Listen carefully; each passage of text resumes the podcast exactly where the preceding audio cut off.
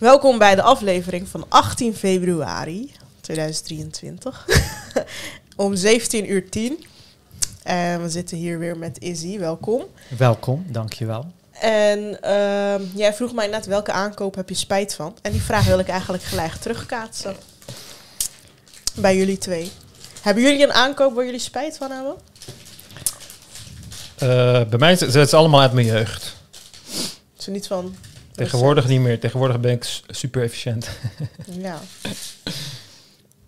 Ik- Ik denk ook hard na.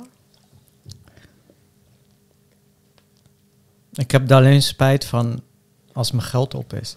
Hmm. Oh ja, anders maakt het je niet uit. Nee. Nee, ik heb dat ook niet. Zelfs niet als mijn geld op is. Oké. Want wat maakt het uit als je genoeg geld hebt te besteden? Ja. Nou ja, je kan er alsnog spijt van krijgen omdat je denkt, ja, ik had beter... Maar stel je voor, je hebt eh 5 miljard. En iemand steelt eh 10.000 euro van je.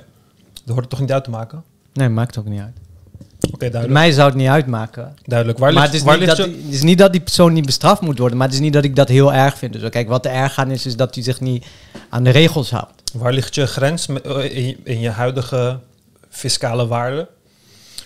Dat ik het erg zou vinden op het moment dat ik geld kwijtraak. Mhm. Eh, op het moment eh, bij 10 euro, want ik heb al zes Oké, gooi maanden 10 euro geen, dan. eh, Goed 10 euro dan. ja, is goed. We gaan hem straks, straks in brand steken. ja. Mag er straks een joint van draaien. Nee, maar zelfs, zelfs in tijden van overvloed hoort dat je uit te maken. Want uiteindelijk verandert er niks. Dat is hetzelfde psychologische fenomeen dat mensen hebben dan wanneer... Dan gaan ze naar de Albertijn en dan is iets van Moet je 2 bukken euro... of niet? Nee, nee, nee. Dan is iets van, dan is iets van 2,50 euro is dan heeft, een- is een beetje goedkoper. En dan is het 40 cent goedko- goedkoper. En dan kiezen ze liever voor die. En dan is het van, dan laat je je, je je keuze beïnvloeden door een hele kleine, door 40 cent maar. Maar wanneer je dan een auto koopt of zo, en dan ga je onderhandelen, dan ga je in sprongen van duizenden euro's. Ja. Weet je, dan is het 14.000, eh, oké, misschien zeg je 13, eh, Ja. vij- 500 of Dan zo. Gewoon zo even Ja. blasé 1000 euro. Dan boeien opeens Ja. die euro's en die tientjes, die boeien, dan opeens Nee. niet meer. En dat is gewoon een bias. Dat is gewoon een blind spot in ja, de brain. nee, maar dat is ten opzichte van wat je gaat kopen. Ja, Van wat je 100%. betaalt. Terwijl Kijk, de waarde van dat geld blijft hetzelfde. Of je nou tomaten koopt in, in absolute zin, inderdaad. Ja. Nee, maar kijk, ik ben, het ook, ik ben het ook een beetje eens dat, kijk, natuurlijk moet je niks verspillen, maar kijk, als jij meer geld te besteden hebt, dan hangt dat inderdaad psychologisch samen met van of je wel of geen spijt hebt. Ja. Zeg maar. Stel, ik koop eh, nu iets van eh 100.000 euro. En eh, ik heb. En ik word over eh, drie jaar arbeidsongeschikt voor een jaar. Ja, dan kan ik daar misschien wel spijt van hebben. Dan heb ik zoiets Ja. van, ah, daar had ik nu wel van kunnen leven. Maar wat me wel ook nog te binnen schoot, is dat er zijn wel momenten dat ik spijt heb gehad. Maar dat ging niet zozeer om het geld. Maar dan had ik me niet goed verdiept in het product. En dan had ik andere verwachtingen van het product. En dan bleek het dat niet te zijn. Of Hmm. net een andere variant. En dan had ik het wel gekocht. En dan ja, kon je het niet altijd terug. Dan heb ik wel spijt. Want dan heb ik, dan heb ik iets gekocht waar ik gewoon letterlijk niks aan heb. Of Ja, niet ja, wat ja. ik verwachtte. Maar Oké, en op het gebied van dure merkkleding? Mm. Hebben jullie daar spijt van? Ik heb dat na mijn 22e nooit gedaan. Want jij zei een keer dat je de halve PC Hoofdstraat of zo... Of dat, nee, dat je je halve duo aan de PC Hoofd had. Nou, wel meer dan de helft van een zou duo, nooit zeg duo maar. uitgeven. En ehm, Maar daar, heb je daar lang plezier van gehad? Oh ja, dat wel, sowieso. Want ik voelde me een beetje gejudged door jou. Ja, over die Louis Vuitton tassen. Nee, maar kijk, toen ik dat deed, kijk, dat soort kleding zou ik nu niet meer dragen, zeg maar. Maar Ja. toen vond ik het mooi. Maar En associeer jij Louis Vuitton met eh, ghetto of zo? Ja, een beetje wel. Ja. Maar is dat niet meer jouw associatie? Is dat wel zo? Nee, daar, 100% zo. daar, hadden Ja? we, daar hadden we het laatst over. Dat zei, zei Ummer, die zei van ja, in, in Frankrijk eh, kun je gewoon iemand met een Gucci-pet tegenkomen op de golfbaan, eh, rijke, Ja. witte. En hier in Nederland, ja, als je met een Gucci-pet eh, ergens binnenkomt, denkt iedereen, wat is dat voor pauper? Ja, maar het is ook dat, kijk, zodra. Kijk, luxe merken zijn eigenlijk, waren eigenlijk eh, merken die producten maakten, eigenlijk op orderbasis bijna. En Ja. daarna in een hele kleine opgave. eh, in een hele Echt kleine het volume. maatwerk, zeg ja, maar, echt ja. een maatwerk. Gewoon heel klein. Er werd een hele kleine hoeveelheid aantallen Louis Vuitton tassen bijvoorbeeld geproduceerd. Ja. En vervolgens wil je meer geld verdienen. En dan ga je over op massaproductie. En zodra je overgaat op massaproductie, dan outsource je het. Dus daar had ik het net ook over. Alle Louis Vuitton tassen die je in de winkel kan kopen, zijn gemaakt van plastic. Ze hebben het gevoel van leer, maar ze zijn gemaakt van plastic. En dat is gewoon zo gedaan omdat het makkelijker te massa produceren is. En dat is, eh, daar hebben ze expliciet voor gekozen, omdat ze denken van heel weinig mensen kopen onze producten. We verdienen er wel veel aan. Maar hoe kunnen we ervoor zorgen dat meer mensen onze producten eh, eh, kopen door te focussen op het merk. Want dan Ja. krijg je het prestige van het merk, zeg maar, omdat je dat draagt. Maar uiteindelijk is het gewoon massa geproduceerd en kost het niet heel veel meer Ja. om te maken dan een standaard tas die je bij de H&M kan kopen. Ja, en elk luxe merk die, die heeft zeg maar een pauperlijn, Precies. noem ik dat. Zeg maar. Ze hebben zeg maar eh, echt hun, hun, hun top producten, maar daar betaal je ook echt duizenden euro's van. En dan de pauperlijn en dan betaal je 500 euro voor een sweater waar Armani jeans op staat. En die winst daar is veel groter. Ja, Vele malen Ja. groter. Ja, Ja. ja. En terwijl dat niet eens de meerwaarde is van, van, een, van een designermerk. Ik bedoel, Mhm. waarom zou je een sweater willen van, van een designermerk? Kijk, als je wel naar Burberry kijkt, als je eh, echt gewoon hun toplijn jassen, die zitten tussen 2 en 4000 euro. Maar dat zijn wel, ja, ook niet altijd, want het is wel een specifiek stijl waar je van moet houden. Maar dat is, Mhm. zijn wel hele mooie eh, afgewerkte modellen, klassieke stijl. Als je van die stijl houdt, ja. dan is het wel waard om dat aan uit te geven. Maar 1000 euro voor gewoon een eh bodywarmer Mhm. met een Burberry print erop, ja, wie gaat dat betalen? Ja, precies.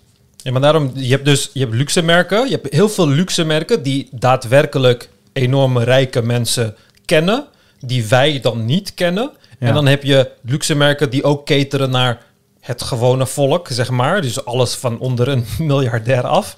De, die, die merken kennen wij. En al die merken doen dan dat soort dingen. Gucci, Louis, Ja. eh, al, al die merken, die doen dat. Want die weten van, oké, we hebben we hebben nu zo'n beeld gecreëerd bij het volk. Dat als ik mijn logo letterlijk op een standaard witte t-shirt van 15 euro druk, dat ik die gewoon voor 200 euro kan verkopen. Want deze mensen weet, gaat het niet om de kwaliteit en om het gevoel en weet ik veel wat Ja. allemaal. Wat bij, bij die rijke mensen wel zo is, want die laten gewoon, die gaan langs, die laten zichzelf opmeten en die Ja. laten het dan nog aanpassen en weet ik veel wat allemaal. En die betalen daar het geld voor.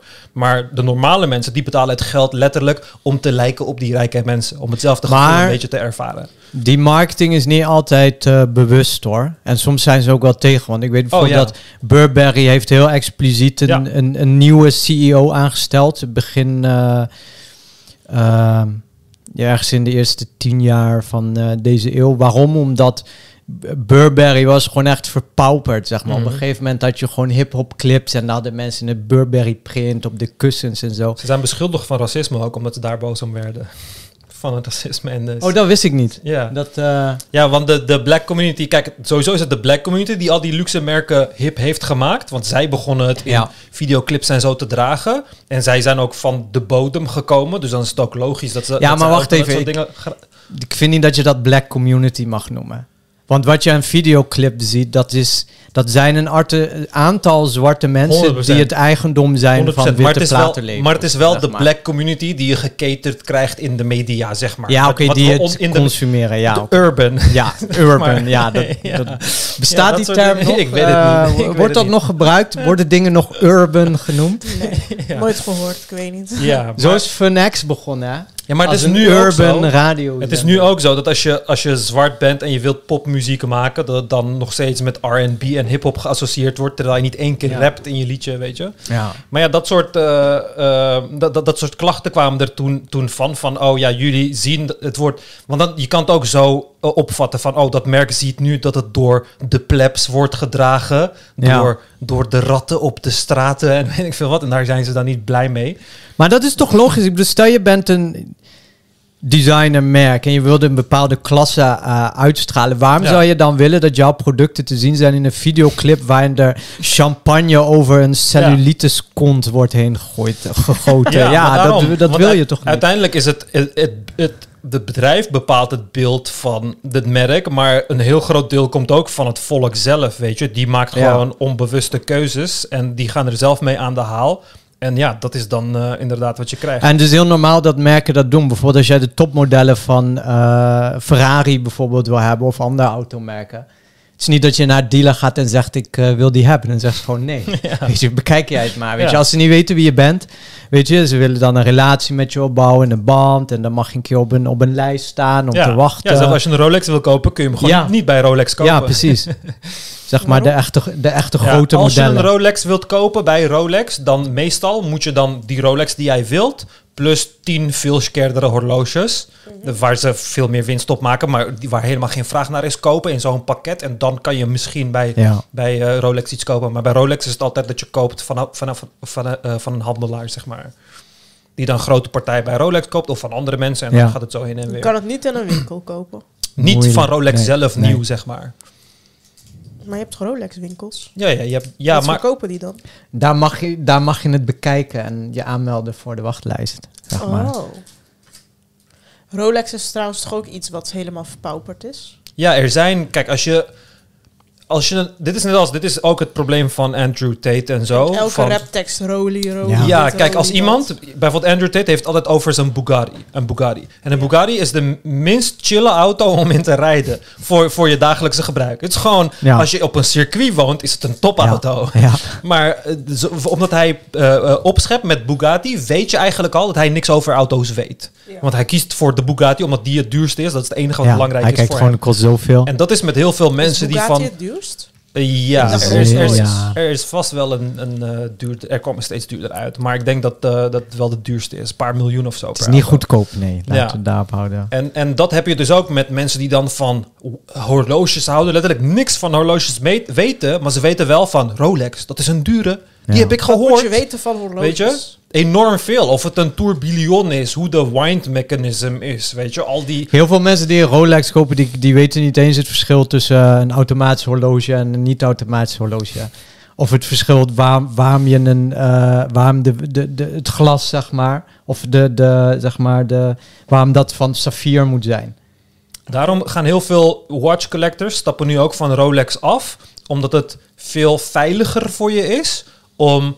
eh, er zijn horloges die duurder zijn dan bepaalde Rolexen, maar niemand kent ze. En Ja. met die horloges kun je gewoon op straat lopen, Ja. zonder je zorgen te maken. Oh, Want ja. de Rolex herkent iedereen. Ja. Maar je kan letterlijk een drie keer zo duur horloge om je pols dragen. En ja, als niemand dat weet. Dat weet is toch je? heel gek? Ja, maar omdat het zijn, er zijn mensen die het dragen om aan andere mensen te laten zien van kijk, ik heb dit. En er zijn Ja. mensen die het dragen omdat ze het vet vinden. Dus Want je Rolex draagt- is gewoon een showhorloge. Ja, ik bedoel, je draagt Rolex niet voor... Nou, ik zou De- Rolex geen showhorloge noemen. Er zit wel heel veel ambacht en zo in. Ze zijn ook wel speciaal, maar het is gewoon... Kijk, net zoals... Kijk, dat is hetzelfde als die gast die een bel maakt, helemaal ambachtelijk. En daar Ja. dan moet je duizend euro voor een Ja. bel betalen. Ja. Weet je, dat, dat is het. Maar als het echt, kijk, als het echt om je presentatie gaat, eh, dan hoef je geen Rolex te kopen. Ik bedoel, je kan net zo stijlvolle horloges voor 500 euro hebben van Tissot of zo. Je zegt, het is mijn favoriete merk. Zeg maar, dan heb je gewoon in alle varianten heb je wat wil, zeg maar. Ja. Tenzij je hem van, van eh 18 karaat goud wilt. Ja, oké, maar ja. weet je, Maar dat is dan weer eh, niet echt handig om eh, 18 ge- karaat blok op je pols te dragen. nee. Maar welk merk is dan wel chic? Eh, Ralph Lauren of zo? Ja, maar daar gaat het niet om. Want het gaat uiteindelijk niet eens om het merk of zo.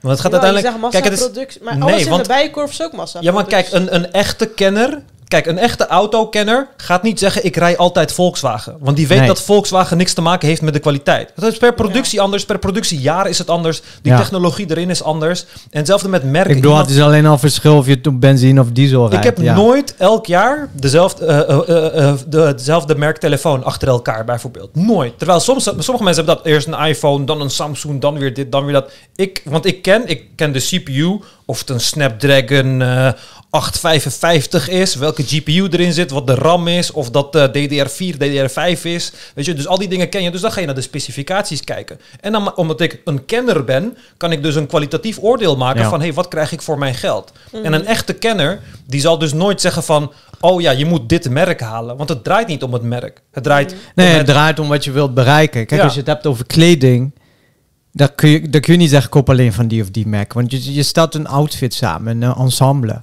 En eh, uiteindelijk maakt het niet uit wat voor merk het is, maar het gaat om wat je uiteindelijk creëert. Het is eigenlijk een soort kunst. Mhm.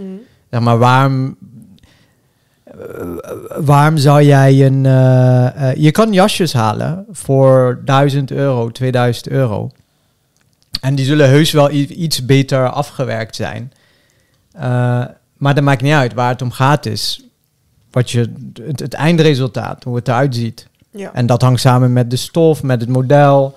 eh, weet je wel, niet zozeer met het merk. Mhm. Zeker als het gaat om herenkleding. Ik bedoel, ja. Dan ga je het verschillende merk niet zien. Oké. Maar ik vind het wel grappig. Waarom is Louis Vuitton eh, straat?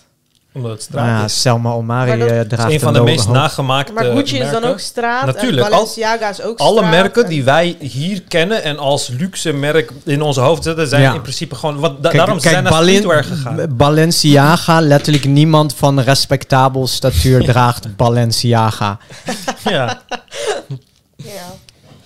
Kijk, Louis Vuitton, dat, dat heeft tenminste nog lijnen. ehm, eh, eh, weet je bijvoorbeeld die koffers? Ja, ze zullen Zeg een maar, custom gala jurk Ja. maken voor een actrice of Ja. weet ik veel wat of zo. Dat soort dingen, weet je. Balenciaga zit- doet het ook voor Justin Bieber en zo. Ja, maar daarom... Ja, is Justin Bieber van respectabel statuur? Ja, maar kijk, als je zo'n custom ding gaat maken, dan gaat iemand daadwerkelijk, een designer die, eh, eh, die getalenteerd is, gaat dan daadwerkelijk iets voor jou creëren. Maar wanneer jij iets van Gucci en Louis Vuitton koopt, niemand van Gucci of Louis Vuitton heeft dat in zijn handen gehad.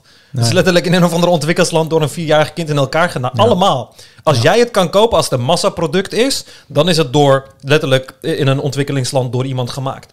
En Ja. dan is het voor die mensen gewoon van, oh, krijg ik nu plastic met een Louis Vuitton printje erop of eentje met de Action logo erop? Maar voor hun maakt het niet uit. Ze doen evenveel hun best. Hey, weet, je welke, weet je nog toen Lidl zijn eigen sneakers had Ja, uitgegeven? keihard. Ja, die was echt geniaal. En mensen waren ook echt bereid Ja. daar best wel veel Ja, geld voor Lidl te betalen. sokken. Ik heb een vriend Ja. die kruidvatsokken heeft, Lidl sokken en eh, Action sokken. Het is fucking vet. Waarom zou je Lidl sokken willen? Omdat het tegen, het gaat tegen de... De, De tegen gekte de, in. Ja, Ja. tegen de gekte Oh, in ja. als het ware. En Als Lidl is gewoon een topwinkel. Action is ook een topwinkel. Weet je waarom niet? Waarom? Ja.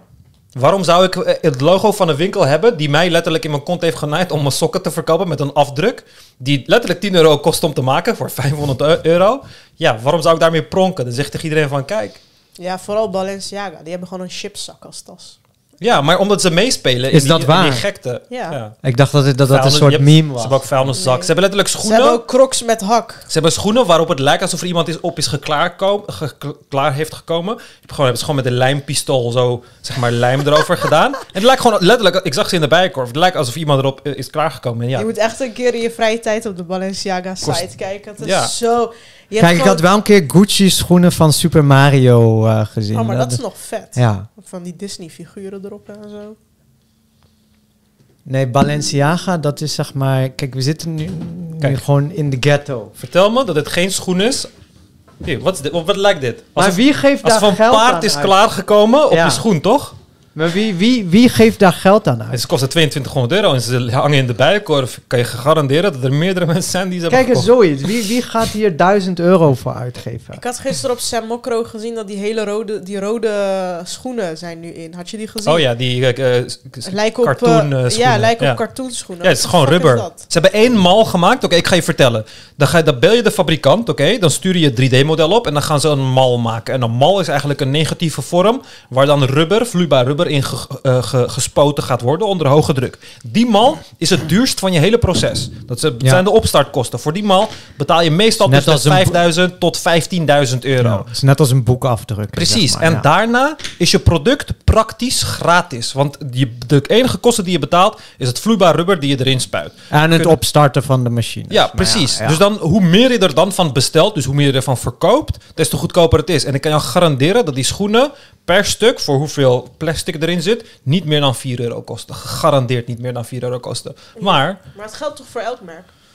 Welk merk is nou intrinsiek waardevol? ja, maar daarom kun je, kun je, niet, kun je geen massaproduct maken dat, ehm, dat luxe is. Want luxe houdt in dat het rare is. Dat er niet veel van beschikbaar is. Ja. En als het bij ons moet terechtkomen, dan is het al niet meer rare, maar alleen de Ja. illusie van rare. nou, als je het hebt ware. volgens mij wel een markt voor Birkin bags of zo. Oh ja. En je hebt een markt voor Rolexen. Dus op zich is je geld nooit verloren, denk ik, als je daarin investeert. Ja, je moet, er, eh, je moet er uiteindelijk moet je er verstand van hebben. Want het is dus exact hetzelfde met Rolexen. Je kan investeren in Rolexen, maar ja, als je er verstand van hebt, dan weet je welke in waarde kunnen stijgen, welke niet. Soms weet je dat helemaal niet. En, eh, Maar je hebt dus die Birkin van Hermes. En dat Ja. is eh, nu helemaal... Maar in elke ja, die worden gezien als een goede investering, inderdaad. ja, maar nu komt ook in elke tap, tekst, eh, raptekst voor. En zelfs eh Fadi Koert heeft er eentje. Ja. En die wil er nog één kopen. Ja. Dus ja, Kijk, als je een, als je een Die is toch van Vadim's Beauty Space? ja. Ja. Als- je zeg maar een luxe product koopt die eh, kan stijgen in waarde en hem dan daadwerk- daadwerkelijk als... Want als je hem gaat gebruiken, is dat niet meer het geval. Als je die Birkenback draagt, Ja, het geen maar dat, dat is meer, het ook een maar. beetje. Daarom, ik, ik neem dat argument nooit zo serieus. Van ja, het Ja. stijgt in waarde. Ja, Ja, maar het is gewoon een excuus. Omdat jij gewoon een mogol bent. die gewoon duizenden euro's aan een tas uitgeeft. Ja. die niet bij jouw levensstijl past. En dan maar zeg ja, dit is een investering. Weet je? Ja. Mhm. Ja, precies. Maar dat is dan nu toch ook ghetto? Omdat ghetto mensen hem dragen? Oh ja, 100%. Ja, sowieso. Dat, dat is hoe dat werkt. Ja. Geen enkel persoon die houdt van luxury brands kent daadwerkelijke luxury brands die cateren naar de rich. Zo, zo als, net als hoe zij willen zijn, zeg maar. Kijk, en het zijn ook, kijk, uiteindelijk is het zo. Wat je zegt van als het massa is, het is geen luxury brand. Ja.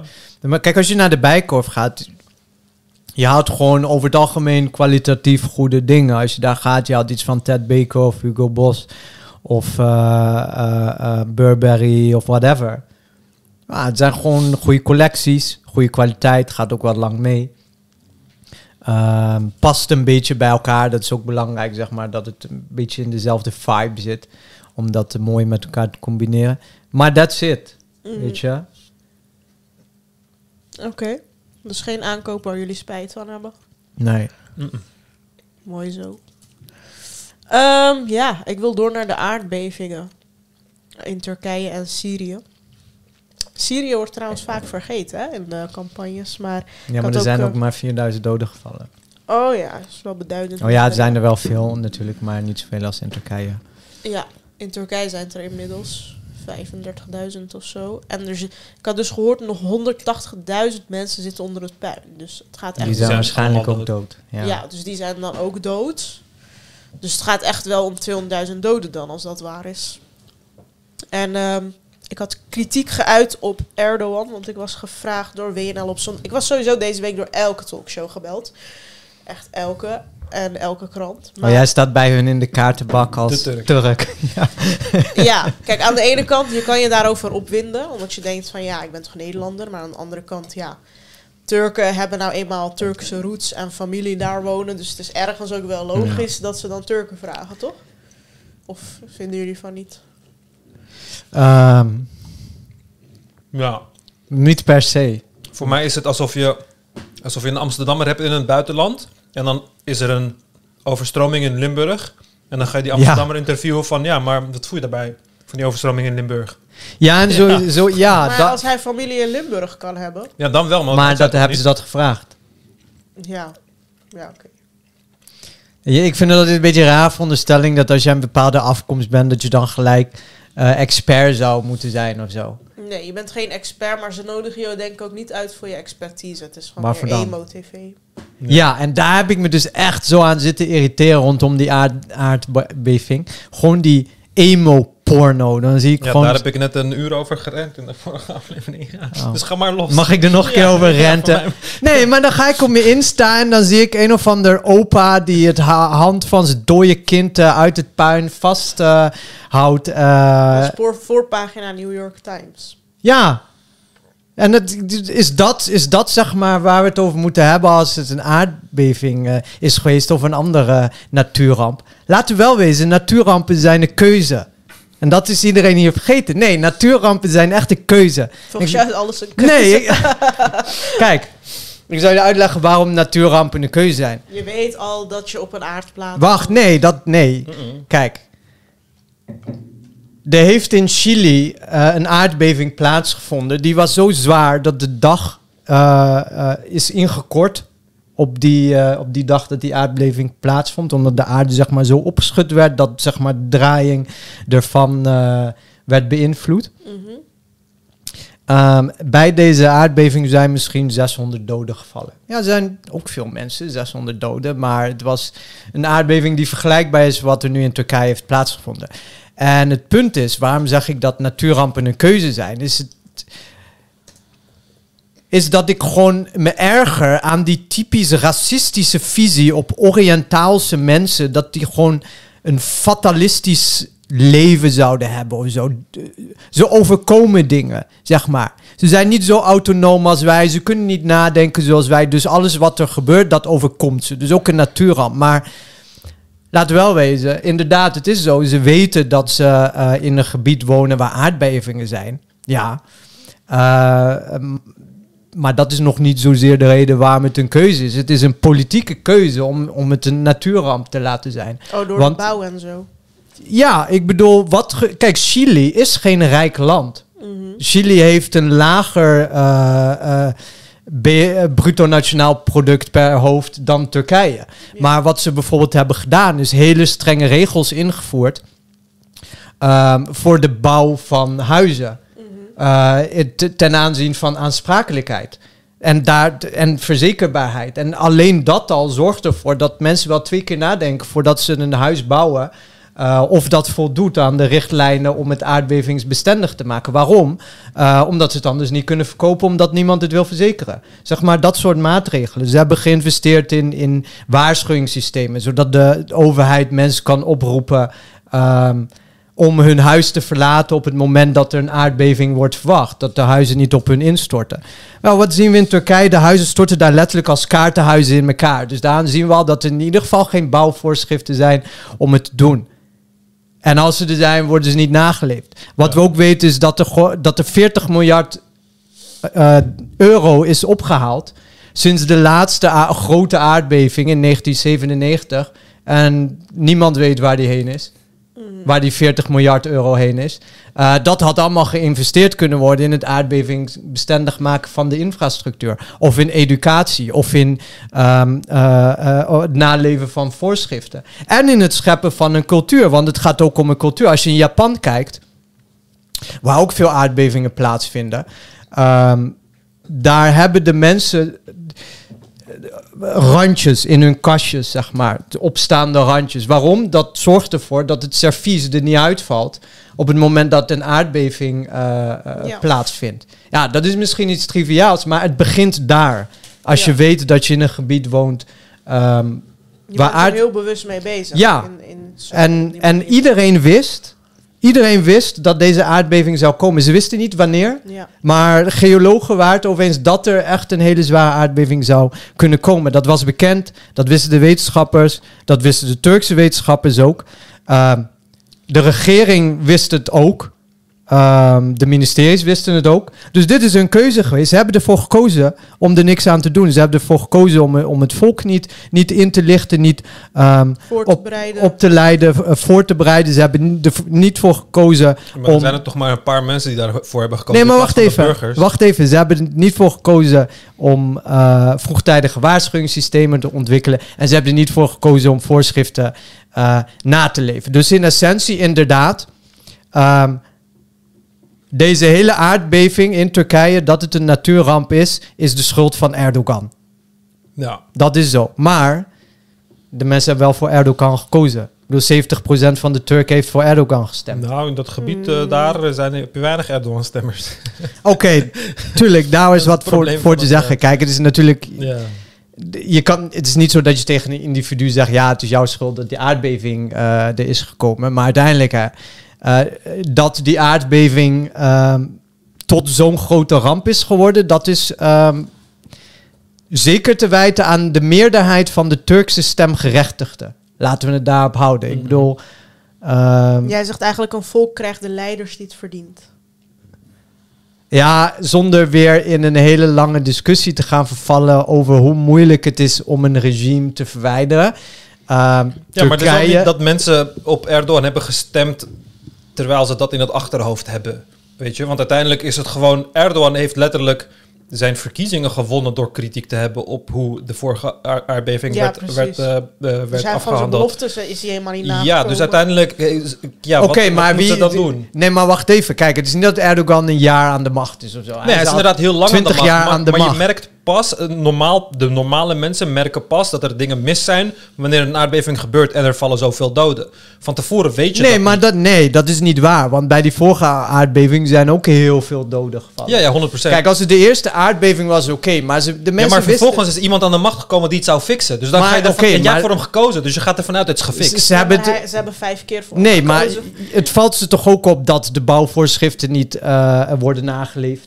Het valt. Ja, maar je gemiddelde persoon Ja. weet daar dus heel weinig over. Want er is nu bijvoorbeeld op Turkse social media... nee, eh, maar dat proberen ze- bedoel ik. Proberen ze Ja. mensen nu te educaten van hoe kan je je huis controleren of het aardbevingbestendig is of niet. En dan zeggen ze van ja, ga naar, de, ga naar de kelder en dan kun je, moet je de steunpilaren zoeken, kijken of het eh, cement afbrokkelt, hoe is het ijzer, eh, de, de- hoe is de bewapening en dat soort dingen.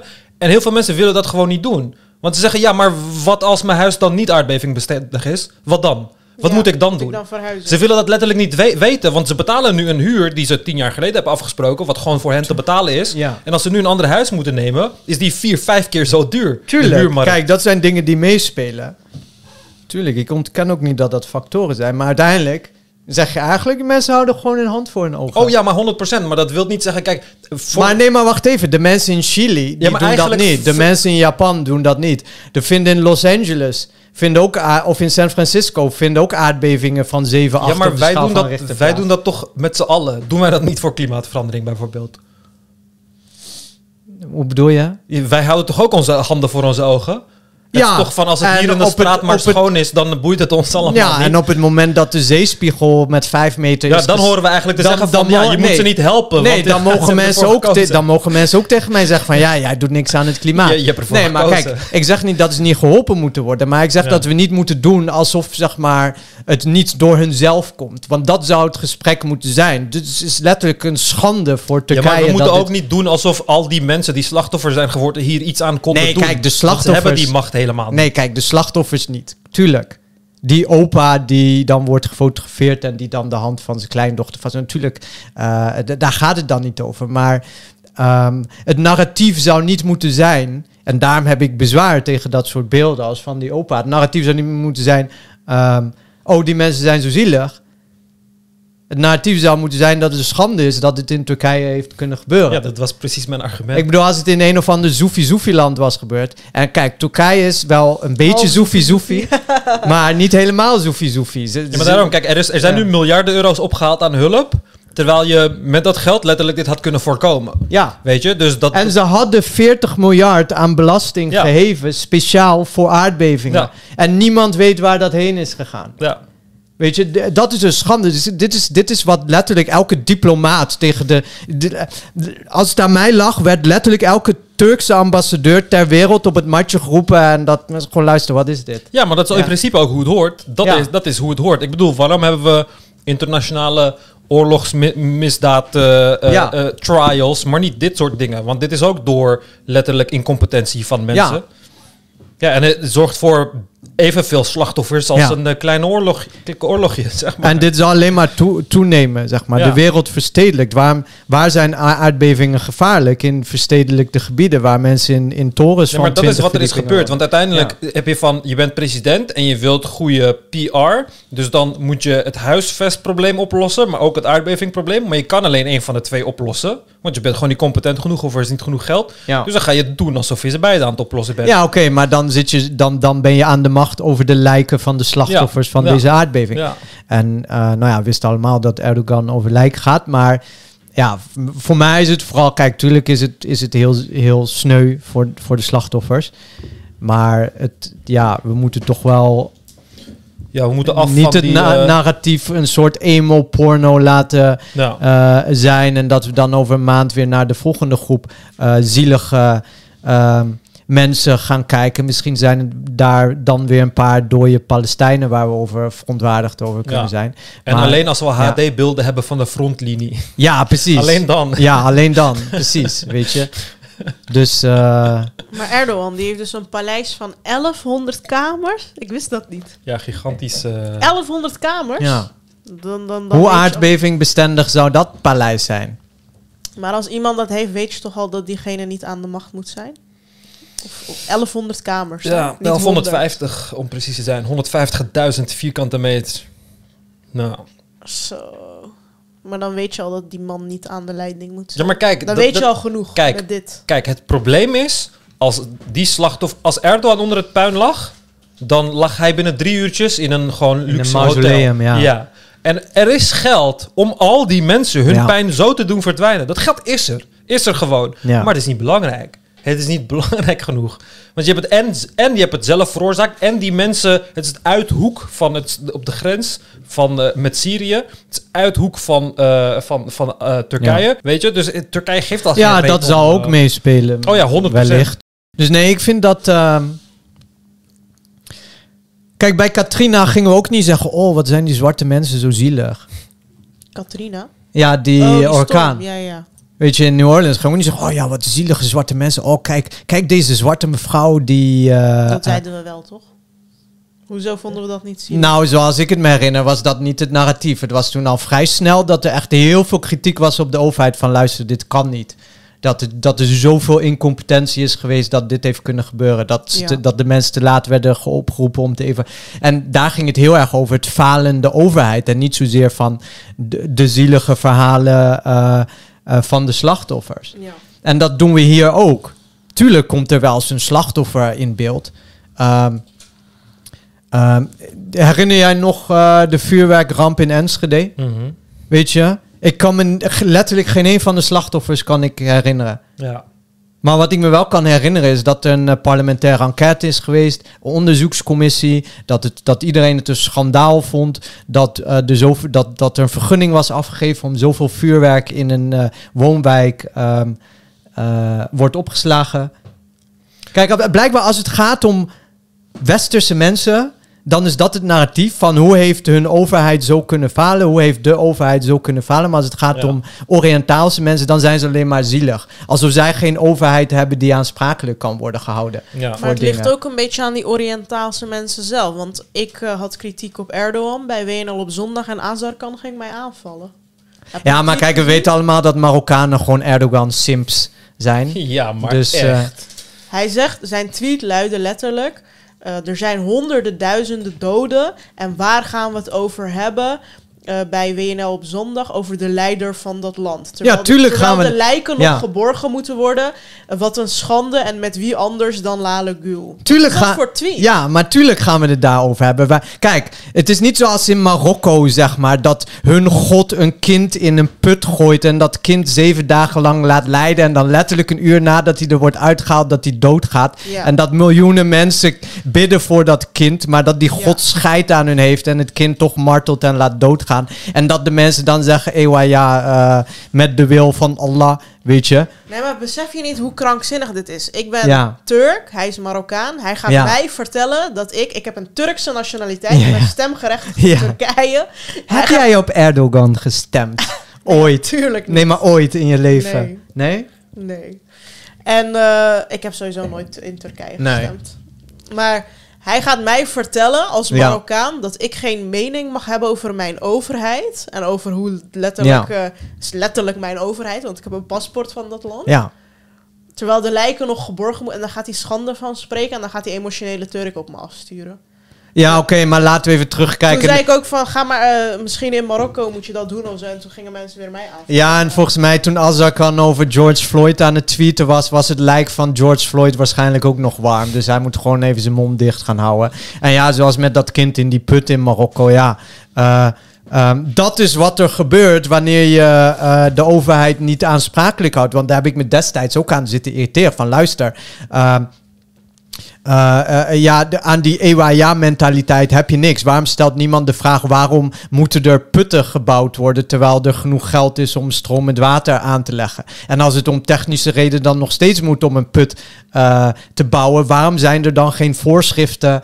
ehm, die voorkomen dat kinderen in die putten vallen. En als die voorschriften er zijn, waarom worden die voorschriften dan blijkbaar niet nageleefd? Ja. Weet je, dat zijn de vragen die, eh, eh, eh, moet stellen. En niet, eh, niet met miljoenen mensen dua gaan doen waar toch letterlijk niemand naar gaat luisteren. Zeg maar. De- maar ja, Ja. weet je, en, en dat is dat fatalistische perspectief waar ik gewoon heel veel moeite mee heb. Ja. Ik heb er gewoon echt ik heb er gewoon moeite mee. Ik krijg gewoon echt irritaties als zeg maar, nou ja, dat soort tweets, zeg maar, van eh Azar kan. Ja, terwijl hij beter moet weten. Dit is, we, gaan, we hebben het over een gemiddeld intelligent persoon die in het vastgoed zit en fucking multimiljonair is en weet ik veel Dat wat. zegt allemaal niks. En allemaal Dat opleidingen zegt heeft. allemaal niks. Ja, maar Azarkan is gewoon pretentieus. Want ik weet nog, ik was een keer bij... eh, toen was ik bij een of ander vage event over... voor moslimstudenten. Je weet toch, een heel pretentieus event... waar de islamitische studentenverenigingen met z'n allen heen gaan. En zo. Nou, ik was daar ook eh, in Utrecht, nota bene. En Azarkan was het ook. Nou ja, er stond... eh, oh... Voordat ik dacht, er was daar een meisje... die kende ik van... ehm, ergens van internet of zo. En ik had al vaker gezien bij dat soort events. En ze gaf mij altijd, als ze alleen was, gaf ze me altijd gewoon... eh, gaf ze mij hand of ik kuste haar hand of zo. en nu was ze er ook. Maar ze was echt met een hele grote groep uh, Mashallah-zusters. En dus ik stak mijn hand uit. En toen, toen trok ze ineens haar hand terug. Zegt ze, ja, ik geef mannen geen hand. Dus ik zei tegen haar, ja, maar mijn eh, hormoontherapie is klaar. Dus ik ben nu ook een zuster. En al die mashallah-zusters, die gewoon... Het meest awkward moment wat het had kunnen zijn, was het geworden. Maar goed, Azarkan was daar ook. Ja. En ehm, hij krijgt de vraag uit het publiek van... ja, waarom staan er geen eh, moslimleiders op? Wat dat dan zou mogen inhouden. Weet je wat zijn antwoord was? Hij zegt, ja, eh, luister, ik eh, werk in vastgoedsector... en eh, daar verdien ik meer dan 100.000 euro per jaar. En ja, om een leider te zijn in de islamitische gemeenschap... het is gewoon ja, financieel niet aantrekkelijk om te doen... en daarom, ja, daarom zullen die niet snel opstaan. Jaar later, bam, bij Denk. Of anderhalf jaar later. En hoeveel verdient een Kamerlid? Ook 100. Meer dan 100.000 euro. Dus nou ja, 1 plus 1 is 2, zeg ik dan. En daarom, kijk, Azar kan is gewoon echt een opportunist. Is Dus prima. het voor het geld. Ehm, nou, ja, ik, kijk, ik, ik sluit heus niet uit dat hij ook wel bepaalde idealen zal hebben of zo. Maar die idealen die... eh, Nee, ik, geloof, ik geloofde eerst dat hij ook ideaal... Maar na deze tweet kan ik dat niet meer geloven. Want hoe kun je idealen hebben...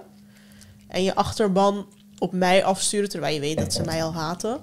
op iets wat heel Ja. manipulatief is. Want jij weet dat het ook Erdogan... dat het heel normaal Ja, is. dat weet hij. Ja, dat, weet hij. Hij Ja, is niet Ja. zo dom. Hij is gewoon een... een, een, een eh, Het is gewoon Ja. een verkiezingsstunt. Ja, maar hij is gewoon een, een toneelstukje aan het opvoeren voor zijn fans. Want zijn fans kennen jou. En Ja. die mogen jou natuurlijk niet. Dus hij moet jou op, op je plek zetten. Waarom Ja, valt er niet Arjen uit. Lubach aan? Die had het ook over Erdogan. Ja, maar die is hij wit. Ja, precies. Ja. Waarom mij? Mindere mensen haten hem.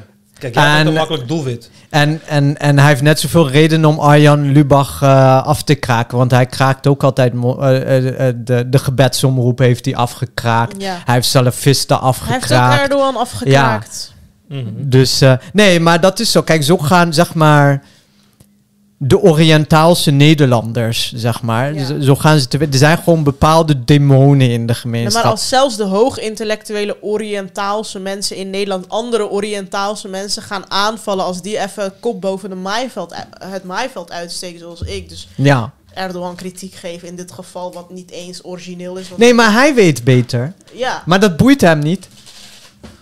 Kijk, wat is Ja, zijn achterban? Wie, wie stemt er op Denk?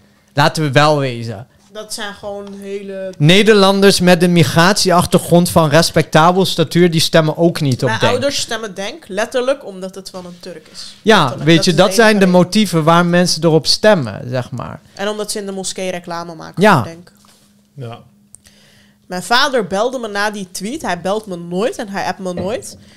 Hij belt me ineens na die tweet. Omdat hij oprecht dacht, net als al die andere kankerdomme Turken... dat eh, eh, omdat Azar kan dat zegt, dat ik geen respect heb voor eh, dode Turken. Nou, Gewoon, dat is het beeld wat hij van mij Ja. neerlegt. Ik werd echt boos. Ja. Ik ben niet snel boos, maar Azarkan, hij heeft echt het bloed onder mijn nagels. Ja, dat kan, dat, dat snap ik ook wel goed. Dat dat gewoon. Gewoon, hij legt gewoon letterlijk een beeld neer bij emotioneel. Turken zijn temperamentvol, en sowieso nu emotioneel door die aardbeving. Ze zoeken sowieso een plek om hun frustratie te uiten. Ze haten mij al.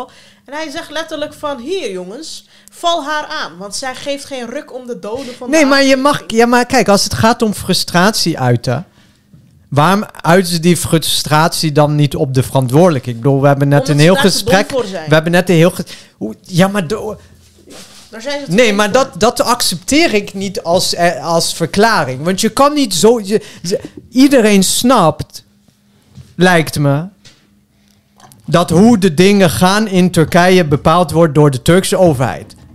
Daar hoef je niet zo heel slim voor te zijn om dat te begrijpen, toch? dat is niet zo, man.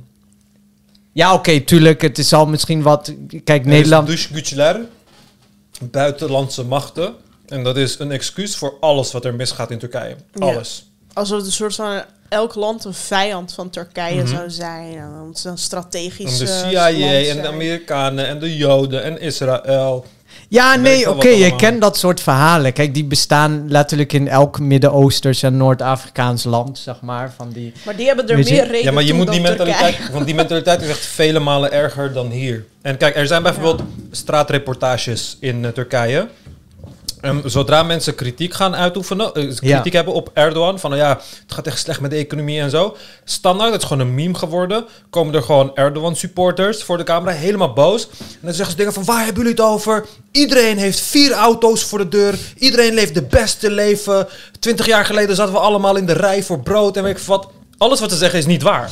Letterlijk alles Ja. wat ze zeggen is niet waar. Nee, ze- oké, maar in Turkije oké. Maar, maar als daar kan het publiek... Ja, maar het is zijn geen hetzelfde Turken volk. uit Turkije. Het is precies hetzelfde nee, volk. ik vind niet meer dat je over hetzelfde volk kan spreken op het moment dat mensen al drie generaties in Nederland zijn. Ja, maar die als zijn jij, erger dan Turken. als jij letterlijk eh, eh, blijft kijken naar Turkse staatstelevisie, dan word je Ja. letterlijk erger dan de Turken daar. Het is fucking absurd, man. Er zijn, er zijn memes in Turkije. Het is gewoon echt waar dat echt gebeurt. Dat gewoon live uitzending met een van de grootste kanalen ooit. Gewoon een vrouw met een hoofddoek komt voor de camera en zegt: Ik hou zoveel van Erdogan. Ik hou zo van Er- van Erdogan. Was ik maar een, ha- eh, een haar in zijn bilreet. Was ik maar een haar in zijn bilreet. Ja, ik zweer het. En dan beginnen ze gelijk de camera wegdoen. En dat soort gestoorde mensen heb je. Maar dat is niet gestaged. of Nee, nee, nee, absoluut Dat zijn niet. gewoon Het zijn echt gewoon gestoorde mensen. Je kan daar op straat gaan en Ja. je loopt de kans dat Ja. dat soort dingen Er is een meme van Jibin dikke telefoonnetje kar. Van laat de telefoon in je zak zien. Want zodra jij, eh, zodra jij klaagt over de economie, als jij een iPhone in je broekzak hebt, dan gaat het blijkbaar fucking goed met de economie en dan mag jij helemaal niet klagen. Weet je? Dat is letterlijk een meme geworden. Letterlijk elke straatinterview. Zodra Ja. je iemand kritiek hebt, hoor je van iemand. Iemand, een of andere Erdogan-aanhanger. die heeft een antenne, die pikt dat dan op. En dan hoor je iemand gewoon schreeuwen... En je telefoon in je zak dan? Laat Ja. zien dan? Weet je, dat soort dingen. Die mensen zijn helemaal... Want kijk, alles wat wij hier hebben, het ergste van de ergste... daar is het gewoon een factor 5 gewoon erger. Ja.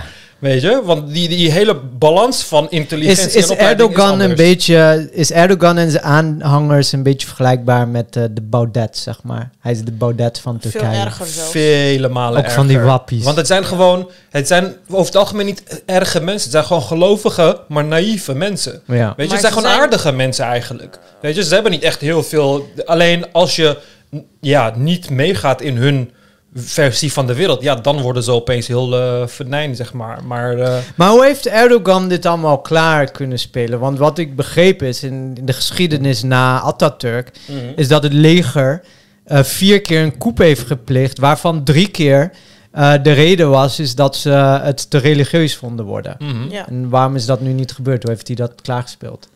Door de religieuze bevolking eh, gewoon te, ja, voor zich te winnen. Kijk, nee, maar die waren er toen ook. Toen Ja, maar- jaren- toen waren ze tandeloos. Kijk, jarenlange onderdrukking zorgt daar gewoon. Ik heb mensen in mijn familie in Turkije die niet naar de universiteit konden gaan omdat ze een hoofddoek op hadden. ja, En dat hebben ze de regering nooit vergeven. Gewoon Nee. letterlijk nooit ja, is vergeven. echt Dat, een trauma. ja, dat creëert gekke haat eh, in jou, zeg maar. Ja. En eh, eh, door de jaren heen is het hele systeem een beetje afgebrokkeld. En eh, ja, de persoon die het dan eh, decennia lang in elkaar hebt geslagen, als je even niet oplet, dan staat hij op. En dat is eh, wat er is En gebeurd. dat is Erdogan. Ja, en heel veel Ja. van die mensen die voelen zich nu beter en gehoord. Dus ook al gaat het slechter met de economie en slechter met hun, in Ja. hun hoofd gaat het wel beter dan hun, want ze zijn niet meer onderdrukt. Ja, dus En er- Erdogan is een beetje hun verlosser. Ja, en er, wordt, er worden dingen Ja. gedaan zoals eh, eh, je mag na tien uur geen alcohol meer verkopen en weet ik veel wat. En bepaalde dingen worden verminderd, minder naakt op televisie. En dat Ja. zien ze allemaal als goede Meer dingen. hoofddoeken Ja, op tv. Dat, en dat maakt politiek. allemaal niet uit. Voor, dat, dat, dat, dat is waar, wat zij belangrijk vinden in plaats van eh, de economische gesteldheid van het land. Of aardbevingsbestendig zijn. Ja, Ja. ja. Ja, identiteit is gewoon iets heel... Iets wat heel sterk gevoeld wordt, vooral in Turkije. Ja, maar dat zie je hier toch ook. Ik bedoel, Ja. dat is bij alle dingen. Alle wappies, die alle antifaxers zijn er nog steeds van overtuigd dat ze inderdaad de juiste keuze hebben gemaakt. En dat overal mensen dood neervallen van vaccinaties en zo. Want je creëert gewoon, je hebt gewoon een bepaald standpunt en je creëert voor jou je eigen realiteitstunnel waarin dat waar is. En Ja. ook al is de economie fucking aan het huilen en zijn er meer daklozen en armen dan ooit, jij Ja. creëert in je hoofd gewoon van, oh nee hoor. Want kijk, er zijn nieuwere auto's voor de deur. In mijn jeugd waren die auto's ouder. In mijn jeugd hadden we Nokia's in onze zak. Nu hebben we iPhones. Het gaat goed met de economie. Weet je, dat soort domme dingen. Ja. En ja, probeer dat maar uit te leggen aan mensen. Daarbij even niet vermelden dat in die tijd de Nokia's gewoon letterlijk de duurste Ja, telefoon... maar, de- maar, dat, dat, maar het zijn hele simpele biases waar ze gewoon voor vallen, toch? Gewoon dat je letterlijk het met één zin kan ontkrachten. Ja. Van, ja, er was geen iPhone vroeger. Ja, auto's van vroeger zagen er oud uit, want het zijn nu oude auto's. Ja. Volgens mij moest je voor de nieuwe... De nieuwste Nokia-modellen, volgens mij moest je daar wel 400 of 500 euro voor Mhm. betalen. Sommige zelfs 800 euro. En dat waren nog ineens smartphones. Ja, Je kon er letterlijk niks. mee bellen en sms'en en wappen. Ja. Zeg maar. Ken je Je, dat kon nog? ongeveer eh, drie letters per seconde typen ermee. Ja. Ja. En als je echt veel geld had uitgegeven, dan kon je er ook muziek op luisteren. Ja. En dan konden daar eh, konden er iets van eh, je nog- 20 weet je- mp3's op. Weet je nog in de tijd van de ringtonen dat je een tijdje monotonen en poly, polytone Ja. ringtonen Ja, ja. had? dat was gewoon ontwikkeling. Want dan had je Ja. saaie ringtoontjes en, en na een tijdje kon je mp3'tjes als ringtoon zetten. Wow. Ja. Oh ja, weet ik nog. Dat heb ik ook nog meegemaakt. maar ja, dat zien mensen dan allemaal niet. Dat is gewoon normale... Dat gebeurt overal op aarde. Ook al leef je onder een dictator, zul je meegenieten van die Ja. ontwikkeling. Het heeft helemaal niks met je land zelf te maken. Maar ja, zij eh, attributeren dat allemaal aan Erdogan. Van, Ik ja, we vraag me hebben... wel af hoe hij slaapt. Oh, eh, als gewoon... zoveel dood op zich Nee, kijk, wat je doet is in principe eh, bouw je een bed en kussen van 100 dollar biljetjes. en dan kan je daar best wel lekker op liggen, heb ik Nee, gehoord. maar heb je dan geen last van je geweten? Nee, want Dan heb je geen In de geweten. Ja, meeste- maar wat is dat voor vraag? Nee, maar ik zou oprecht niet kunnen slapen. Oprecht niet. Als ik dat op mijn geweten had. ja, maar hij doet dat toch omdat het niet, eh, omdat zijn geweten helemaal niks doet. Ik bedoel. Maar dan eh, praat je dat op de een of andere manier voor jezelf goed of zo. Oh ja, maar dat doet iedereen. Ja, maar misschien vindt... Ja, want mis- waarschijnlijk vindt hij helemaal in zijn niet dat hoofd het is zijn het, schuld het is. grotere doel is veel belangrijker in Ja. zijn hoofd. Kijk, als hij had gevonden dat het zijn schuld was, dan was hij gewoon afgetreden. Ja, dat is waar. Als hij dat echt zo had... Ja, nee, maar als hij, als dat echt zo had ervaren, als hij echt zoiets is van, dit is mijn schuld, I fucked up, eh, dan had hij gezegd, ik kan niet langer jouw president zijn. Mhm. Maar hij voelt dat blijkbaar niet zo, want ja. Ja, vind ik een hele gekke... ja. Ik was dus eh, laatst in Izmir in de lente, toen ik in Turkije was. En eh, daar mag je dus in een straal van zoveel kilometer bij een moskee geen alcohol drinken. Dat wist ik niet in Mhm. Turkije. Ik was dus Nee. uit eten met mensen en die hadden dus raki mee en wouden ze op tafel doen. En toen zeiden ze van nee, je krijgt echt hele hoge boetes als je dat doet en zo. kwam er zo'n hele strijd van die Ja. mensen met het personeel. Maar dat, eh, toen dacht ik wel van, wow, dit is echt een dictatuur. Je mag niet eens bepalen wat je drinkt. Ja, maar ja, ik bedoel, je hebt ook eh, in Nederland allemaal plekken waar je niet met alcohol mag rondlopen. Alleen dan heeft het geen religieuze oorsprong, maar meer omdat mensen er last van hebben of zo. Ja, waar dan? Op de wallen mag je niet met alcohol rondlopen, bijvoorbeeld. Nee, maar dat, dat zijn, kijk, Je dat heel veel zijn... plekken openbaar alcoholverbod. Ja, maar dat zijn praktische argumenten. van, Nou, dat is, dan gaat het ik. om het openbare orde. Ja, Vaak het al, loopt ergens uit de hand en dan Ja. stel je dat in om het... eh, ja. dus meestal is dat een, is dat een APV, zeg maar. Waarom algemeen... is het disrespectvol als jij in een straal van een moskee alcohol drinkt? Van, weet ik veel, eh 1 kilometer of 2 kilometer. Waarom, wat heeft die moskeeganger te maken met jouw drank? Ik snap dat niet. ja. Is dat voor gedachtegoed? Ja, maar, Ik heb dan toch ook last van zijn gebedsoproep. maar dronken Maar misschien was het een probleem in Turkije dat er gewoon heel veel werd gedronken in de moskee. Nee, en dat ze daarom die wet hebben ingevoerd. Nee, ze willen gewoon die dominantie, die religieuze dominantie, willen ze zo in jouw gezicht drukken. Van Mm. je mag niet drinken. Nee maar, het is voor, nee, maar het is voor hun ook gewoon eng. Letterlijk, alcohol werd bij mij in de familie werd het altijd eh, gepresenteerd als het grote kwaad. Mijn vader zei altijd, kijk, mijn vader sloeg ons in elkaar, trauma's, weet ik veel wat. En hij zei altijd van, wees blij dat ik geen dronkaard ben. En toen dacht ik van, ja, maar je doet alle Ja, dingen die een dronkaard... Ja, dat zeggen ze dus altijd, want dat is het... Maar dat zijn letterlijk de dingen die dronkaards doen, zeg maar. Bij Precies. problematisch Precies. alcoholgebruik, zeg Precies, maar. Ja. maar zij denken dan van, oh, als je dronken bent, dan doe je die dingen. En ik ben niet dronken. En ik doe die dingen nog steeds wel, maar ik doe het Maar dan zijn ze eigenlijk niet gebeurd. Ja, ja, want hij heeft zogenaamde re- rationele redenen waarom hij het doet. Maar dan praat hij het goed met, je hebt tenminste te eten. Ik Ja. zou ook Ja, altijd ja. geld kunnen vergokken Ja, of wees blij dat je dak boven je Het hoofd is hebt. zeg maar, je moet blij zijn met alle basisdingen, want je kon ook helemaal niks Ja, je moet Dat blij zijn dat iemand zich aan de wet houdt. Dat is Ja. alsof je elke keer wanneer je voor rood stopt, dat wil dat mensen voor je applaudisseren. Zo, Ja. weet je? Ja. ja, ik had ook die voetganger kunnen overrijden, ja. precies, precies. Ja, precies. Ja, maar dat is het met alcohol, want dat is altijd waar ze naartoe gaan. Je gaat dronkaard worden, bij vrouwen ga je sowieso hoer worden.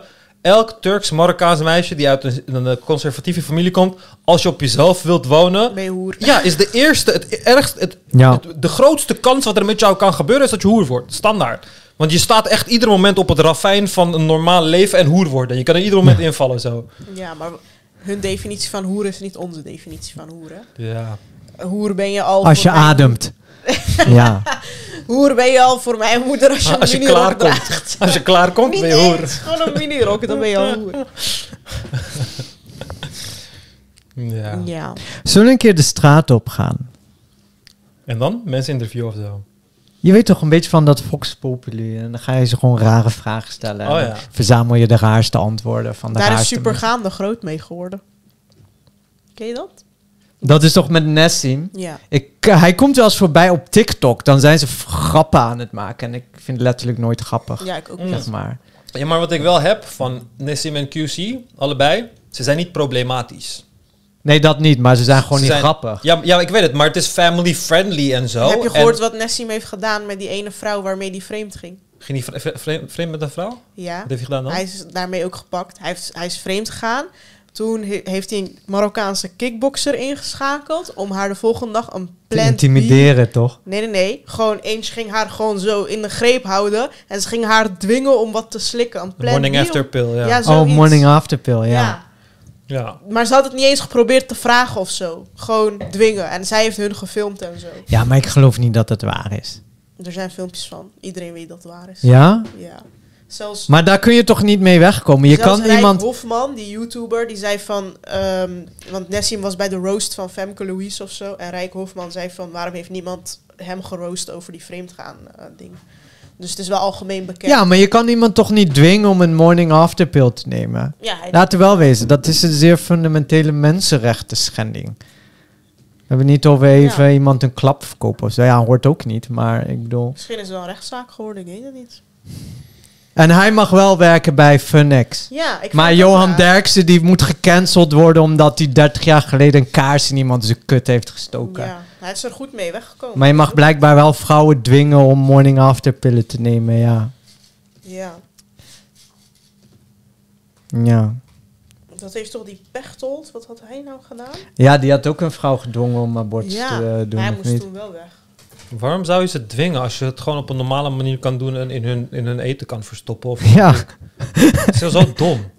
Als je Eh, erover nadenkt, dan doe je toch gewoon vriendschappelijk Een met haar in aardig een met eten haar. verstoppen, hoe dan? Ik Ja, je kan het gewoon. Nee, maar je kan een pil kan je gewoon verkruimelen. Dan is het poeder. En dat kan je zo in drinken zetten of in een, een, eh, of in een gerechtje of Het whatever. klinkt echt gewoon, dit klinkt gewoon echt heel erg ervaren. Nee, het is niet Um, dat ik- eh, dus- Nee, nee, want ik heb ooit dus een, eh, een eh, homo vriend van een vriendin van mij. Dus die kwam ooit een keer, ja, we waren met vrienden aan het zitten en toen belde hij zo helemaal huilend en weet ik veel wat. En hij was dus vreemd gegaan eh, op skitrip of zo. Die ging met het bedrijf naar skitrip, was hij vreemd gegaan met een andere gay guy. En die had hem toen gebeld, twee weken later, van hey, ik heb, eh, ik weet niet meer wat het was. of, nee, eh. chlamydia of het was een SOA. Dus die hadden een SOA En eh, toen bleek dus dat, ja, hij wist het pas veel later. Dus had die jongen zelf ook een test gedaan. Had hij die SOA ook. Maar hij had ook seks Oh, met zijn dus hij partner moest al het die tijd. medicijn aan Dus zijn hij moest partner het, het geven. ja. SOA-medicijn moest hij aan zijn partner geven. Zonder dat die partner Ja, het wist. en toen, toen ging, eh, die dag voelde die partner zich heel erg sloom en misselijk of zo. En toen zei hij van ja, toen dacht ik, toen werd ik bang. Ik dacht misschien heeft hij een allergische reactie of zo. En toen heb ik het maar opgebiecht. En toen waren die ouders en zo en die jongen waren super boos geworden dat ze die relatie uitgemaakt. En ze noemden het drogeren. En dat, en dat zou ik eigenlijk ook ja, maar dat is. Je kan niet iemand pillen geven zonder dienstmiddelen. Ja, dat kan ja het gewoon. is... eh, Zelfs al is het niet schadelijk, kan je iemand niet iets voeren. Mm, ja, ik vind dat, ik vind dat, ik vind dat daar, ik kan daar best over discussiëren. Maar, ehm, want het is van, ook, mag ik een supplement in je eten zetten zonder dat je het weet? Nee. En wat als die supplement van nature in je voedsel zit dan? Kijk, het gaat erom dat jij... Want het is, want het is, het Nee. is heel irrationeel. Want ik kan, Nee, je waar het voor, om ik haal- gaat. Nee, maar ik haal creatine uit de runder gehakt en dan stop ik het in een pilletje. Nee, waar het om en dan, gaat als is... het in die runder gehakt zit, dan mag je het eten, hoef ik niks te zeggen. Maar als ik het apart erbij zet, dan mag het opeens niet. Nee, waar het om gaat is, is dat jij mij iets laat eten waar ik niet voor gekozen heb. Nee, maar je, Dat is je, het hebt, wanneer je een hamburger eet, heb je ervoor gekozen om zo'n paar honderd verschillende stoffen tot je te nemen. Ja. En Je hebt niet eh, voor die stoffen allemaal gekozen. Jawel. Ik zou de op, het moment dat je, op het moment dat je die hamburger koopt en eet, kies je voor alles wat erin zit. Als je daar niet voor wil kiezen, Nou, eet je hem niet. dan heb jij Nee, de maar je weet niet eh, wat erin zit. Nee, maar jij hebt de mogelijkheid om uit te zoeken wat erin zit. Er mag niet geen enkel product verkocht worden Oh, nee, waar- dat is niet waar. waarvan jij niet kan achterhalen wat erin zit. Dat is niet waar. Bij ingrediëntenlijsten gaan we niet helemaal terug. Er staat in de ingrediëntenlijst gewoon runder gehakt, maar runder gehakt bestaat uit honderden verschillende stoffen. Ja. Ja, oké. Ja, oké. Dus we gaan niet zo tuurlijk. door in Ja, oké. Ik zou persoonlijk op, tot op grens- subatomair niveau ga, zo ver gaan we niet. Maar nee, bedoel, nee, je gaat niet op subatomair niveau. Maar bijvoorbeeld, kijk, suiker is één stof. Dat staat in, in Ja. ingrediënten. Maar stukjes appel in een ingrediëntenlijst staat er gewoon appel, 14% of zo. Ja. Maar appel bestaat uit honderden verschillende stoffen. Weet je? Waaronder suiker en eh, allemaal Ja. aminozuren en weet ik veel wat allemaal. Ik zou de grens persoonlijk leggen bij als er een mogelijkheid is dat jij een eh, adverse reaction erop hebt, bijwerkingen, eh, weet ik veel, allergieën, weet ik veel wat, dan hoor je het gewoon te melden. Maar anders moet ik ook tegen jou zeggen van, oh, ik heb hier een beetje peper in gedaan. Want ja, dat is ook een supplement. Piperine, zwarte peper, dat is gewoon een supplement. Kun je gewoon in capsulevorm kopen. Weet je? Dus eh, ja, dan die, die, die lijn is heel vaag. Ja, maar als je, iemand, als je iemand iets te eten geeft, dan zeg je toch wat, wat je te eten geeft. Oh, maar het is niet dat het onethisch is om iemand een broodje te geven als je er een zwarte peper op hebt gedaan, maar je hebt het niet gezegd. Dan gaat niemand daar een outrage van maken. Bijvoorbeeld. Weet je? Ik heb een keer een outrage gemaakt van een vriendin die bij iemand was geweest die dag nog die corona had. Maar zij is een wappie, dus zij Oh, gelooft ja. er niet in. Ja. En ze ging die avond met mij uit eten. En ze zegt tijdens het eten, terwijl ik haar heb gegroet, gekust, alles. Zegt ze van, ik ben vandaag geweest bij iemand die corona had. Maar kijk, ik heb nog steeds niks. ja, maar dat is wel echt terecht om daar... ja. Toen was ik zo Ja. boos. Ik heb gewoon En, echt eh, alles laten liggen. Ik dacht, ja, fuck bent opgestaan. Ik wil wel als disclaimer zeggen dat dat verhaaltje waar ik het over had van die homo, die medicijnen, ik zie dat wel als drogeren, dus ik probeer dat niet te verdedigen. het is overduidelijk drogeren, maar ik bedoel, ik- je zou, je zou er wel over kunnen discussiëren wat precies drogeren is. En heeft niet. een keer wiet in eh linzensoep van zijn moeder. Ja, ik had hash een keer. Toen het thuis werd gekookt, heb ik gewoon een grammetje hash in de linzensoep Maar ze opgelost. heeft- Zo. Ja, hij heeft er niks Ja, niemand, niemand merkte het. Nee. Maar hoe kan dat? Hoe kan het niks In de pan of in je eigen nee, in de soep? pan. Nee, gewoon in de pan. Oh, de hele familie heeft ervan gegeten. Maar daarom, het is Ja, echt- dan is een gram niet genoeg. Ja, Dan- waarschijnlijk daarom. maar meestal als het genoeg is, dan proef je het ook. En ik wil het niet laten proeven, weet je? Ja, oké, als je het genoeg doet, dan heb je Ja, proef natuurlijk... je dat? Ja, want daar kun je Ja. dus ook iets over zeggen van waar ligt precies de grens? Ja, Stel je kijk, voor, ik heb een beetje hasje op mijn vinger en het komt in de soep. Ben ik je dan aan het drogeren? Bij nee, welke oké, milligram kijk, nee, maar kijk, nee, maar wacht even, kijk. Dat was ook dit, wel nee, maar dit vind ik, kijk, dit vind ik gewoon grappig, omdat je ook een hele strenge religieuze familie Ja, hebt en zo. ja. Maar eigenlijk, kijk, eigenlijk is het het wel onethisch, ja, is het tuurlijk. onethisch. En, Tuurlijk. maar het is niet dat we het nooit kunnen lachen om onethische Nee. dingen, maar Nee, ik was, eh, Als je het in baklava had gedaan, ik zweer ik niet. was een 16-jarige stoner en ik dacht van ja, Daar is gewoon 10 kilo suiker in. Ja, klopt. Ja, maar daarom, ik bedoel, waar ligt de grens, hè? Waar ligt de grens? Als je mensen yoghurt voert, voer je ze ook alcohol, je dat?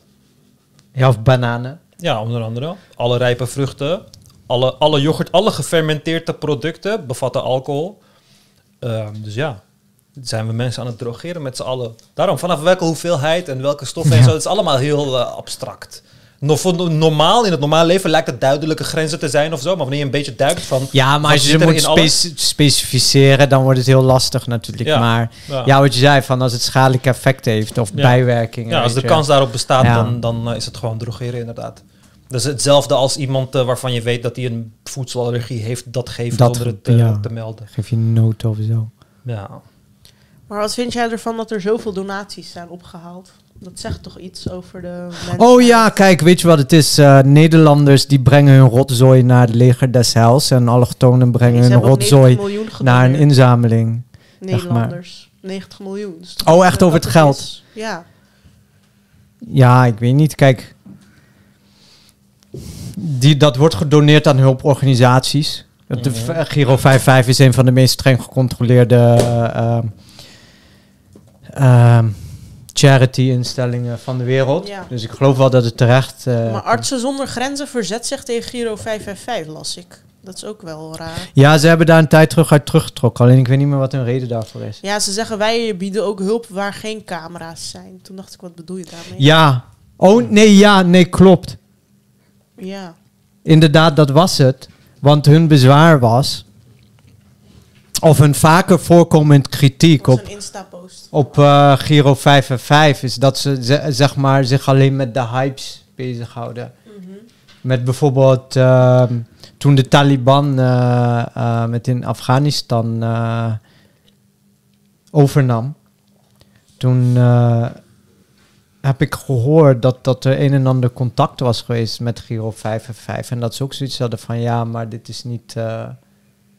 Media geniek genoeg. ja, Mhm. dus Oh, wauw. wat dat betreft eh, kan ik de lijn, de, de argument van Arts zonder Grenzen daar ook wel... Want er zijn heel veel plekken waar je een constante stroom van slachtoffers hebt. Omdat Ja. het niet door een natuurramp komt, maar gewoon omdat het alles naar de kloot is daar Ja. en niemand er iets aan doet om het te fixen. Ja. En bijvoorbeeld, toen ik in Niger was, had je daar eh, de veel eh, artsen zonder grenzen. En ja, die zitten daar gewoon al 15 jaar. Ja. Gewoon, eh, doe, en ja, probeer dat maar 15 Ja, jaar lang hip te houden. Ja, of bijvoorbeeld Flying Doctors of zo. Ja. Weet je, Ja. ik bedoel... Ik heb een keer geprobeerd mensen te laten doneren aan Flying Doctors. Via Insta. En eh, vier volgers hebben 60, bij elkaar 60 euro gedoneerd. Maar Ja. weet je, dan, dat is een stuk moeilijker dan eh, bijvoorbeeld nu als ik zou zeggen van... hey, ik start een donatieactie voor Turkije. ja, want nu heb je allemaal materialen en zo, weet je. Die je kan delen, zo'n zielige Ja. foto en zo. Maar is niet het verschil... Kijk, bij aardrijkskunde leerde ik al op de middelbare school... je kan een vis doneren of een visnet. Mhm. Het heeft geen zin om een vis te doneren. Ja, maar bij medische hulp ehm, kun je als medisch professional kun je niet meer dan medische hulp en eh voorlichting Ja, precies. geven Maar als een dingen. land als Niger zich nooit gaat opbouwen... kun je daar nog 15 jaar zitten. Maar, Ja, maar ja, dan wat uiteindelijk kun je niks behalve helpen, weet je. Ja. Het is alsof er constant babykittens uit de lucht vallen. Oké, het stopt nooit met uit de lucht vallen, maar ja, Ja. moet, je, moet je ze gewoon op de grond laten te pletter slaan? Nee, je moet ze wel vangen. Je moet wel moeite blijven doen. Je kan niet zeggen van ja, het gaat er toch door. Want uiteindelijk heb Ja, jij kijk, gewoon één taak. Uiteindelijk zijn er wel individuen slachtoffers. Ja, ja, ja. Kijk, het, sowieso- natuurlijk hetzelfde is met Pakistan. Met Pakistan weten ze ook al jaren dat er overstromingen plaatsvinden. Ja, toch kiezen ze voor om er niks aan te doen. En elke keer moeten wij ze helpen. Ik bedoel, eh, tien jaar geleden moesten wij ze ook helpen. Ja. Weet je? En Maar ik denk dat mensen doneren op het moment dat... Kijk, je kan aan Turkije nu doneren, want je hebt toekomstperspectief. Dat, dat gedeelte van Turkije kan zich weer wederop bouwen. Dat is niet de reden waarom mensen doneren. Dat Dat zou reden. mijn reden zijn. Je zou nu letterlijk, als je met een professioneel, als je met meerdere mensen met camera's naar Ni- Niger gaat. Het is Niger, by the way, maar Niger klinkt gewoon beter. Maar ehm, nee, eh, Sigrid Kaag noemt het ook Niger. ja, maar eigenlijk is het Niger, maar dat klinkt gewoon niet. nou ja, als Sigrid Kaag het niet kan uitspreken, Ja. moeten we haar voortaan ook maar Niger. Sigrid, het is eh, gewoon Frans ook. Dan eh, voelen dan Sigrid Keg gaan noemen. Of Maar zo. kijk, als je daar een soort team naar zou brengen en je zou hele goede materieel schieten, die echt goed in, eh, eh, inzetbaar is, waardoor je op media narratieven kan creëren, waarbij mensen zich emotioneel verbonden mee voelen, dan kan je daar ook enorm veel geld voor ophalen. Dat kan gewoon, want uiteindelijk Ja. draait het daarom. Maar dat gebeurt gewoon. Je ziet zo vaak tv-spotjes van eh, Giro 555. Dat is Ja, gewoon, maar dat is gewoon die snelle ding. Nu heb je gewoon een wereldwijde focus op dit. Ja. En dat kun je via marketing, kun je dat in 2012 had je bijvoorbeeld Kony. En gewoon iets wat Oh, al heel met de lang... Lord's Army. of- Ja, ja, maar dat, wat al heel lang aan de gang was. Werd dat kwam gewoon ook door die documentaire, Ja, toch? precies. Toen gingen ze Ja. gewoon een documentaire maken en toen was het opeens, iedereen wist er opeens Ja. over. Maar het gebeurt al 15 jaar, was het al Ja. daar bezig. Maar omdat iemand, een rijke witte guy, een documentaire erover maakte en die had ge, ge- gepusht op allemaal grote platformen, wist opeens iedereen van Koning en gingen er miljoenen naartoe. Maar het enige wat veranderde was gewoon dat er opeens marketing Ja. was. Er was opeens PR en dat soort dingen. ja. En dat kun je voor elke ramp doen. En eh, ja, zonder al die dingen had, was het geld ook niet opgehaald. Want uiteindelijk draait het daarom gewoon voor die mensen. Ja, en kijk wat er wordt gedoneerd. Kijk, eh, uiteindelijk, zoals ik zei, ik geloof wel dat dat, dat, dat terecht komt. En Ja. organisatie. Ik niet. Hij zei, ik geloof dat 20% niet eens bij de mensen komt. Ja. Ja, kijk, tuurlijk, de- er Uiteindelijk zijn... ben je wel overgelaten aan Turkije. Het maakt uit hoe goed Nee. je wil controleren. Ja, oké, kijk, tuurlijk, je hebt het ehm, CBF-keurmerk, maar dat zegt wat over de bedrijfsvoering in Nederland. Ja, dat zegt precies. niks wat je over doet in het buiten. Tuurlijk, daar ben ik het mee eens. Er zal al dingen aan de strijkstok blijven hangen, of inefficiëntie, of wat dan ook. Corruptie. corruptie. ehm, maar in ieder geval de mensen die waar het geld in eerste instantie terecht komt, daar geloof ik wel van dat ze, eh, nou ja, hun best doen om eh, Ja. Ehm, hun werk goed uit te voeren. Ja, maar als Dus, ik eh, kijk naar, kijk, dan zijn er, er is zoveel geld gedoneerd. En dan gaan deze mensen nu slapen in tenten en zo. Ja, maar wat is Weet je? 90, 90 miljoen euro? Er is in, in Turkije is er 15 miljard of zo. Ja. In Turkije zelfs 15 miljard opgehaald. Dat is fucking absurd, hè? Waar moeten wij ze dan nog geld geven? Ja, maar ja, wat is eh 9 miljoen, eh, 90 miljoen vergeleken met eh 15 miljoen? ja, Omdat elke hulp welkom is, denk ik. Maar hij vertelt me net, je kan dat gebied op, wederopbouwen voor 6 miljard? Ja, wanneer, je moet gewoon kijken naar de economische schade die is gedaan. Ja. En dat is ongeveer het geld dat je kapot nodig is, Ja, precies. Dat is ongeveer En het dat geld is dat al nodig lang is. binnen. Oh ja, even kijken. Turkey earthquake eh 2023. Op de wiki staat meestal... Op de wiki staat meestal eh, de economische schade. Kahramanmaraş earthquake. Economic damage. Ja, ik had wel veel links naar Oh, ja, donatieacties, maar ik had 84 ook niet miljard is op dit moment de economische Ja. schade. En hoeveel miljard heeft Turkije opgehaald? 15. Oh ja, dan zijn we er nog niet. Nee. Nou, dan, duurt het nog wel niet. even. Ja, dan duurt het nog wel even. Oh ja. En Nasruddin Char. char, ja. ik weet nooit wie het uitspreekt, die acteur, die postte op zijn profiel dat het een schande was dat voor de Notre Dame 900 miljoen was opgehaald. En, eh, Ik werd zo boos voor de Notre Dame. Ik werd zo boos toen die in de fik was. En het zo veel in het nieuws was. En ik dacht van... ja, 900 miljoen is er blijkbaar opgehaald. toen. Ja, maar ik dacht, het is een gebouw. Het is een gebouw. Het is gewoon een fucking gebouw. maar mensen vinden het mooi. Ja, maar het is een gebouw. ja, Ik tuurlijk. kan, dat niet, ik kan dat niet voor de Siberische tijger ophalen, maar voor een fucking gebouw Ja, maar dat, kan ik dat ophalen. Nee, maar dat is heel subjectief natuurlijk. Ja, mensen hechten daar historische waarde aan, weet ik veel wat. ja, als Dus- nu de paleizen ja. in Amsterdam in de brand staan, dan gaat iedereen ook doen. Ja, maar wat is het idee? En daarmee, daar niet- wil ik ook even zeggen, want er wordt heel vaak gezegd, inderdaad, Notre Dame komt vaker te zeggen, ja, westerse landen, dit, dat. Uh, maar daar wil ik wel even bij naar voren brengen dat het letterlijk tot een enorme discussie heeft geleid in het Franse parlement. Omdat een partij had voorgesteld om met overheidsgeld, belastinggeld dus, uh, de Notre Dame te restaureren. Mhm. En dat leidde tot een enorme discussie, omdat de Notre Dame in essentie een religieus gebouw is. En Frankrijk is een laïcité, dus ze zijn heel erg tegen het financieren van religie vanuit de overheid. Wat we in Nederland ook zouden moeten doen trouwens. Ja. Ehm, dus dat is allemaal vanuit private partijen ehm, ja. gekomen. Maar toch goed als mensen dat maar wacht even. vinden. Ja. Nee, maar wacht even. En daarom vind ik dat mensen er niet boos over mogen zijn. ja. Want private partijen mogen met hun geld doen wat ze willen. ja. En als ze ook niet boos worden omdat een of andere pauper een Louis Vuitton tas van 2000 euro koopt. eh, wat 2000 euro is die beter had kunnen worden gegeven aan eh, eh, arme kindjes in Jemen of Palestina of whatever. ja. Dan heb je ook niet het recht om boos te worden over de Notre Dame. Nou, ze worden boos, inclusief Umer, denk ik, omdat het zoveel meer geld genereert dan een andere ramp. Niet omdat Dan mensen- daadwerkelijk dingen van waarde. Ja, maar waarde is subjectief. Ja, ik vind dat niet zo. Ja. Ik, ik vind waarde absoluut niet subjectief. Kijk, je kan zeggen, zoals Nasser Jar zegt, eh, dit, dit is een eh, kerk, gewoon een gebouw, wat jij ook al zei. En dit gaat om eh 20.000 eh, Turkse mensenlevens of zo. Ja, zo kun je het vergelijken. Maar ja, het is voor die mensen die de kerk heel mooi vinden of zo misschien waardevoller. In, in die zin subjectief dus. Ja, kijk, als, als het verbrand is, hoort dat bij de historie van de kerk. Wanneer je het restaureert, is het niet meer die kerk. Het is het gewoon niet. Het is niet meer dezelfde kerk. Nou, En als, Ja, als, als, het idee van, als het idee van een kerk, die kerk van de Notre Dame, dan zo eh, ja, vaag is, Ja. dat ik hem letterlijk voor 50% uit nieuwe materialen kan maken, maar het is nog steeds de Notre Dame, dat dan geldt is voor het heel hele... veel gebouwen. Ja, nee, oké, maar, dat, da- dat, daarom, dat- maar daarom is het dus raar. Want iets als een gebouw bestaat niet. Een gebouw Kijk- is een niet bestaand concept. Het zijn gewoon stenen die op elkaar Kijk, zijn dat gestaan. bezwaar, heb ik ook, dat bezwaar heb ik wel tegen historische gebouwen. Ik bedoel, een Phoenixwijk, die ergens in de afgelopen tien jaar is gebouwd, dat is over 200 jaar een historisch gebouw. Oh ja, absoluut. En het ergste is nog dat er waarschijnlijk een of ander ambtenaar zal hebben besloten van dit is een monumentaal pand Ja. en dat moet altijd blijven staan.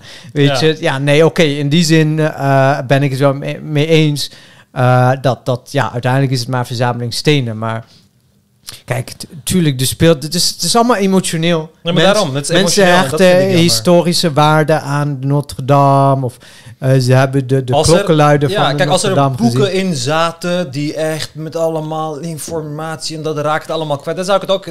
het verbranden van de Library of Alexandria, wat meermaals is gebeurd, vind ik verschrikkelijk. Ja, dat, helemaal- dat is wel echt ook iets. Ja, waar- ik heb er nul emotionele connectie daar bij. Ik leefde daar niet 700.000 eens. 700.000 Ja, maar er is gewoon toch? daadwerkelijke waarde. Gewoon Ja. informatie die nergens anders op aarde beschikbaar was, is toen verdwenen. Vind ik absoluut erg. Ja. Was hij leeg en kwamen er toeristen binnen om even rond te kijken en zo en brandt hij af, boeit me letterlijk geen reet. Letterlijk geen reet. Want er was daar geen daadwerkelijke waarde of informatie of uniekheid of zo, weet je. Er is gewoon emotionele Nee, maar connectie. kijk, niet iedereen denkt zo. Kijk, dingen hebben ook gewoon een symbolische waarde. Ik bedoel, waarom wilde Hitler Stalingrad hebben? Ja. Omdat het strategisch belangrijk was? Nee. Nee. Eh, dus het was strategisch geweest. Waarom? Omdat het Stalingrad heette, Ja. letterlijk. Gewoon omdat hij Stalin wilde dissen. Ja. Ja, hij heeft gewoon letterlijk een half miljoen soldaten verloren omdat hij Stalin wilde dissen. En andersom ook. Stalin wilde dat. eh, Stalin hoefde het niet te verdedigen. Ja. Maar hij wilde het kosten wat kost verdedigen, omdat het Stalingrad heet. Weet je, ja, mensen. Wow, dat is echt een strijd om niks. Ja, maar is wel, alle, oorlogen zijn letterlijk men Ja. in their feelings gewoon. Maar daar gewoon- ging, het, daar ging het echt letterlijk om. dat ja. wist ik niet eens. Dan ben je echt ongesteld. En- ja. Ja, maar dat is wat er gebeurt. Want waarom zijn die doden erg? Je hebt toch overvloed aan mensen. Je hebt toch overvloed aan soldaten. Waarom is het erg dat er zoveel doodgaan? Ja, maakt helemaal niet uit. Weet je? Bij geld is dat toch ook zo? dus waarom zou het bij mensen niet zo zijn? Ja.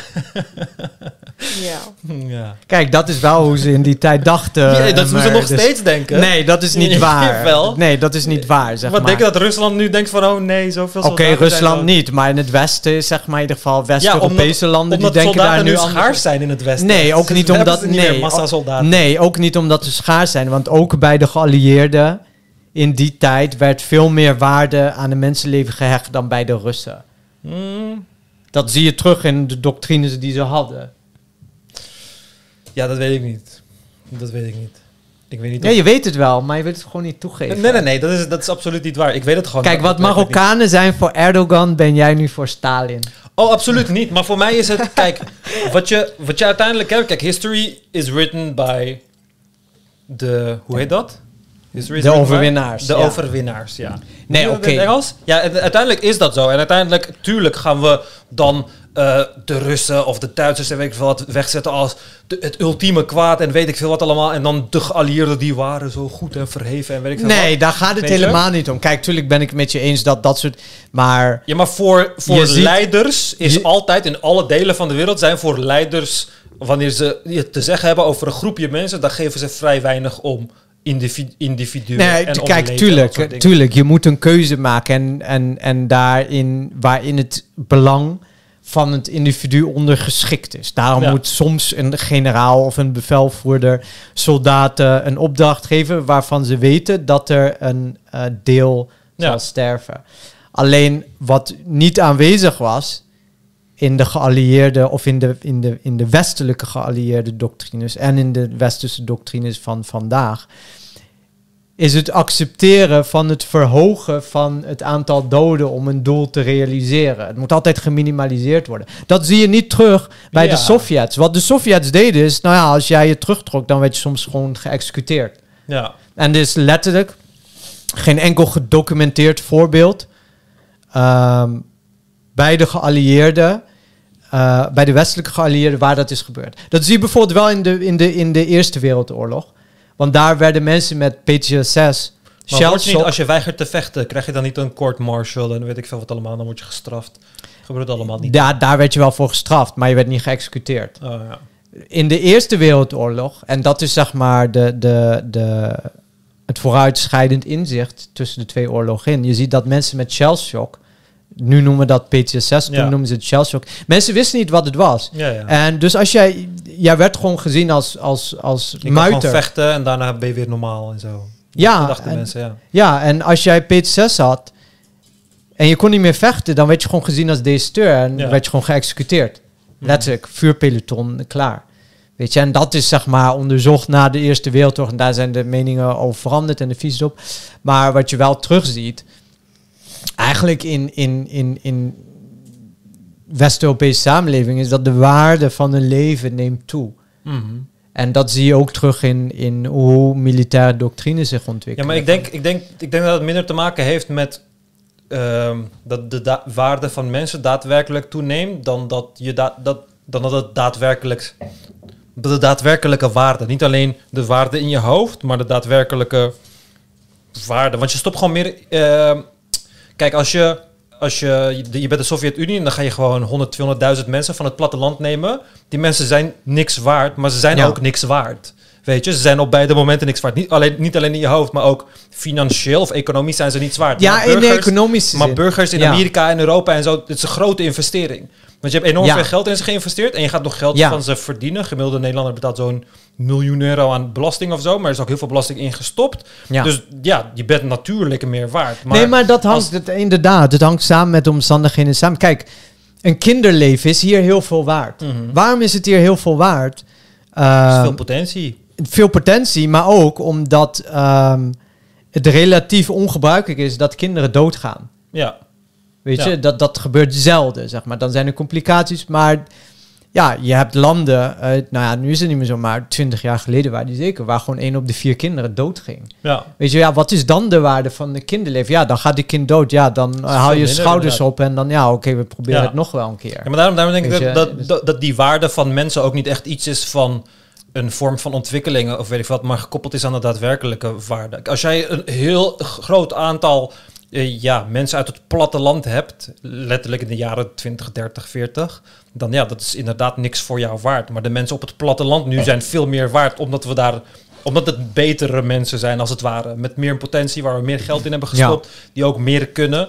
En een soldaat was gewoon een soldaat. Maar nu is Nee, een soldaat ja. getraind om een F-16 te vliegen... of met speciale apparatuur om weg te gaan en weet ik veel wat. Dus dat is allemaal eh, een investering. Nee, maar het zijn niet, ik, geloof niet dat het allemaal alleen e- economische factoren zijn. Ja, er zal ook Kijk, het is ook eh, een deel is gewoon mensvisie. Ja, maar dat, dat, zal je dus, dat zul je dus in de hele wereld zien wanneer je meegaat in die economie. Ik denk niet dat het een verschil is tussen Russen en geallieerden of Duitsers of whatever. Ik denk dat elk volk... Jawel, want de, de, de, het is niet dat de, dat de Sovjets niet investeerden in mensen. Mhm.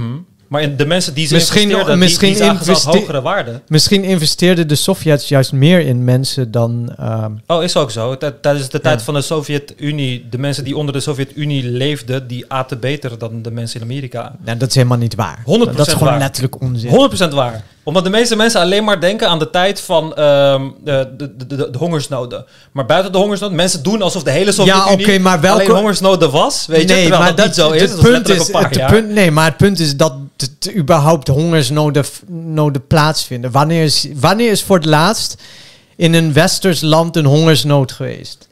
Die, Eh, niet, die niet werd veroorzaakt door een, Ja, je een zeer onverwachte natuur. Ja, in een, in een tijd van overvloed van voedsel is het heel moeilijk om aan ehm, om aan eh, voedselnood te komen. Zelfs, voor die over, zelfs, zelfs voordat die overvloed er was, waren hongersnoden niet meer zo gebruikelijk. Oh nee, als er geen overvloed aan voedsel is, dan kun je gewoon een hongersnood meemaken. Als in die, die regio er de oogst is mislukt. Ik bedoel, kijk naar, Kijk, dit zijn kijk vraagstukken kijk die... in- Ierland en de- zo. dit zijn, bedoel, ja, eh, dit zijn vraagstukken die in de 19e eeuw praktisch bij elk westers land zijn opgelost. ja.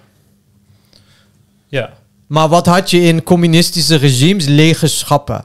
Letterlijk toen Boris Yeltsin... Kijk, Nee, sorry, toen Gorbachev naar ehm, de Verenigde Staten ging...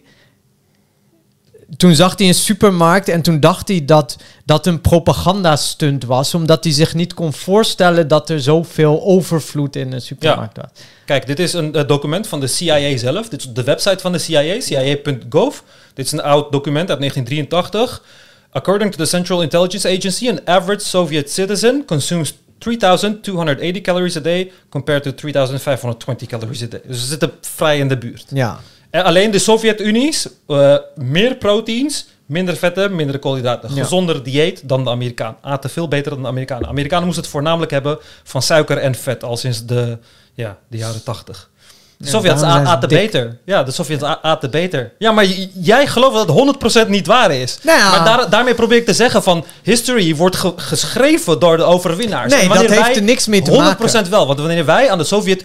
Wanneer ik ook Kijk, maar een natuurlijk, gesprek wil ik weet- starten... ik weet- ik, hoor, nee. ik hoor altijd Ik dit, weet hè. heus wel ik dat hoor het niet... Nee, wacht, Hongersnood, nee, wacht even, wacht even. hongersnood, Nee, wacht. 1984. Altijd dat boek. Nee, maar wacht even. manier. Die Kijk, standaard dingen ja. hoor ik de hele tijd. Kijk, Terwijl- ik weet heus wel. Kijk, ik weet heus wel. Kijk, ik weet heus wel dat het niet altijd. dat het grootste deel Ja, van de tijd in de Sovjet-Unie geen hongersnood was. Daar Ja. staan ze niet onbekend. ja. Kijk, als je denkt dat het continu hongersnood was bij Sovjets. Dat is dus wel wat de meeste mensen denken. Nee, maar dat, dan zijn mensen gewoon dom. Want dat, dat was Ja, absoluut zijn- niet dat het zijn geval. mensen ook. Ja. Kijk, de- de- wa- je zou eerder hongersnood met Noord-Korea kunnen associëren. 100%, want daar kun je het heel zien. De gemiddelde Noord-Koreaan is echt letterlijk 20 centimeter korter dan, eh, dan de Zuid-Koreaan. De- 100%. Daar zie je het. Maar bij de Sovjet-Unie was het niet van. Maar het, kijk, het feit dat het voorkomt, dat is voor mij al problematisch. Ja. Letterlijk, dat heeft in geen... Zelfs in Spanje en Italië, zeg maar, de kneuzen van de westerse familie, economisch gezien. Uh, daar hebben de afgelopen 70 jaar geen hongersnoden plaatsgevonden. Uh, weet je, laat staan in, in de rijkste westerse landen. Weet Ja. je, maar in de Sovjet-Unie gebeurt wel dus, ja, Is het gebeurd en daarna is het nooit meer gebeurd, toch? ja, Ja. ja, het is in Ierland gebeurd Kijk. en daarna nooit meer gebeurd, toch? Ja, het is in Nederland gebeurd en daarna nooit meer gebeurd, toch? ja. Nee, ja, maar, maar dat, dat is het probleem wat ik probeer te zeggen. Kijk, het, het is ook moeilijk voor mij, want zodra ik dit doe... Zij noemde mij vorige keer ook van... Oh, jij past precies bij de SP.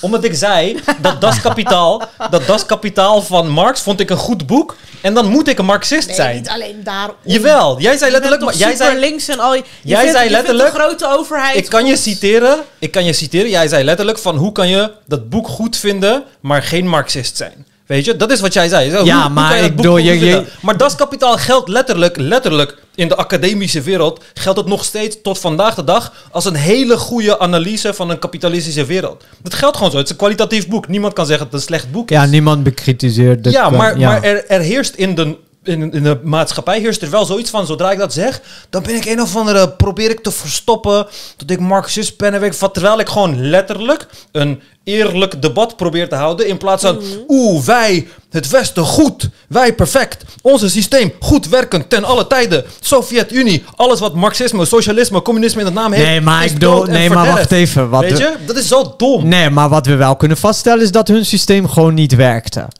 Oh ja, dat kun je natuurlijk vaststellen. Net zoals je kan vaststellen dat enorm veel democratische systemen niet werken. Maar je kan ook vaststellen dat zodra je, zodra je De dingen... westerse democratieën die werken. Ja, ja, je, Ja. Kan, je kan ook vaststellen dat zodra je invloeden van die systemen, van het socialisme, van het communisme en van het marxisme toepast op democratische systemen, dat ze nog beter werken. Ja, Ja, maar daar, daar, Ja. ja. nee, maar daar, ja, en je kan ook daar, vaststellen dus, dat... daar ja. komt de sociaaldemocratie Precies, vandaan. maar uiteindelijk, ook uiteindelijk betekenen die woorden dus niks. Daarom altijd als ik in discussie ga met die mensen van wat is socialisme, marxisme, communisme. Heel veel mensen denken dus de Sovjet-Unie, eh, dat je daar nee, maar dan hou, je het had. los, dan hou je het los van de context. Kijk, het systeem, zoals het in de Sovjet-Unie en Warschau-pact gaat, werkt niet. Kijk, wij eh, kunnen die een beetje laconiek o- doen over lachen. Maar als, Ja. je, als je bijvoorbeeld met Polen praat, of Roemenen, ik bedoel, die, die, die, die zijn gewoon echt anti-communisme. Ja, maar dat geldt dus niet voor alle landen. Nee, Want wat wij dus, dat, dit is ook het onderdeel van het narratief. Het onderdeel van het narratief is, want de Sovjet-Unie werd binnengevallen door meerdere kapitalistische landen, omdat de Sovjet-Unie zeg maar werd aangevallen. welke Al- kapitalistische al- landen al- hebben de Sovjet-Unie het ware- oké, aangevallen? westerse landen. als welke westerse landen Maar- hebben de Sovjet-Unie Wacht even, er zijn, Geen meerdere, er, zijn, er zijn meerdere... Oh, jawel. Ze zijn, economisch zijn ze zwaar aangevallen. Waar heb je het Hoe over? bedoel er er werden nee, alle- maar je allemaal... binnenvallen en boycotten is heel wat anders. Het is exact. V- hoezo is het heel Waarom anders? denk je dat het Warschau-pact werd geboycott? Eh, Waarom denk je dat de DDR werd geboycott? Ja, Weet je wat kijk, ze in de DDR met mensen deden? 100 procent. Ik bedoel, weet je wat ze over, letterlijk overal met mensen deden? Rond dit tijdperk. Rond dat tijdperk Nee. gingen we letterlijk mensen van op straat pakken. Gingen we letterlijk ze syfilis geven of LSD voeren in, in Amerika. Ik weet niet van jou. Tuurlijk, Ja, maar tuurlijk. nou dan. Nee, dus, je dus kan- je kan die tijden niet vergelijken kan, met de kan, tijd van nee, nu. maar je kan, tuurlijk kun je een aantal schandalen naar voren houden. Ja, kijk, Uit de dat- VS, daar ben ik het mee eens. Maar ik bedoel, in de DDR werd gewoon gemarteld. Daar 100%. verdwenen mensen. Ja, daar had je, 100%. je had daar letterlijk... Ja, maar één- niemand zegt ook dat daar goed je had was. daar letterlijk één medewerker van de geheime dienst per 2000 mensen. Weet je hoeveel, weet je hoe groot... Ja, door die paranoia en zo ontstond Ja. Maar niemand zegt ook, niemand verdedigt die maatschappijen ook. Nee, maar, daarom, kun je, zeggen... daarom kun je dus ook niet zeggen van dat soort dingen eh ehm, gebeurde ook. Want Oh, nee, maar er was iemand, iemand in de VS... Kijk, je kent Veil of Ignorance, toch? Ja, ja. Dus je, je wordt in de samenleving geplaatst zonder dat je weet wat, jou in, wat je in die samenleving zou zijn. Ben je man, Mhm. vrouw, ben je rijk, arm, heersende klasse, niet heersende klasse. Niemand zal kiezen voor DDR, laten we wel Ja, zeggen. 100%. Maar daarom, je, je neemt nu DDR en dan koppel je dat aan een ideologie en dan deze ideologie bad. En dat is Nou hetzelfde. ja, het was niet veel beter in Roemenië of Polen. Of Ja, maar precies. Maar dat is hetzelfde als Of dat, ik, dat ik nu. Turkije koppel aan democratie en dan zeg democratie bad. Weet je? En nee, dat, nee, nee, Maar wacht even, nee, wacht even. Die vergelijking mag je niet maken. Maar nee. kijk, want uiteindelijk is het zo dat je in die tijd een grote oorlog gaande was tussen twee ideologieën. En beide van die ideologieën zijn slecht en goed. Beide. Ze hebben een goed, je kunt ze op een goede manier uitvoeren en je kunt ze op een slechte manier uitvoeren. Dat geldt voor alle ide- ideologieën zo. Je kan een extreme moslim zijn. Je kan ook een vredelievende moslim zijn. Je kan een Nee, extreme, nee, maar wacht even. extreme Nee, stop. andere religie zijn. Wacht Nee, even, dat wacht ben even, ik maar met laat je even, Ja, maar laat me even mijn ding doen. Er, er was een grote ideologische strijd gaande van oké, gaat eh, dit winnen of gaat dat winnen? En uiteindelijk is in de strijd, het kapitalisme het Westen uiteindelijk heeft gewonnen, heeft voor heel veel landen goed maar voor veel meer landen heel slecht uitgepakt. En nu is in de geschiedenisboeken van, oh, al die mensen hebben leed geleden en we hebben ze gered. Maar er zijn meerdere eh, eh, Sovjet-landen geweest, pre-Sovjet-landen, die gewoon geen kapitalisme wilden. Waarbij het overgrote, ze hebben stemmen, eh, de, de populatie heeft gestemd. Overgroot deel zei van, nee, wij willen helemaal geen, wij willen gewoon socialisme. Of wij willen communisme, whatever. Oké, en dat hebben we dan niet, dat hebben we dan niet gerespecteerd. We hebben gezegd, nee, nee, hoe bedoel je, jullie kiezen met z'n allen voor deze regeringsvorm? Want blijkbaar hadden die landen dan niet erg, weet je? Nee, maar dat is... Dat Uite- is uiteindelijk is dat gebeurd. En toen hebben wij gezegd van, de, wij... je hebt het nu over de Zuid-Amerikaanse landen. Nee, nee, nee, nee, nee, nee, nee, nee, nee, nee, nee. Ik heb het gewoon over de Oost-Europese landen. Maar, maar uiteindelijk is, er, is, is het gewoon gezegd van... oh, wij komen democratie brengen... en jullie hebben democratisch voor iets gekozen... waar wij het niet eens mee zijn. zo is het niet gegaan. Kijk, letterlijk geen enkel Oost-Europese land heeft vrijwillig voor communisme gekozen toen ze daar, of in ieder geval voor het Sovjet-model gekozen. Of dat nou het Stalin-model Nee, was ja. of het Gorbachev-model. Geen enkel Oost-Europees land heeft daarvoor gekozen toen ze, de, toen ze daar de vrijheid toe hadden. Toen Gorbachev de regels versoepelde, hebben ze letterlijk overal hebben ze, eh, de regimes afgezet. Dat is wat is gebeurd. Maar Kijk, tuurlijk, je kan niet zo zeggen, niet gelijk zeggen dat een bepaald idee slecht is omdat je een paar slechte uitvoeringen ervan hebt. Ja, maar dat Maar is dus wel sommige hoe, hoe het ideeën- narratief nu is nee, in maar onze wacht even, wacht even. Sommige, En dat is echt toxic. Wacht, nee, maar wacht even. Sommige ideeën zijn gewoon slechte ideeën. Mhm. Een samenleving eh, ehm, eh, eh, inrichten conform de kaders van de islam. Geen enkel beschaafd mens zou daarin willen wonen. Ja. Al is het een vredelievende vorm. Als je de Koran, Koran leest en dat implementeert op een samenleving, dat is gewoon, dan kun je nog beter in de Sovjet-Unie wonen. Maar, dus dat is in essentie, is dat een slecht idee. Mhm. Net zoals dat het model van de Sovjets was in essentie een slecht idee. Wat tot, tot- niet tot, nou ja, tot het Oostblok leidde of Sovjet-Unie. En niet dat er geen slechte implementaties kunnen zijn van kapitalisme of van democratie. Ik bedoel, Saddam Hussein noemt, die had ook verkiezingen. Ja. En volgens mij noemen al die Midden-Oosterse dictaturen zichzelf ook allemaal democratisch. ja, maar daar ligt het probleem. Want zodra men democratisch voor iets kiest waar andere democratieën het niet mee eens zijn, dan geldt de heiligheid van democratie niet meer. En daar ligt het probleem. Want als democratie echt waar is, dan mogen landen als, weet ik veel, 60% van de mensen voor iets stemmen wat wij deplorable vinden. Maar het dat is mogen ze fucking. toch ook? Ja, maar dan vinden wij dat geen democratie. Dan vinden we dat opeens geen democratie meer. En hetzelfde is dus 19... Nee, je kan democratisch voor, ervoor kiezen om geen democratie te zijn, maar dan ben je geen democratie. Kijk, dit was in 1991 de landen die hebben gevoot om de USSR te behouden. 70% ja, 93% ja, 97% ja, 93% ja, 96% ja. Dit stukje, Kazachstan, Azerbeidzjan, Turkmenistan, Oezbekistan, Kyrgyzstan, die deden het vrij goed. Ja, maar daar dat focu- waren ook maar daar- de landen die het meest profiteerden van de Sovjet-Unie. Ja, Kijk, 100%. het Maar, wa- nee, maar wacht even. Kijk, een heel fundamenteel de- detail. maar wie zijn nu de landen Nee, die maar het even. profiteren van de kapitalisme? Wacht even. En wij willen die niet nee, behouden, maar, toch? nee, maar, hoe wacht- is dat anders? Nee, maar wacht even. Hoe is dat anders? Nee, maar kijk, nee, ja, maar nee. hoe is dat anders? De mist die een hele fundamentele parameter is dat Ja, de Oost-Europese landen die hebben niet voor het communisme gekozen. Oké. Kijk, wat wij hier Heel veel landen hebben ook niet voor democratie gekozen. Nee, maar wacht even. Het is Kijk- letterlijk geforced. Kijk, die Centraal-Aziatische landen, die hebben zich aangesloten bij de Mhm. Sovjet-Unie. Ja. Ehm, kijk, wij zeggen hier altijd dat de Amerikanen ons kwamen redden van de ehm, Duitsers. Mhm. Volgens mij zeg ik dat vorige keer ook. Maar ze hebben ons gered van het communisme. Want uiteindelijk heeft Stalin heeft de Oost-Europese landen gewoon ingelijfd bij, de, bij het Warschau-pact. Ja, Daar hadden ze niet veel keuze in, ja. zeg maar. Ehm, de Centraal-Aziatische landen, kijk, het staat buiten kijf dat zij ervan geprofiteerd hebben om een onderdeel te zijn van de Sovjet-Unie. Ja, maar mensen hadden daar toch in principe een prima leven? Als, zolang je niet tegen de staat was, had Ja. je een prima leven, ja. Ja, ja. Zie je ook zo eigenlijk. dan, dan kun je net zo goed, dankjewel, dan kun je net zo goed zeggen, ja, in Nazi-Duitsland kon je ook een prima leven hebben, zolang je niet tegen de staat was. Oh ja, maar in Nazi-Duitsland had wel echt... ehm, Kijk, zolang je niet tegen de staat bent, dan maakt het niet uit wat voor regeervorm er is. Het Ja, pu- 100%, maar- Het hele, nee, maar het hele punt van democratie is, is dat jij tegen de staat kan zijn zonder bang te hoeven zijn voor de staat. Oeh, ja, maar dat is, dus niet altijd, dat is dus niet altijd zo. Wanneer moet jij bang zijn voor de staat? Er zijn letterlijk incidenten waar dat is gebeurd. Ja, maar er is Nee, Kijk, ik zeg niet dat het nooit is gebeurd. Kijk, Mhm. ik bedoel, we hebben toeslagenaffaire gehad. En ik zeg, tuurlijk, het komt voor. Maar ehm, juist de hele essentie van democratie is, is dat we allemaal waarborgen implementeren om jou Waar te is- beschermen tegen de staat. Waar is Edward Snowden op dit moment? Ja, dat zoals ik zei, er zijn inderdaad incidenten. En waarom is Edward wezen, Snowden in, in Rusland?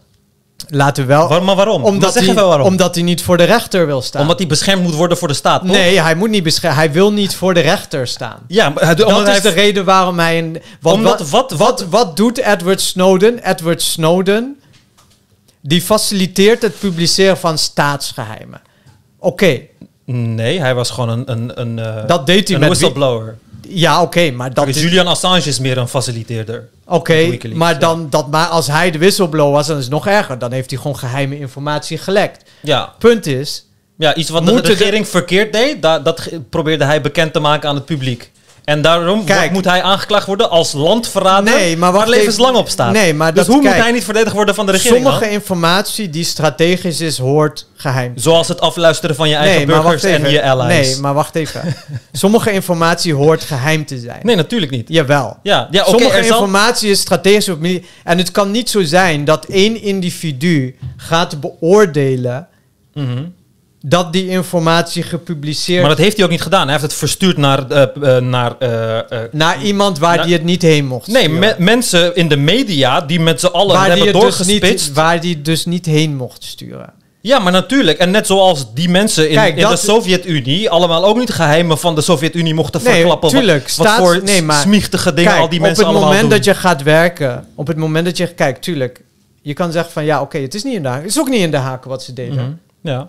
Alles wat, wat Edward Snowden... eh, ja, maar waarom hebben we zo erg... nee, de- nee. Waarom heb jij nu zo erg de drang om deze ding wel te verdedigen en het bij Sovjets zo makkelijk is Omdat om je alles in de, weg in te de zetten? Sovjets... Maar had is je- dat geen bias dan? Nee, want bij is de dat Sovjet, niet het systeem waarin bij we de leven? Sovjets had je letterlijk geen keus. Op het Ja, moment dat Edward Snowden is gaan werken, eh, volgens mij zat hij bij de NSA. Ja, maar als, dit Nee. als hetzelfde was gebeurd, Nee, als Edward nee. Snowden had plaatsgevonden in de tijd van de Sovjet-Unie in Amerika, dan was hij ook gewoon neergeknald. Nee, dan maar hadden ze hem gewoon even. laten doen verdwijnen. Dat is zo. niet waar. Dat is ze niet... hem zo doen Dus zoek maar op, zoek maar op. En deze spion Robert eh, nog wat, zoek maar op. Die heeft jarenlang voor de Sovjets ge, gespioneerd, is gepakt. Ja, die hebben ze opgesloten, tuurlijk. Ja. Maar nee, maar kijk, bij de Sovjets, in de, in de Sovjet-Unie had je geen keuze. Je had letterlijk geen keuze. Ja, ja. Je hebt geen mogelijkheid van beroep. Mhm. Ehm, en dat heeft Snowden wel gehad. Op het moment dat hij ging werken voor de NSC, heeft hij een contract moeten ondertekenen waarin de voorwaarden stonden van zijn werkzaamheden daar. Mhm. En hij wist dat de informatie eh, waar die, die hij heeft vrijgegeven, dat die, dat die gereguleerd was. Ja. Eh, dat wist hij. Maar daar heeft hij wel voor gekozen. ja. Kijk, als de Sovjet-Unie... ehm, Maar daar kies je toch ook voor als je in- binnen een Sovjet-Unie leeft? Hoe bedoel je? Daar heb je toch ook ervoor gekozen Ja, dat kijk je in- als, jij, ja. kijk, als jij met staatsgeheimen werkt... Ja, maar het is niet alleen staatsgeheim. Het is letterlijk dat je het oneens bent. Want het is geen staatsgeheim. Kijk, Snowden... het is geen staatsgeheim Snowden- dat Amerika Nederland eh, afluistert. Dat is geen staatsgeheim. Snowden ging niet... Kijk, Snowden... Hij heeft geen details Snowden, gepubliceerd. of- Snowden wordt niet eh, gezocht omdat... Kijk, met omdat hij een beschermen... landverraad heeft gedaan. Beschermen, met tegen, beschermen tegen de overheid bedoelen we niet van... jij gaat een contract aan met de overheid... waarin staat dat je bepaalde dingen wel of niet mag doen. Ja, maar En zelfs als, als hij... je die toch doet, dan kom je voor de... Ja. Zelfs als hij, als het geen... la- laten we zeggen, Edward Snowden was niet degene die die heeft geleakt. Je hebt een hacker, die dringt binnen tot de systemen... en die vindt die informatie en die leakt het dan. Ik heb geen contract met jou. Ik heb geen contract met jou. Ik heb wel computervredebreuk gepleegd. Ja, en dat maar, is maar ga jij me aanklagen voor computervredebreuk of voor landverraad? Voor fucking landverraad. Net zoals dat bij eh, Chelsea Manning is gebeurd en bij Ed- Edward Snowden is gebeurd. Alleen omdat jij het vuile was van Amerika publiekelijk maar- hebt gezet. Dus we kunnen het best verstoppen als Nee, er maar dit is staatsgeheimen dit is die allemaal- gevaarlijk zijn als ze publiekelijk worden. Maar het enige wat we hebben ondervonden is dat Amerika al zijn bondgenoten letterlijk voor hun neus aan het Kijk. afluisteren is. Staatshoofden aan het afluisteren is. En we zijn dat aan het verdedigen. Waarom? Want we Nee. leven in dit systeem en we moeten dit systeem Kijk, we verdedigen. weten niet, Want we, dit systeem we moet weten winnen. niet, we weten niet of het landverraad is, want ze zijn niet voor de rechter gebracht. Althans, is- Snowden. Dat is waar ze voor willen. Volgens Amerika ja, is oké, het landverraad. oké, maar dat is wat het Openbaar Ministerie zegt. En dat is het hele Ja. verschil dus met een Sovjet-Unie. Ja. Is dat er verschillende colleges van staat zijn. Zoals we dat in ja, maar ik zeg niet dat het daar die beter gaat. hè? verschillende meningen. Nee, maar wacht even, die een verschillende meningen hebben. Ja, misschien wil de officier van justitie in de VS aanklagen voor landverraad. Maar het Ja. is maar het vraagstuk of een rechter zich op basis van. 100 procent. Hoe weet je 100 dat? Chelsea Manning moest letterlijk een presidentieel pardon krijgen om, eh, om eh, gered te worden, als het ware. Want elke Oké, rechter... maar dan geldt dat voor Chelsea Manning. Kijk, dat is het hele punt. Er is een, er is een trias politica. Binnen de Sovjet-Unie bestond die sowieso niet. En dat ja, is al 100%. een heel maar daarom, mijn argument is ook niet dat, het, dat de Sovjet-Unie veel waarom, beter was of waarom bestaat, Mijn nee, maar wacht, waarom bestaat de trias politica om jou te beschermen tegen de overheid? Ja, 100%. En dat soort waarborgen ontbraken in het systeem van de Sovjet-Unie. 100%. Maar dus als je een trias politica in de Sovjet-Unie zet, dan is het opgelost? Nee, zeker niet. Oké, maar er dus- waren nog veel meer waarborgen. Precies, net zoals er veel meer waren in democratie, toch? Waar we allebei upgrades aan Kijk, hebben ja, patches maar moeten niemand doen. zegt, kijk, niemand zegt, patches moeten niemand doen zegt dat Ja. het een, een systeem is wat af is. Kijk, maar- het blijft zich ontwikkelen. Precies. Je ontdekt dingen. Je ontdekt, ehm, nou, wat, we bijvoorbeeld, wat hier bijvoorbeeld al, al geruime tijd in discussie is eh, in het parlement of in Den Haag, Hm. is eh, de bescherming van klokkenluiders. Mhm. Ehm, dat komt om en, na- om, om en nabij. Zo, Hè, maar binnen democratie eh, kun je toch altijd kritiek hebben op de staat en zo. Maar, want dat Nee, maar dit klokken. Nee, nee, kijk, nee, maar nee, een klokkenluider is niet een criticus. jawel, is letterlijk een dat, kriti- nee, dat een criticus. klokkenluider die ziet iets wat hij niet oké vindt. En die, geeft er, ja, die, die, die brengt dat in de open, toch? Om het Ja, te laten alleen de informatie, volk. de informatie die hij kan hebben, die kan geheim zijn. Ja. En daar moet eh, de go- goede waarborg voor bedacht worden. Dat iemand. Kijk, er moeten staatsgeheimen zijn. Er zijn militaire of operationele in- informatie Mhm. die niet publiek mag zijn. Mhm. Dat, dat, dat, daar ontkom je niet aan. Mhm. Eh, en, en dat is de uitdaging om daar een systeem voor te ontwerpen. waarin Ja. we goed balanceren tussen de belangen van de staat. Precies, en die uitdaging heeft dus elke regeringsvorm in de hele Tuurlijk, motherfucking oké, wereld. maar Maar, daarom, kijk, in dit een begon... democratie. Ja, maar dit, in- nee, maar dit nee, begon stop. omdat jij, eh, jij zei van binnen een democratie hoef je niet bang te zijn voor de staat en weet ik wat. En Dat- binnen, binnen de Sovjet-Unie ten alle tijden moet je enorm bang zijn voor de staat. Maar ja, uiteindelijk... het verschil is. Kijk, Ja, maar dat wij is dus erkennen, fout denken. Nee, want wij erkennen Wij erkennen in een democratie dat dat de doelstelling is van de democratie. Dat is niet de doelstelling van de democratie. Wel van Hoe is onze dat? democratie. Ja, maar wat betekent dat onze democratie? Want we hebben het telkens over democratie, Ja. maar democratie Wat, zoals... wat, wat, wa- wat onder een westerse liberale democratie eh, wordt verstaan, dat is vrij strak gedefinieerd, zeg maar. Dat is niet... Dat is ja, geen is, is democratie is Amerika Nee. eh, en... Maar je zegt Westen, toch? Is Amerika, toch? Of ja, laten we zeggen een liberale democratie. ja? Ja, maar stel, zie, je, zie je dat? Nee, maar tuurlijk, er Ja, zitten maar zie je dus dat er wanneer in dat gesprek... Kijk, in het gesprek gaat het dan over kapitalisme, democratie... versus marxisme, socialisme, communisme, Ja. whatever je het wilt noemen. En dan is het van, oh, this one good, this one Maar bad. dat was het Weet ook. je? Ja, maar dat is dus, dat is dus Hoe- probleemdenken. Hoe het historisch is... Dat is dus- was dat- nee, hoe het historisch... is, dat, dat- Kijk, zo is- kan je toch niet rationeel nadenken over het probleem? zeg maar, alle historische implementaties van het marxisme, die waren gewoon fucked up. Kijk, dat zegt niks. Ja, hoeveel, hoeveel, Kijk. hoeveel, wacht even, hoeveel implementaties heb je gehad van het marxisme? Of mensen die beweerden dat ze marxist zijn Nee, maar- of marxistisch. Nee, maar hoeveel Nee, regeringen heb je gehad die zichzelf marxistisch noemen? Kijk, laat me even kijken. Hoeveel regeringen had je die zichzelf marxistisch wat er ontbrak. Wat er ontbrak. precies nul regeringen die zich marxistisch hebben wat er genoemd. ontbrak. Ja, maar waar zijn ze dan? dat doet niet ter zaak. Je had Jawel, allerlei, dat doet wel ter je had zake. allerlei Want je zei net, alle marxistische Nee. regeringen eh, zijn, hebben niet gewerkt. Hoeveel, Kijk, welke regering? wat Noem eens één. Kijk, elke, elke Dus door niet. het... Mar Dit is het probleem. nee, maar kijk, elke door het marxisme geïnspireerd regime heeft gefaald. Welke was ge- geïnspireerd door maar wat marxisme? miste er? Wat miste? Nee, wacht even. Wat miste er? Lenin was gewoon geïnspireerd door Lenin. Ja, oké. en Ja, nou dan. Trotsky. Nee, maar kijk, dat even zonder eh, allerlei dat soort details. Kijk, je weet donders goed wat ik bedoel. Nee, ik weet het Kijk, niet. Want jawel, die dingen dat worden weet door je wel. elkaar gehaald. Nee, Socialisme, maar- communisme en marxisme wordt door elkaar gehaald. Kijk, nee, maar geen van alle heeft in de vorm zoals het is geïmplementeerd Maar- gewerkt. Maar marxisme is nooit geïmplementeerd. Oké, maar dan Socialisme... heeft het dus ook niet gewerkt. Ja. Maar het punt is, is dat wat ontbrak in de Sovjet-Unie, wat ontbrak in het Warschau-pact, wat het ontbrak in Cuba, wat het ontbrak in Noord-Korea, wat het ontbrak in Zuid-Amerika. Was het waarom- waarborgen van de bescherming tegen de staat. En Waarom het waarborgen van mensenrechten. Dat is wat... waarom- misschien kan het werken. Misschien kunnen Waarom die- doet Cuba het beter dan de, dan de democratische Oh ja, daarom, landen om zich heen? zwemmen mensen letterlijk bijna de oceaan over... om in Amerika aan de onderkant Ja, van de samenleving... Ja, weet je waar ze dat Mensen meer doen? Weet je waar ze dat mensen- meer doen? In Nee, Mexico, een democratie. Wacht even. In een democratie. Maar wacht even, antwoord die vraag. Waarom is Kijk. Cuba, waarom presteert Cuba beter dan de democratische landen om zich heen? Hoe meet Cuba je dat? heeft, Cuba heeft drie jaar geleden een vaccin tegen kanker uitgebracht. Gratis. Ja, dat zeggen ze. Gratis. Dat zeggen Hij ze. werkt perfect. Ja, dat zeggen ze. De- hoe bedoel je dat zeggen ze? De FDA gaat hem letterlijk over drie jaar goedkeuren.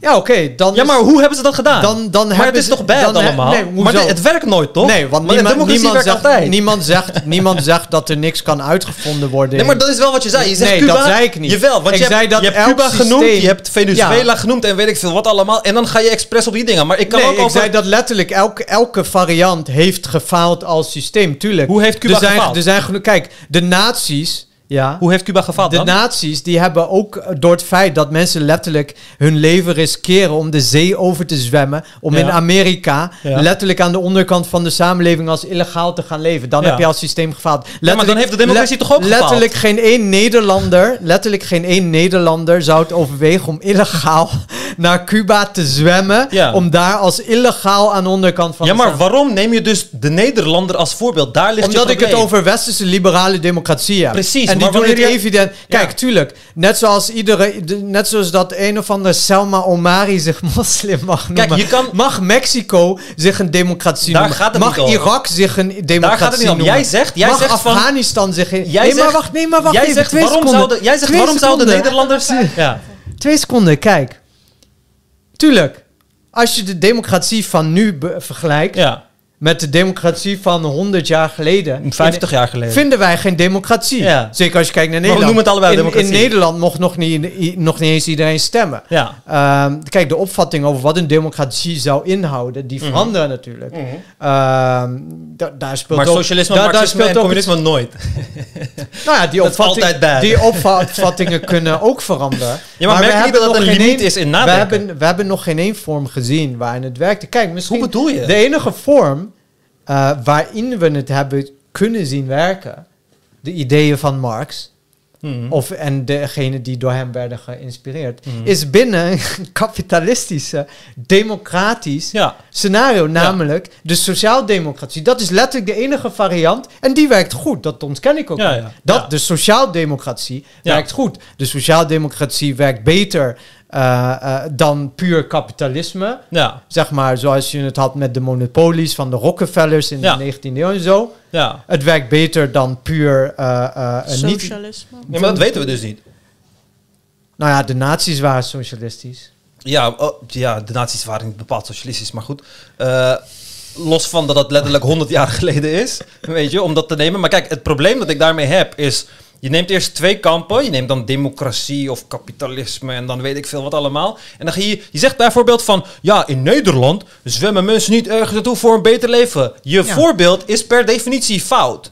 Je voorbeeld is per definitie fout, want je neemt, om een vergelijking te maken van mensen die een beter leven zoeken, neem je de mensen die het beste leven hebben. Nee, oké. Als, ik die, als het een correcte zou zijn, dan zou je eigenlijk een land moeten nemen die het dan een democratie, zoals Mexico bijvoorbeeld, waar mensen letterlijk al hun spullen een democratie waar mensen Ja. al hun spullen verkopen om het levensgevaarlijk de woestijn Kijk, door te ja. gaan en de grens over te gaan. Democratie. Alle democratieën, dat zijn- alle, kijk. alle democratieën rondom Ja. Cuba hebben eh, lagere kwaliteit van leven, die hebben grotere sterftecijfers, die hebben minder goede healthcare, al die dingen. En dan, maar wanneer mensen Nee, oké, op dat gebied. ja, maar wanneer jij het in dan een lijstje noemt en Ja. zo, dan denk je, oh, het heeft overal gefaald en Cuba. Ja. Cuba is een van de beste landen in die hele omgeving. Nou, maar, hoe dat, kan is dat? hetzelfde, dat is hetzelfde Maar hoe als, kan dat? Kijk, dat is hetzelfde als men- wanneer mensen zeggen... eh, eh, eh, bijvoorbeeld Marokko en Tunesië worden zeg maar echt als gewoon Ja. hele goede landen worden, eh, eh, eh, Ja. gezien. Ja, dat zijn ze ook als je ze vergelijkt met Libië,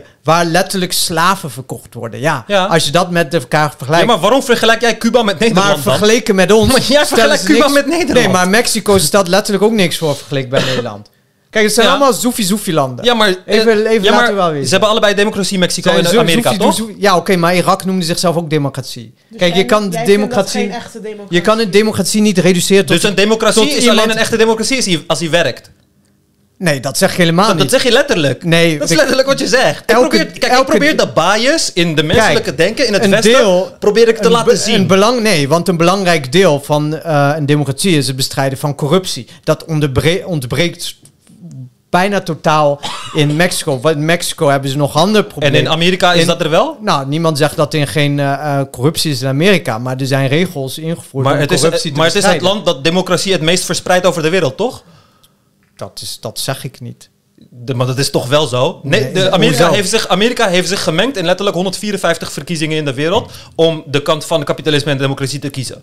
Dat hebben we in het begin gedaan voor fruitfabrieken Dole bijvoorbeeld, van de ananas. Daarvoor ja, hebben daar we meerdere, de term bananenrepubliek hebben we vandaan. meerdere landen hun Ja, hele, he- hele regering uiterlijk Maar dat heeft, omvergeworpen. dat heeft niks, dat, heeft, om- dat, dat zijn gewoon strategische redenen. Ja, ja, 100%. Maar dus die, dat land waar, waar al sprake is van enorm veel corruptie, waar mensen meer dan waar dan ook op aarde voor medicatie betalen, die de grootste deel van zijn populatie in Ja. de gevangenis heeft van alle landen in de hele motherfucking wereld, Ja. die het grootste drugsprobleem van de wereld heeft, dat verspreidt democratie in de wereld. Dat is ons een grote voorbeeld en zo. Maar ik mag dat Nee, al dat die... is niet helemaal waar. Oh, maar voor de meeste landen in de wereld is Amerika het grootste voorbeeld. Ja, maar daar kiezen Wanneer je denkt aan een kapitalistisch daar democratisch systeem. zelf voor. Dat is omdat ze Ja, allemaal. Dus Coca-Cola en Pepsi kennen. Dus ik waarom bedoel- kan ik niet naar de grote faler kijken, die zo erg aan het falen is, dat, dat wij het een derde wereldland noemen, maar wat het boegbeeld van kapitalisme en democratie Nee. moet zijn? Waarom, zodra ik dat aanhaal, is het opeens geen kapitalisme Omdat de meer? Verenigde maar Staten, de Verenigde Staten is democratisch gezien is niet gefaald.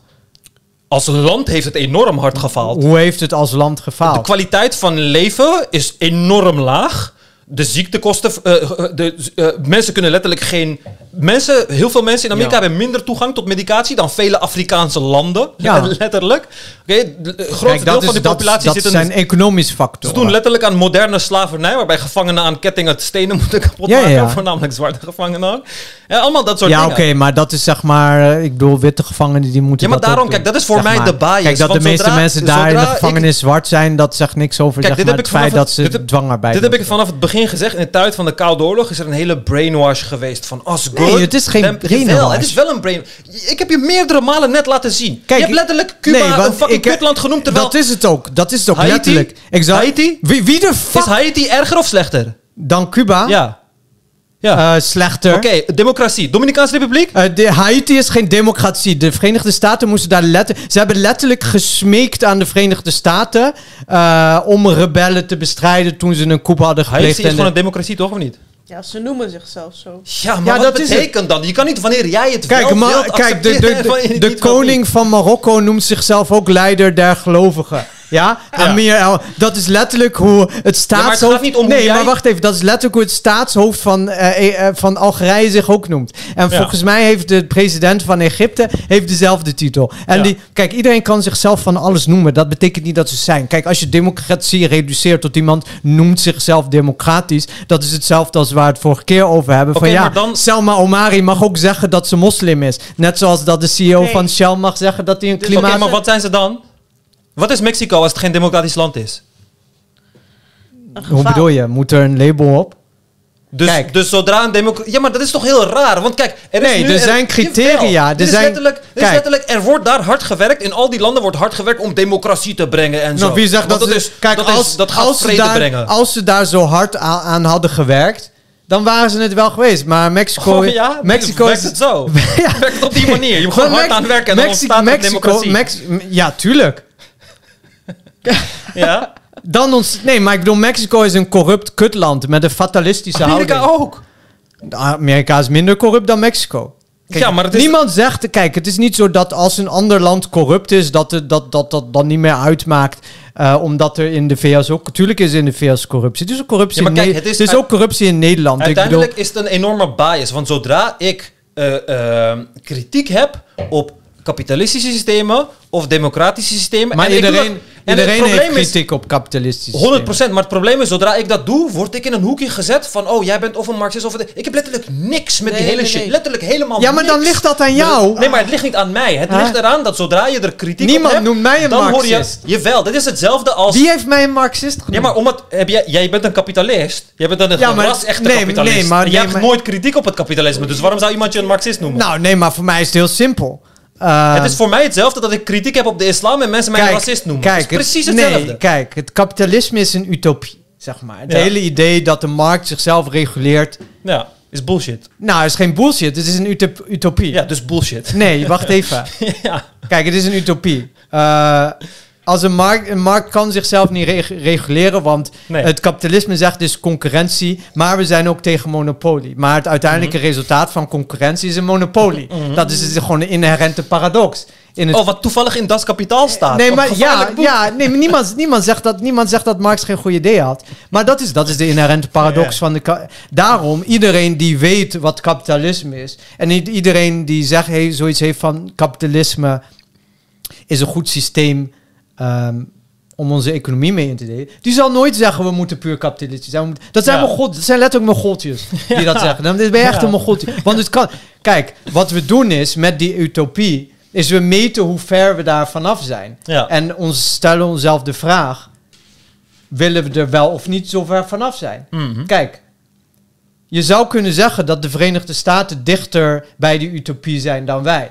En wat we zien is dat het daar niet werkt. Ja. En wij hebben hier de sociaaldemocratie. Ja. En dat werkt in algemene zin Mhm. beter. Mhm. Misschien is het iets verder van die utopie van de vrije markt. Maar voor de meeste mensen ja, maar de utopie In van die vrije Nederland- markt kan sowieso niet werken. Nee, net zoals dat de utopie van... eh, maar daarom is het ook geen utopie. Want eh, uiteindelijk, als het, als het daadwerkelijk daar was, dan zou het niet tot een beter leven leiden. Het zou Ja. geen utopia zijn. Kijk, het, zou, zowel- het zou Amerika zijn. Ja, kijk, zowel het idee als dat de vrije markt alles zichzelf kan reguleren... Ja. als het idee dat alles in handen van iedereen Mhm. zou kunnen zijn... Mhm. zijn utopieën. Mhm. En Maar hoe lang heeft het geduurd voordat we democratieën zo ver kregen tot het huidige, laten we het beste democratieën nemen, de, de, weet ik veel, Scandinavië of zo. Hoe lang heeft het geduurd voordat democratie zich tot die vorm heeft geëvolueerd? Best lang. Ja, 80, 80 jaar. ja. Maar waarom? Waarom is dan die die inherente haat en afgunst voor alles wat ook maar het woordje socialisme Niemand of heeft Marx... haat of afgunst tegen 100%. socialisme. Weet je hoe vaak... Jongen, ik heb letterlijk niks met Marx. Ik heb één Ja, keer maar je gezegd... praat met mij. Je praat ik- niet met mensen die jou Ja, maar- socialist noemen. Ja, Maar constant, ja, maar zij zei, ik moet bij de SP en iedereen noemt me een motherfucking Marxist. Is onzin. Ik heb een stemwijzer je gedaan. dat kapitaal goed vindt. Jawel. Het is gewoon dat je socialistische ideeën hebt. Jij bent toch voor meer belasting? Jij bent Nee, toch voor- maar, Nee, maar dat ja, is- nee, kijk, maar dan mag ook ja, een- nee, maar dan ben ik het wel met u mee eens. Je kan niet zeggen, je, kijk, de SP, dat, die zijn gewoon koekoek. Ja. Ja. ja, maar jij vindt mij bij hun pas. Omdat, kijk, jij... Kijk, jij zei... De, de reden waarom jij dat tegen mij zegt... Is bijvoorbeeld, ik vind meer overheid en zo, toch? Bijvoorbeeld. Ja. Ik vind dat niet. Ik vind dat voor sommige dingen en voor sommige dingen Ja. ook niet. Ik wil meer... Kijk, dan ben je meer een D66. 100 procent. maar dat is ook zo. SP, eh, D66 staat bij mij op de stemwijzer hoger dan de SP. Weet je, bij mij kwam uiteindelijk Volt eruit. Mocht jullie allemaal weten, ik ben geen Marxist en zo. Maar uiteindelijk, kijk, ik wil meer government, eh, eh, eh, government in heel veel bepaalde zaken. Zoals eh, marketing, productmarketing en eh, weet ik veel. Nieuws, fake news, verspreiding, dat soort dingen. Maar ik wil veel minder regulatie in bijvoorbeeld genetisch modificeren van, Ja. eh, eh, van organismen. Meer vrijheid in het lab. Meer vrijheid in de genetische producten die ik op de markt wil brengen. Daar wil ik veel minder vrijheid. Het is helemaal geen SP-idee. Ik, kijk, ik bekijk alles letterlijk per sectie. En mijn mening is heel erg verschillend. Afhankelijk van wat ik vind dat passend is of niet. Maar we leven nu in zo'n samenleving waarbij het letterlijk hetzelfde is. Dat ik zeg Mohammed is een pedo en mensen noemen me racist. Nee, ik heb gewoon fucking kritiek. Ik heb fucking kritiek. En ik heb, als jij kritiek niet duldt op als jij getriggerd raakt als ik kapitalisme is slecht zeg, dan ga ik er alleen maar in door. Want het laat zien dat jij een bepaalde bias hebt. Net zoals moslims die niet tegen kritiek van een profeet maar kun kunnen, je wel- kun je- ga ik daarin door. Kun je, wel zeggen, kijk, kun je wel zeggen, kapitalisme is slecht? Of kun je zeggen, Ik kan Marx bijvoorbeeld zeggen slecht? dat het onmogelijk is om een, een, een ethisch, eh, om een compleet ethisch land te zijn binnen een kapitalistisch systeem. Dat kan gewoon niet. Nee, maar dat binnen die utopie, nee. Ja, kan niet. Dus, tuurlijk, maar dat is, kijk, als je het neemt van dat, dat pure kapitalistische idee. Mhm. Als je zegt van, oké, dat is een utopie. Dan ga je kijken, wat voor concessies doen we? Mhm. En waarom doen we die concessies? En, en ehm, Ja, maar de problemen nee, maar wacht, wacht. Kijk, en dat stukje waarom, dat is het interessante. Want dat Ja. is waar je gaat redeneren. Waar je gaat redeneren. Ehm, bijvoorbeeld een... Ja, kan, zelfs als neoliberaal kun jij een sociaal vangnet beargumenteren 100%. als zijn de concessie. Waarom? Omdat het alternatief is communisme. Ja, In een puur, in een, een, een- kijk, in die zin heeft Marx gelijk dat een puur, puur kapitalistisch systeem leidt hoe dan ook tot communisme. ja. Hoe dan ook. Kijk, voor mij zijn er een aantal dingen die we moeten oplossen in de wereld. Eén van die dingen zijn... Kijk, ik, ik ga dit even uitleggen, want dit is heel belangrijk om te weten. Wanneer mensen naar slimme mensen kijken uit de historie... gaan ze die mensen soort van aanbidden. Alsof het speciale mensen zijn die speciaal zijn geboren... en dan hebben, hebben ze die dingen gekregen. Maar uiteindelijk, wat slimme mensen denken... is dan van, waar... Er zijn zoveel Einsteins geboren op het motherfucking platteland... Waarom specifiek die? Ja, Ja. Einstein. Ja, Ja. precies. Dus er, zijn, er, zijn zoveel, er is zoveel kennis en talent verloren gegaan. Er, er kan nu gewoon iemand geboren worden in Nigeria die het talent heeft om onze hele wereld een boost te geven zoals alle slimme mensen. Want onthoud, wij zijn niet hier door ons. Wij zijn hier door een handjevol slimme mensen. Je hebt alles om je heen, heb je te danken aan een handjevol slimme mensen. En uiteindelijk is het beste voor jou om de hele wereld op een hoog niveau te brengen. En dat zijn hele simpele dingen. Ik had vorige aflevering gezegd, de diarree is de vierde grootste dood- doodsoorzaak, is de tweede grootste dood- doodsoorzaak, by the way. Dan malaria, aids en weet ik veel wat allemaal. Maar al die dingen kun je niet oplossen binnen een kapitalistisch systeem. Maar je gaat niet- Je kan malaria niet oplossen als je er geen geld aan kan verdienen. Je kan aids niet oplossen als je er geen geld aan kan verdienen. Je kan hongersnood niet oplossen als je er geen geld aan kan verdienen. Maar je En kan toch gewoon geen aids krijgen? Ja, ja, precies. Je kan ook gewoon de hele dag binnen blijven en gewoon eh, alle, alle Nee, maar het is niet dat je naar buiten gaat en zoiets van, oh, ik heb aids. Dus voor mij is het gewoon, er zijn een aantal dingen die ik wil oplossen. En die dingen, en ik heb Nee, verschillende nee, systemen ja, nodig nee. om die dingen op, op te lossen. En voor mij maakt het echt niet uit van, oh, ik ben geboren in een democratie en ik heb alles daaraan te danken. Boeit me dat ik geen idee. Wat werkt, zal ik gebruiken. En ik ben bereid om alles te gebruiken. Weet je, dat, dat Nee, boeit oké, mij maar nee, tuurlijk. Maar dat is het dus. Dat, maar da- daarom zei ik van, je hebt, je hebt deze twee tegenpolen of meerdere polen. Ja, wat allemaal utopieën zijn. ja. En dan ga je kijken van, nou, waar, waarom, doen, waarom doen we een concessie? Wat wil je daarmee bereiken? Ja, tuurlijk. Ehm, ik ben heel erg voor vrije markt, maar ik vind bijvoorbeeld dat eh, eh, kritieke infrastructuur niet, niet Ja. bij de markt. Ik ben ook voor een vrije markt, totdat, totdat er niet meer zorgt voor vooruitgang, maar Ja. voor oplichtingen bijvoorbeeld. En dan ga je, dan ga je die checks en balances fixen. Ja. Dan zeg je van, oh, hier gaan we, Ja. hier gaan we kapitalisme even Kijk, en dat is het. Kijk, er bestaat geen.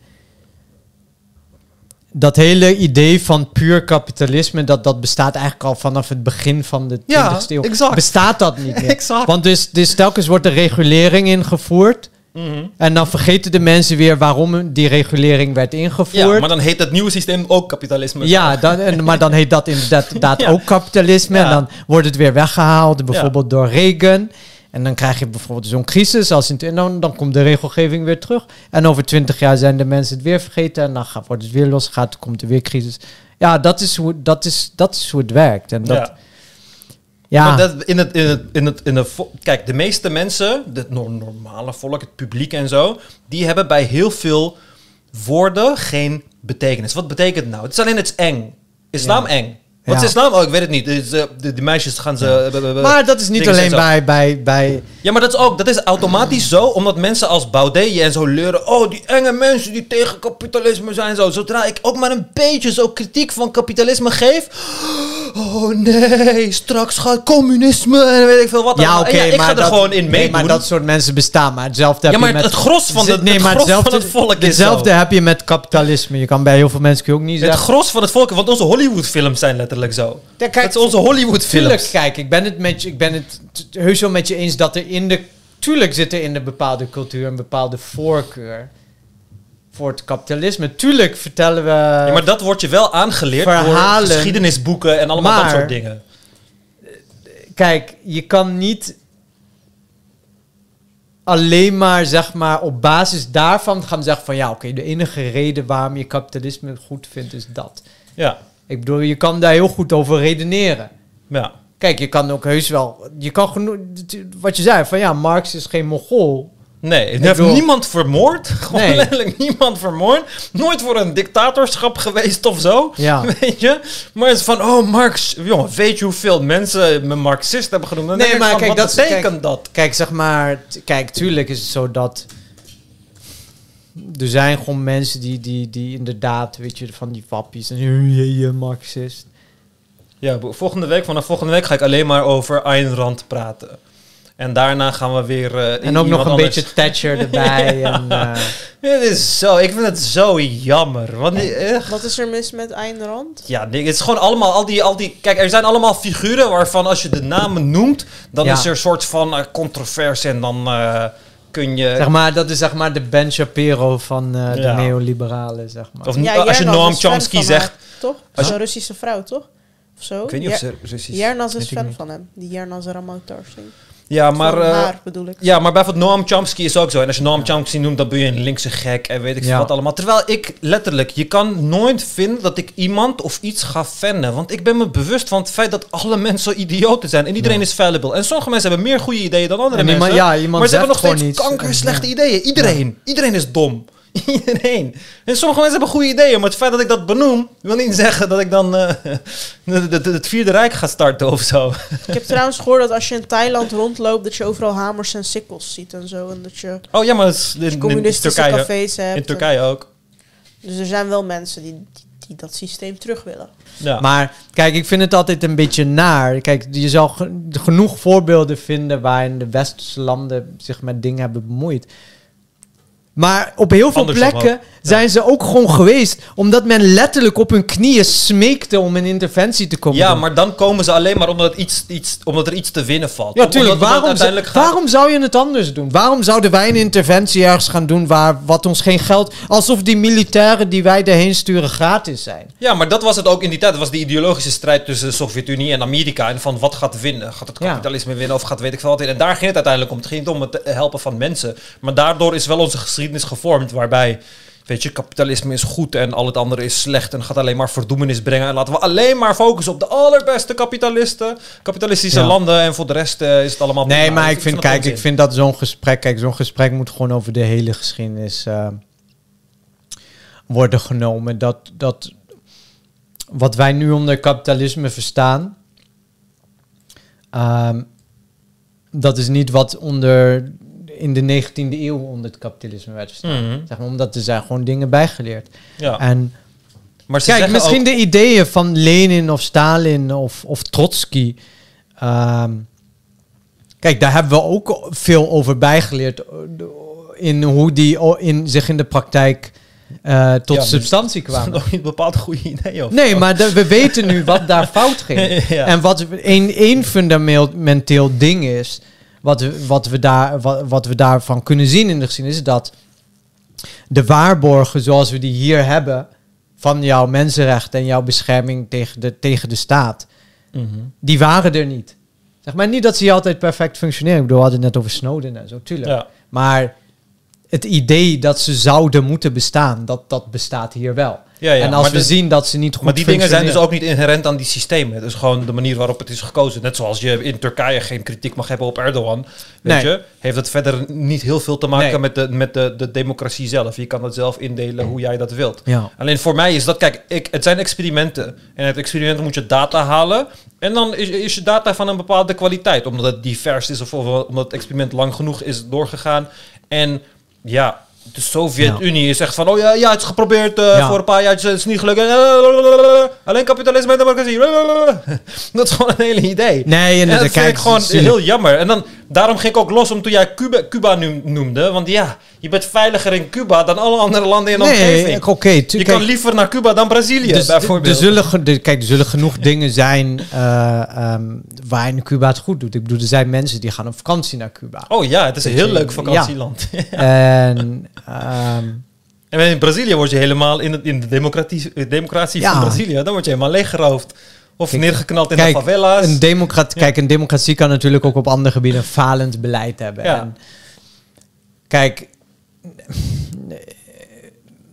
het is niet zo dat een democratie is een democratie is wanneer ze het goed doen. Kijk, misschien hebben ze wel de intentie om een democratie te zijn, ze doen het gewoon niet goed. Weet je? wel? ja. ja, maar bij de En Sovjet-Unie... dat zit- zou je kunnen zeggen over de Sovjet-Unie. Ja maar, ja, maar precies. Maar, Maar bij de wat, Sovjet- wat, wat, we de- wat we bij de Sovjet-Unie zagen, is dat op het moment dat ze het beter probeerden doen, dat de hele Sovjet-Unie in elkaar stort. Ja. ja, maar kijk, de Sovjet-Unie heeft communisme ingevoerd. Ja, Maar onder die communisme... En dat communisme heeft niet gewerkt. nee. En onder die communisme wordt dan geschaard. Dus daarom werkt socialisme en marxisme werkt dan ook niet. Nee, maar kijk. Maar dat- daar zijn geen soort- voorbeelden van. kijk, dat maar die dingen- worden wel gegroepeerd bij elkaar. Want de meeste mensen weten niet eens wat ze betekenen, hoe je die drie uit elkaar haalt. En, en eh, eh, eh, dat die, veel van die dingen nooit zijn ingevoerd. Marxisme is nergens, maar dan ook nergens Kijk, ooit geprobeerd. Feite, iedereen die loopt te janken in Nederland over dat ze de huur niet kunnen betalen. Wat zij willen is de sociaaldemocratie. Ja, ja, inderdaad. Dat is inderdaad wat eh, de meeste mensen willen. Daarom vind ik ook dat ze niet moeten janken. Want het is niet dat ze op de Partij van de Arbeid gaan stemmen. Of zo. Ja. Nee. Weet je? En eh, ze moeten allemaal op Denk of op Bijeen of op GroenLinks stemmen. Maar Ja. Iedereen die issues heeft met de huur betalen of met zijn salaris of whatever, die moet eigenlijk gewoon op de Partij van de Arbeid stemmen. Ehm, maar dat is sociaaldemocratie. En daarvan zijn we het, ik denk dat we het allemaal over eens zijn dat sociaaldemocratie heel goed werkt. Ja. Ja. Ehm, ik wou de stemwijzer met jullie invullen. Volgens mij kun je hem niet in. Gaan we straks eten? Ja, is goed. We kunnen nu even afsluiten en dan eh, zo Je kan een stemwijzer alleen op de website voor Drenthe, Overijssel, Noord-Brabant en Limburg invullen. Nee, kieskompas is van vandaag voor Noord-Holland. eh, oh, echt? Kieskompas. Jij kan niet te laat weggaan. Huh? Dus misschien Oh, ja. is het handig als we nu bestellen en dan als we klaar zijn met deze Ah, aflevering hoe dat we gaan je eten. Eh, ja, rond de uur of half negen, denk ik. Oh, oké. Ja, is goed. Dan gaan we zo afsluiten. Of, Nou, als we nu bestellen, zeg maar. Ja. En dan kunnen we hem eh, straks, eh, als die bezorgd is, gaan we gewoon gelijk naar uitzending gaan we eten. Oké, is goed. Oh, je bent hem al aan het invullen? Ja. Ik ben wel benieuwd naar jouw resultaat. Helemaal mee eens. Welke partij heeft u gestemd? Blanco. Dat, ik heb niet gestemd. Op welke partij bent u van plan? Ja, fuck dit man. Kan ik niet door? Oh, ik kan gewoon door. Waar ben ik? Zie je Volt weer? Oh, weer Volt en D66. Ja. Zeg toch, ik ben niet eens zo links. Ik ben absoluut niet links. Echt absoluut niet. Oh, wat grappig. Ja, Want er werd bijvoorbeeld gevraagd van, mag je ganzen afschieten als ze je landbouwproducten beschadigen? Tuurlijk. Tuurlijk. Ja, waarom niet? De ganzen zijn geen bedreigde diersoort. Er zijn er genoeg van. Ze leven gewoon goed. Ja, gewoon afschieten. Wat... Ja, maar zelfs als ze bedreigd zijn. Ik bedoel, wat Oh nee, als ze bedreigd zijn, dan Waarom niet. dan niet? Omdat een bedreigde, die, een bedreigde diersoort meer waard is dan een... Oké, eh, maar waarom mag je een landbouwproduct. gans afschieten? Omdat, kijk, je schiet die gans af omdat hij jouw oogst kapot maakt, toch? Ja, maar als, een bedreigd, als een bedreigde Nee, nee, diersoort doet, is je oogst nog Kijk, even ganzen, kapot. ganzen hebben geen natuurlijke eh, eh, vijanden. Omdat de wolven en zo, die zijn allemaal verdwenen. Ja. Dus dan moeten jagers sowieso de ganzenpopulatie verminderen. Ja. Dus dat gebeurt al. Dus dan eh, moet je gewoon... Ik wil nu dat Izzy het invult. Oké, wacht. Dan ga ik deze even screenshotten. Er moeten meer windmolens komen in de provincie Noord-Holland. Boeit me niet. De maximumsnelheid op veel provinciale wegen moet op veel meer plekken worden verlaagd van 80 naar 60 km per uur. Ben ik het niet mee eens, want bij 80 km per uur rijdt mijn auto efficiënter dan bij 60 km per uur. Er moeten meer woningen worden gebouwd, ook al verdwijnt er dan groen buitengebied. Helemaal mee eens. De provincie moet strenge milieueisen aan Tata Steel stellen. Ook al gaan daardoor banen verloren. Boeit me niet. Gewoon zeven keer zo grotere kans op kanker hè, als je daar in de buurt woont. Ja, maar niemand dwingt je om daar in de buurt te wonen. Dus, Niet wel man, je, je ouders wanneer ze je uitpoepen. ja, oké. Maar dan moet je je ouders maar aansprakelijk stellen en niet Tata Steel. ja. Hoe jij in het leven staat, lekker zo heerlijk. Gewoon alles is eigen keuze. Ja. Nee, maar vorige aflevering zei hij wel... Kijk, overgewicht is niet je eigen keuze. En toen dacht ik, wat? Hoe is dat dan niet je eigen keuze? Is alles je eigen keuze? eerst het niet mee Nee, eens. Nee, maar omdat overgewicht. je, omdat jij niet, nee, maar omdat jij niet kiest wat voor eten jij binnenkrijgt, zeg maar. Hoe kies je dat niet? Nou, jouw ouders bepalen voor jou wat voor eten Oh, jij als krijgt. kind, ja. Ja, als kind. Kijk, als volwassene, over het algemeen is de keuze. Als je geen ziekte hebt, nee. Als je geen ziekte hebt. In Noord-Holland mag een kerncentrale komen, helemaal mee eens. Wat heb jij daar gezegd? Ja, sowieso eens. De provincie moet meer geld uitgeven om mensen met een afstand tot de arbeidsmarkt aan een baan te helpen. Ehm, ja, ben ik het helemaal mee eens. Eh, waarom is het zo? Eh, ik ehm, ben bekend met die trajecten. En het is gewoon heel moeilijk, of het kan heel moeilijk zijn, eh, om iemand binnen te halen. Omdat ze dan aan allemaal regels vastzitten van, van het UWV en de gemeente. En uiteindelijk gaat het allemaal om hoeveel geld ze aan iemand uit willen geven. Dus Ja. daar ben ik het helemaal mee eens.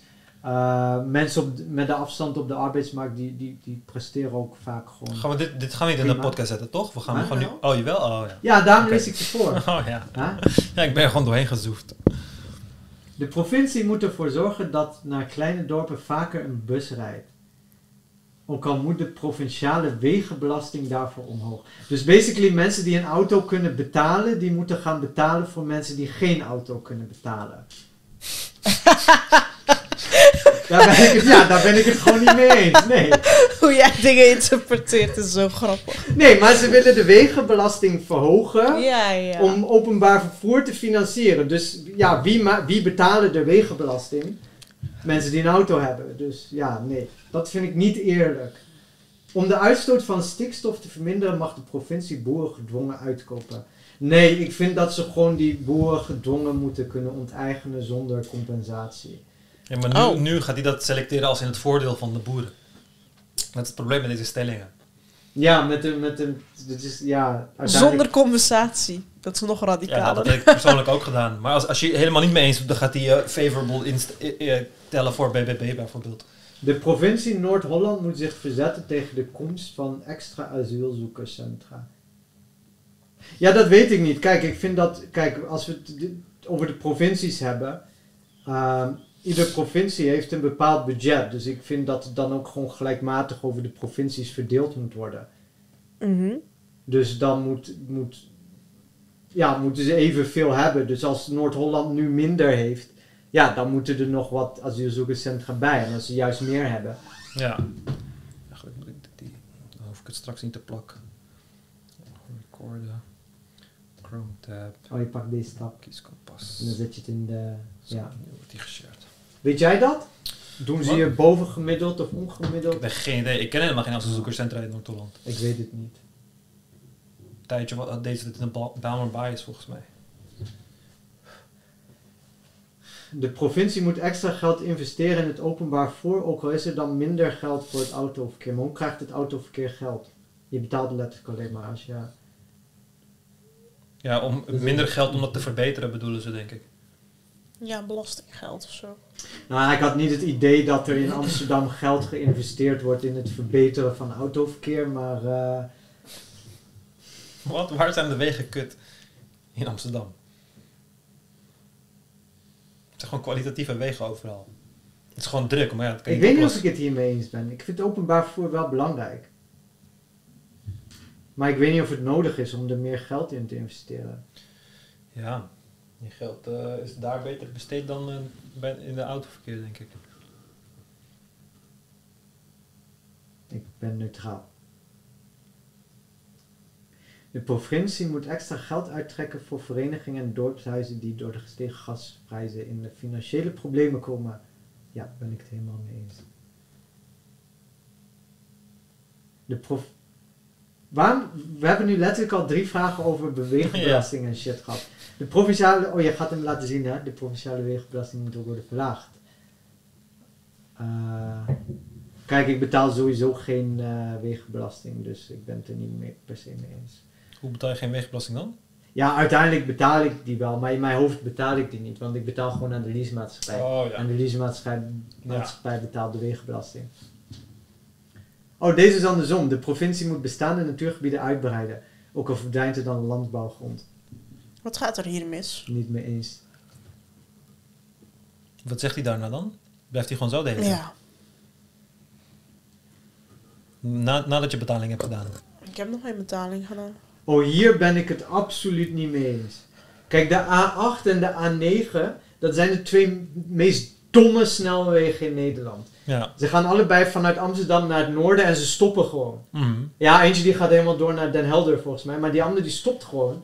En je, als je zeg maar dus aan het eind van die ander bent, en je moet letterlijk 10 kilometer daarna zijn of zo, ik weet dan moet je letterlijk helemaal terugrijden, of tussendoor, binnendoor, of weer terug naar de ring, zeg maar. Dat zijn je Ja. keuzes als je op de snelweg wil blijven.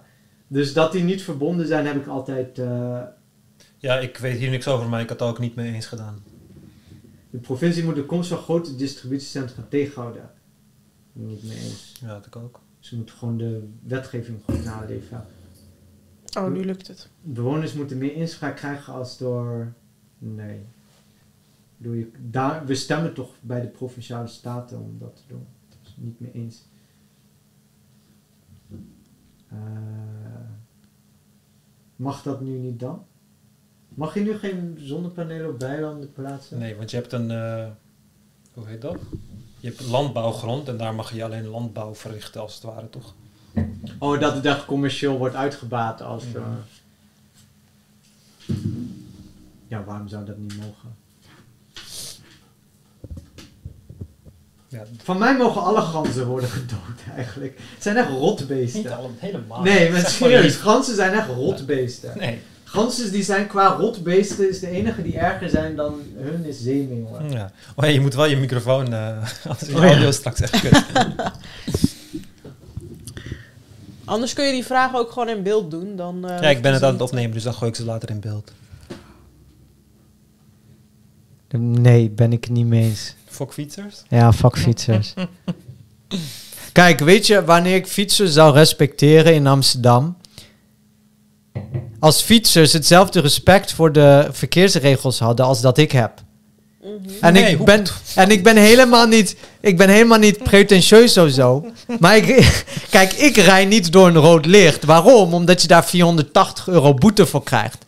Zal ik jou uitleggen waar het verschil in ligt? Waar ligt het verschil in? Namelijk dat jij 2500 kilo eh, gewicht aan het vervoeren bent. Tuurlijk, ik Waarbij snap... als je iemand zachtjes raakt, die persoon doodgaat. Terwijl een fietser, zelfs als hij op zijn Tuurlijk. hardst fietst en jou raakt, Tuurlijk. je er waarschijnlijk een schrammetje aan Nee, dat speelt mee. Dat, natuurlijk. Ja. Ik snap dat het meespeelt. Er zijn meer Maar, regels voor jou, want jij bent gevaarlijker. Oké, maar dan vind ik dat op het moment dat ik een fietser doodrij, of jij bent letsel, die door rood heeft gefietst, dat ik dan niet hoef te bewijzen dat ik degene was die niet fout zat. Oh ja, maar dat is sowieso. Nee, dat is bij wet. Als jij een fietser aanrijdt, of een zwar, of nee, een zwakkere verkeersdeelnemer, zo wordt het genoemd. Ja. Uh, ongeacht wat er is gebeurd, dan moet jij bewijzen dat je niet schuldig was. En als je dat niet kan bewijzen, dan word jij als schuldig uh, Dat is echt gezien. onlogisch. Nee, het is uitermate Kijk, het is ingevoerd om fietsers te beschermen. En Ja. dat weet ik nog. Dus Maar al- dat- dat- dat is waarom we fietsen geen- alsof ze negen levens hebben in ja, daarom zijn ze dat dus gaan doen. Toen, Ja. toen, toen, ik, toen dat nog niet werd ingevoerd, toen fietsten mensen veel minder Als los. we die regels niet hadden, zou iedereen waarschijnlijk ook een helm op moeten, eh, moeten want dan zouden de fietsdoden echt enorm hoog Ja. zijn. Mensen in een auto begrijpen niet hoe gevaarlijk ze zijn. En ja, die hebben eigenlijk dezelfde mentaliteit als, als fietsers, maar fietsers Maar zijn niet fietsers gevaarlijk. overtreden veel vaker de regels dan auto's. Ja, maar de consequenties van die overtredingen zijn veel lager voor fietsers dan voor Nee, auto's. maar kijk, Ja, maar nee, maar de regels consequentie, de houden. consequen, nee, het punt is niet zozeer dat de consequenties kleiner zijn. De consequentie is dat, dat anderen de verantwoordelijkheid moeten dragen voor een consequentie. Oh ja, 100%. Maar wat die... doen bijvoorbeeld fietsers? Stel, ik ben achteruit aan het uitpak inparkeren. Of ik rij achteruit een straat in, omdat ik moet keren of zo. Fietsers zien jou rijden, die zien jou rollen. En nog gaan ze achter je langs. Ja. En bij mij is het nog zo irritant dat een automatische sensor in zit... die mijn auto echt gewoon een interventie doet, dat die stopt. ja. Weet je, en dat is heel abrupt, zeg maar. Dat, dat is, weet je, maar zo'n scheid hebben ze, weet je. En kijk, je wil die scheid terug hebben, alleen de wet, ja, je hebt de wet daar. Nee, jij mee. kan die schijn niet terug hebben, want jij bestuurt een 2,5 ton wagen. Ja, dus, Jij bestuurt een moordmachine. dus, als jij mij... in, de toekomst, in de toekomst gaan we het absurd vinden dat we mensen chauffeurs hebben laten Kijk, worden. kijk. Zo van, wat? Als jij, fietser, niet dom? als jij fietser bent, als jij fietser bent en jij rijdt door rood licht, Ja. ja, dan weet jij dat jij overreden kunt worden door een object van 2,5 ton of zwaarder. Mhm. Dus op het moment dat ik dat object ben van 2,5 ton of zwaarder, of mijn Mhm. auto om precies te zijn, en jij doet dat toch, dan heb je daarvoor gekozen. Oh ja, als je, de, als, je de, als je de regels op zo'n manier hebt overtreden, natuurlijk is dat ook jouw verantwoordelijkheid. Maar uiteindelijk gelden die regels, horen meer voor jou te gelden dan voor die fietser. Want uiteindelijk probeert een fietser zich te navigeren in de autowereld, hè? Want Ja, kijk, van als de, kijk, als de kijk, tuurlijk is zoals de implicaties van jou niet aan de regels houden groter zijn, of de risico's groter, dan hoort de straf ook zwaarder te zijn. Maar hoe fietsers nu gewoon scheid hebben aan de verkeersregels, Ja, Dat is echt gewoon. Dat, dat kan er. Ik bedoel, kijk, ik, ik kan letterlijk als ik alleen een telefoon vast heb, ja maar dan je krijg ik kijk, boete van 300. Kijk, het verschil... euro. Zijn er verkeersregels voor hardlopers? Nee, hè? gewoon hetzelfde als voetgangers. Gewoon zeker Ja. linksom, rechtsom kijken, dat soort dingen. En een, een fietser en een hardloper is niet zo ver van elkaar verwijderd. Die lijken meer op elkaar nee, dan maar een da- fietser daar, en ben ik het wel, auto. daar ben ik het wel mee met je eens. Ja, maar daarom, dat is het verschil. Want eigenlijk is het gewoon een persoon en, en zo'n 7 kilo aluminium. En een Ja. beetje rubber. Nee, da- kijk, daar ben ik zeker mee Maar jij zit daar met, eh, 2,5 ton daarom roestvrij staal. Daarom zit er een verschil in, in, in regels. Ja. Alleen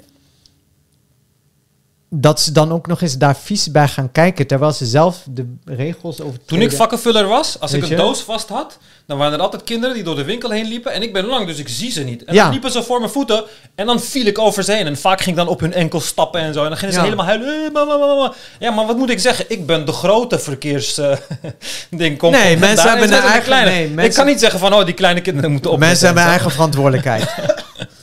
Kijk, ja. En elke keer dat ik de gelegenheid heb meer fietsen, man. om een fietser te overrijden, heb ik net iets anders te doen. Je moet gewoon meer Dus- fietsen. Dan gaat die bias wel weg. Nee, maar, nee, maar wacht even, even. Ik laat wel wezen. Kijk, het gaat nu om fietsers in Amsterdam. Ja. Fietsers bij mij, waar ik woon, die gedragen zich gewoon. Het zijn gewoon normale fietsers. Zeg Ja. maar, maar in Amsterdam denken ze dat de weg van hun is. Is Ja. goed. Ja, maar je, is eigenlijk... je, ma- je mag zo rijden, prima. Maar ik ben al risk verzekerd. Dus dan moet, ik, moet je ook niet zeiken als ik jou aanrij. Ja? Nee. Dat kost mij 150 euro. En letterlijk, een Amsterdamse fietser aanrijden is 150 euro waard. Ja. Ja. De meest milieuvervuilende bedrijven moeten weg uit Noord-Holland, ook al gaat dat ten koste van de werkgelegenheid. Heel Noord-Holland is milieuvervuiling, dus ik denk niet dat het veel verschil gaat maken, dus ik ben het er helemaal niet mee eens. Als gemeente onvoldoende statushouders moet de provincie ingrijpen. Nee, vind ik niet, want we hebben niet voor niets een scheiding tussen gemeente en provincie. Ik vind wel dat ze genoeg statushouders moeten opvangen. Maar ik vind dat het college zich gewoon daarmee bezig moet houden. En als dat niet gebeurt. Oh, je moet die stellingen wel lezen, by the way, want je, we hebben ook audioluisteraars. Helemaal kut, komen we, nu, Oh ja. komen we nu mee. Maar ja, we hebben echt een paar niet gelezen. Ja, de eerste twaalf of zo. Ik lees ze wel voor. Om werkgelegenheid in de regio te vergroten, moet Schiphol weer de ruimte krijgen om te groeien. Ja, sowieso. Om de aanschaf van een elektrische auto aantrekkelijker te maken, moet de provincie extra inzetten op het plaatsen van openbare laadpalen. Nee, dat is zeg maar mensen. Ja. Ik ga hem even direct tot de camera richten. Mensen, laat je niet oplichten door de overheid. En neem geen elektrische auto omdat je denkt dat het je zou gaan, zal gaan besparen in parkeerkosten. Want ook als jij in een openbare laadpaal staat, moet jij parkeertarieven betalen. En anders Oh. krijg je gewoon een boete van 100 euro. Dus er is helemaal niks voordeligs aan, aan meer openbare Het laadpalen. Het was een tijdje gratis, toch? Ja, en dat hebben ze afgeschaft. Waarom? Er zijn dus mensen die hun auto laten staan terwijl hun batterij is opgeladen. Oh, ja. Alleen, dit laat maar weer zien waarom de mensen dom zijn. Want ze kunnen gewoon zien wanneer een auto aan het laden is of niet. Als die aan het laden is, is die blauw. Als die opgeladen is, is die groen. Ja. Zo zit het in elkaar. Dus een parkeerwacht kan zien, is deze auto aan het opladen of niet. Als de, als de kleur is blauw, dan niet boete. Als de kleur is groen, dan wel boete.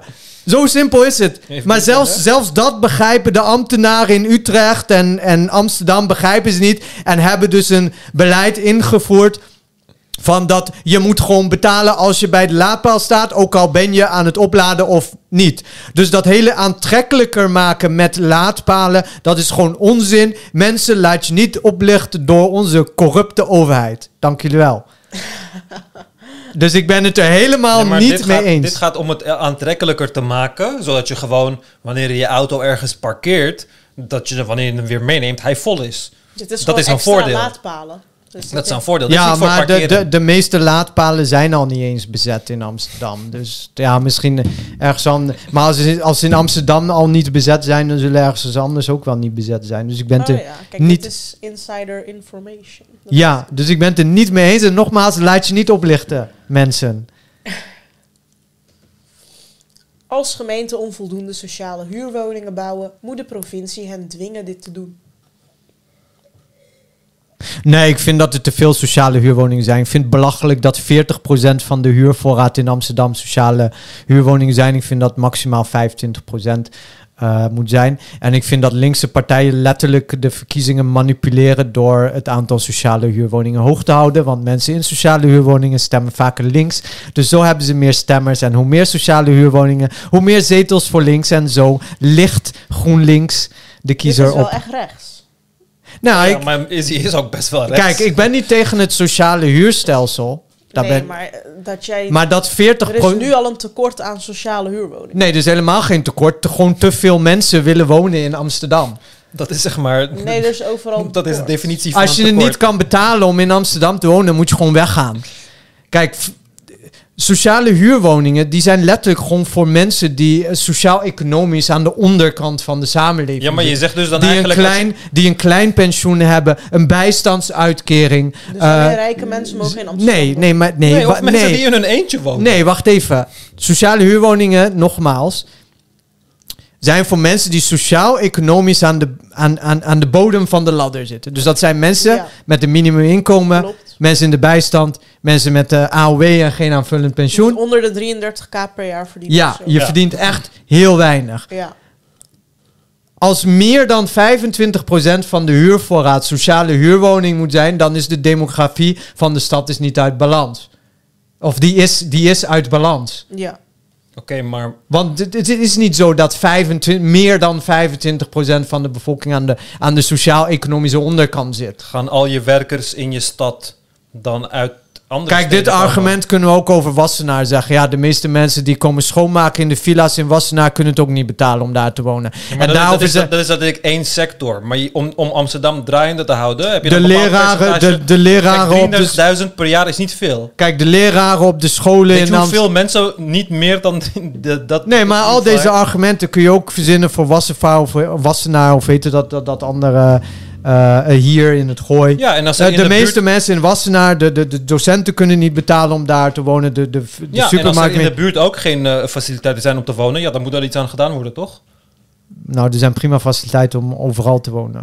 Ja, maar als je mensen wil... Kijk, je hebt het hele Kijk, grote niet aantal ieder, het punt nodig. is, iedereen wil in Amsterdam wonen. Dat zie je aan de Maar het wachtlijst. is niet alleen dat, maar we Nee, hebben ook dat is het wel. nodig in Want Amsterdam. eh, dus er, zijn gewoon, er zijn gewoon steden in Nederland waar de wachtlijst voor een sociale woning is 2,4 jaar. Maar Kijk, jij verwijt mensen die hun hele leven zijn opgegroeid in Amsterdam. Dat, die dat daar heeft zijn er niks geboren. mee te maken. Jawel, want iemand, jij zegt, die, iemand die geboren Want is jij- in Amsterdam, die heeft niet meer recht om eh, in Amsterdam te wonen dan iemand die niet geboren is. Natuurlijk wel. Waarom zou dat niet zo zijn? waarom zou dat wel zo zijn? Waarom zou diegene dat recht Je hebt hebben? toch het recht om niet uit je stad gepest te worden? Je wordt niet uit je stad Natuurlijk gepest. wel, want jij Je zegt... kan het gewoon niet betalen om in je Ja, maar- stad te wonen. Dat is, het, dat is hetzelfde als dat ik in Wassenaar word eh, geboren. En ik, eh, nou ja, ik doe het niet zo goed als mijn ouders. En ik kan het niet betalen om zelf die villa te kopen. Maar het gaat er niet om dat je het niet zo goed doet als je ouders.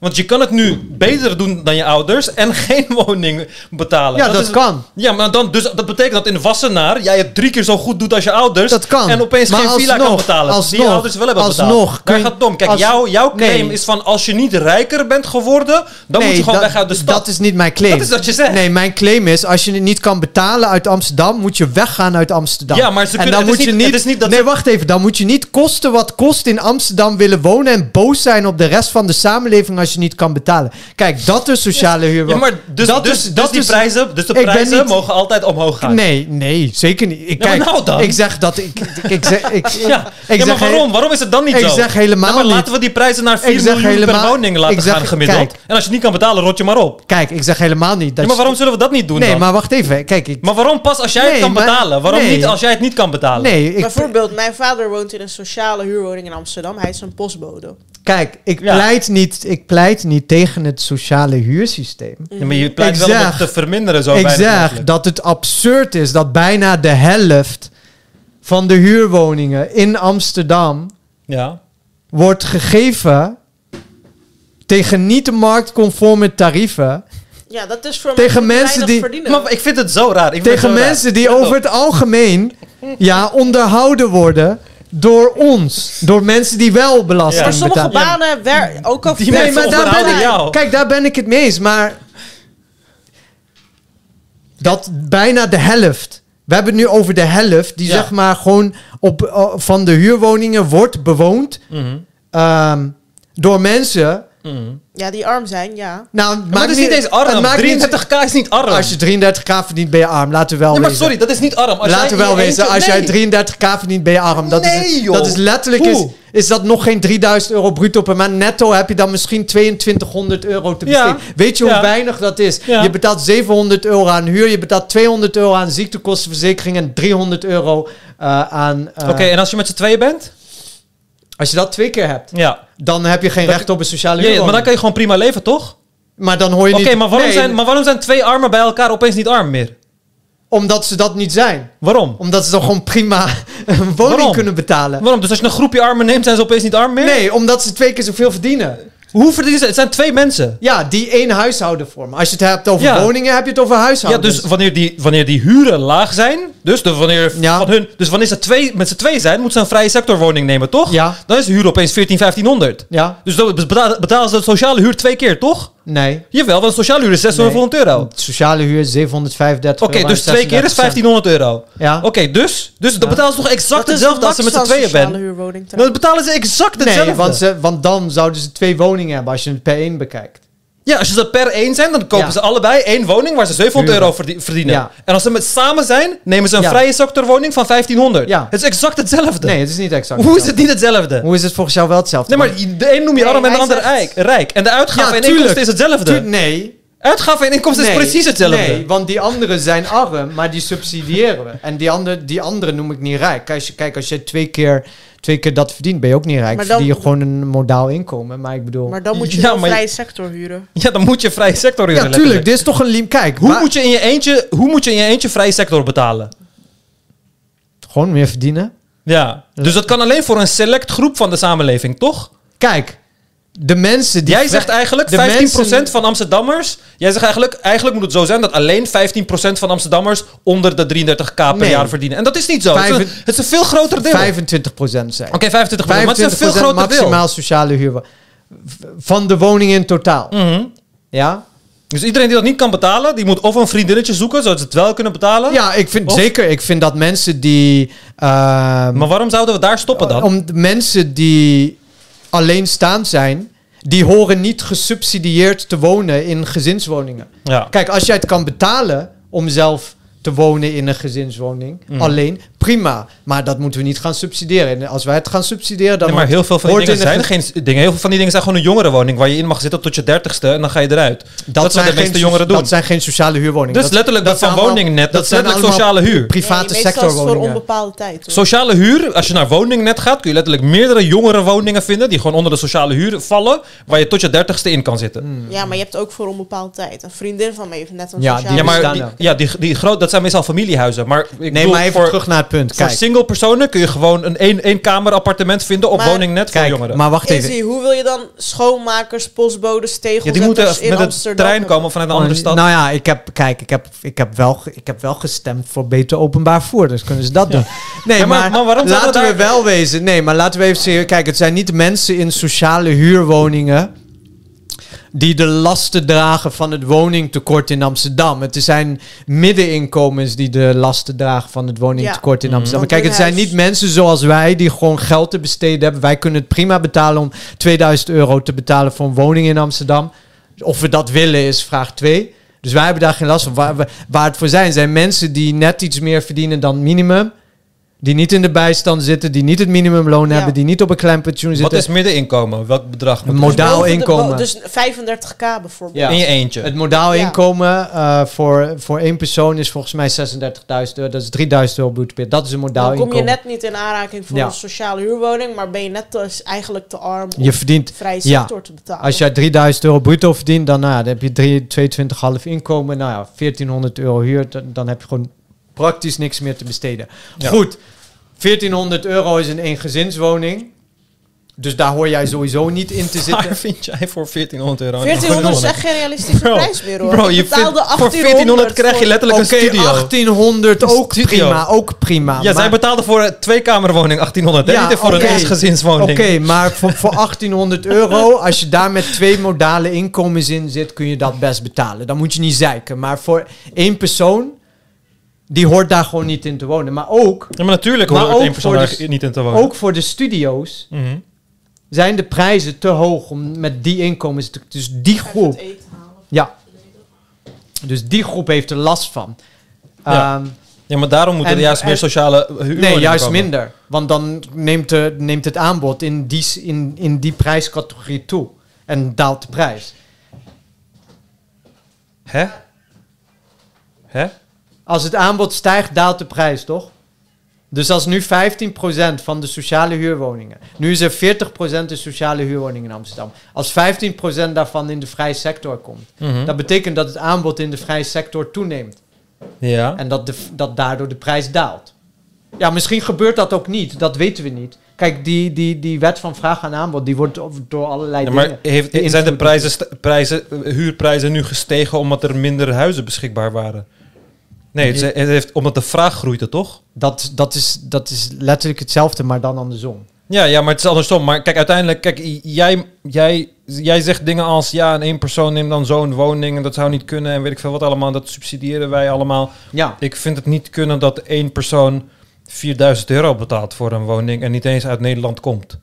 En dan gewoon in Amsterdam komt en dan gewoon... Waarom? Waar, waar dat is jaar... gewoon echt racistisch. Dat is gewoon echt nee, dat is, xenofoob. dat is absoluut niet Oké, xenofoob. dus, maar als ik... Omdat uit- volgens die- maar- Oké, maar mag ik wel naar Amsterdam gaan en daar 4000 euro neerleggen? Van Nee, vind ik ook niet. Ik vind als, de, als, als, als vorig jaar dat huis is verhuurd voor 1500 en jij komt daar 4000 neerleggen, omdat oh, dat is wat de markt is, dat is absurd. Nee, Want ik volgens leg het- ik leg nee, het want niet volgens neer. diezelfde logica kan ik, kan ik Amsterdam gaan marketen naar de Qataris zo. En dan laat ik ze allemaal gewoon 10.000 euro betalen. Kunnen ze makkelijk betalen. Ze hebben ongelimiteerd Kan, geld. Ja. ja. Laat ik ze allemaal 10.000 betalen. En dan wanneer Waarom jij doen we dat niet? En wanneer jij het niet kan betalen. En en alle, halen we een alle, alle modale, bo- bovenmodale Nederlanders het niet kunnen betalen. Zeggen van ja. Ja, dan moet je maar meer verdienen. Moet je maar, eh, ga maar in Qatar wonen, daar, daar is het nu leeg. Zo, nou, ik kan het ook niet betalen om in Wassenaar te wonen. Je hoort mij ook niet klagen dat ik niet Ja, in maar Wassenaar, kijk, je, je vergelijkt een plek waar rijke mensen samen zijn gekomen en allemaal villa's hebben gebouwd, waar er geen goedkope woningen zijn. Maar in Nederland heb je gewoon complete gebouwen die zichzelf in de Nee, geschiedenis kijk, al het- 400 keer hebben terugverdiend. Kijk, het punt is, het gaat niet om of het is terugverdiend. Het gaat erom dat, eh, kijk, een gebouw heeft sowieso ook kosten. Dus dat, dat, dat moet. oh ja, en als we alleen die kosten zouden betalen, zouden we Maar waarom huren. zou ik niet, waarom zou ik niet, Mijn VVE is 150 per maand, is niks. kijk, waarom zou ik niet, stel ik wil een woning huren, ja, er zijn tien huurders. Ja. En die bieden allemaal tussen de 1000 en 2000 euro. Waarom zou ik niet 2500 euro mogen bieden om, om zeg maar... Omdat als jij, als jij Want degene zaken die doet, het verhuurt, die gaat het aan de hoogste bieder verhuren. Oh ja, 100%. En daar, daar zijn wij over het algemeen blij mee wanneer wij in het segment horen, behoren van de hoogste bieder. Maar zodra een andere speler in de markt komt, waardoor, jij opeens de lagere bieder bent, omdat jij een lager inkomen hebt, omdat dat is een olie Nou, maar dat is al, dat is dan al is het aan de opeens orde. kut. Nee, maar dat is Dan al aan is het de... Nee, maar kut. wacht even. Dat is al aan de orde. Want de plek in Amsterdam waar ik wil wonen, Mhm. die kan ik ook niet betalen. Oh ja, ja, dat klopt. Ja. Ja, maar er zijn wel heel veel plekken waar je nog wel kan wonen. En dat is het probleem. De Ja, plekken maar- waar mensen kunnen wonen. Want de mensen die het genoegen namen om in, weet ik veel, de kolenkitbuurt te, te wonen. In een van de Ja. huisje. Die kunnen dat nu niet eens meer betalen. Nee, dus maar oké, het net zoals ik dan... Die veranderende Kijk, net, zo, net zoals ik dan genoegen moet nemen om naast Hajar Paleis te wonen aan de burgemeester de. Vluchtlaan. Ja. ja. Moeten andere mensen dan maar genoegen nemen om in Diemen of in Amstelveen of in Die mensen Hoorn... Amstelveen zijn helemaal de pan uitgeschoten. Oké, dan is Ja. het eh, Er hier, hoe heet dat hier, Loosduinen. Dan gaan ze maar in Loosduinen wonen, ja. In, in, in Loosduinen heb je prima betaalbaar wonen. Dat is het, maar waar we niet aan ontkomen en wat we niet kunnen ontkennen is dat is heel veel mensen willen in Amsterdam wonen. En heel veel mensen willen niet... Het is niet dat heel veel mensen in Amsterdam willen wonen. Er wonen heel veel mensen in Amsterdam. Dat is het enige. Maar daarnaast willen er heel veel mensen in Amsterdam ja, maar daardoor, wonen. daardoor hebben we dat probleem niet. Want kijk, wanneer jij zegt heel veel mensen in Amsterdam wonen, dan denk jij aan arme mensen die dan in Amsterdam willen wonen. Dat, Nee. is, dat is niet heel. Dan, dan denk ik dat niet... is niet heel. Dan denk ik gewoon aan alle mensen die in Amsterdam ja, maar dat is letterlijk niet heel. Die problemen zijn letterlijk veroorzaakt door rijke buitenlanders die in Amsterdam willen wonen. Daar is dat probleem maar dat voor zijn nog steeds mensen die in Amsterdam willen wonen. Ja, maar het zijn mensen die, jou, jouw, die jouw huizenmarkt veranderen in een soort van investeringsparadijs. Ja, maar dat maakt niet uit. Om er geld aan te dat verdienen maakt niet uit. Dat, dat, dat, doen, dat doet letterlijk iedereen. Dat is letterlijk wat Turken en, dat is letterlijk wat Turken en Marokkanen met Marokko en Turkije doen. Zeg maar, iedereen gaat hier zeg maar, ja, wij hebben een huis in Marokko gekocht. Wij hebben Ja. een huis in, in, in, in Turkije gekocht. Ja, wat ben jij dan? Dan ben je die investeerder die hier in Amsterdam duur maakt. Dat is wat je dan bent. Nee, Eh, dat- maar nou, dat hoeft niet per se. Dat is onzin. Dat hoeft, ik heb, wel. Ik heb een huis gekocht. ja. Ja. Ja, dus jij bent helemaal niet in de positie om die investeerder Ja, te dus wat doen mijn verhuurders? Hoe bedoel je? Maar wat doen mijn verhuurders? Die betalen mijn hypotheek, toch? Ja, Hoeveel verdien ik op ze?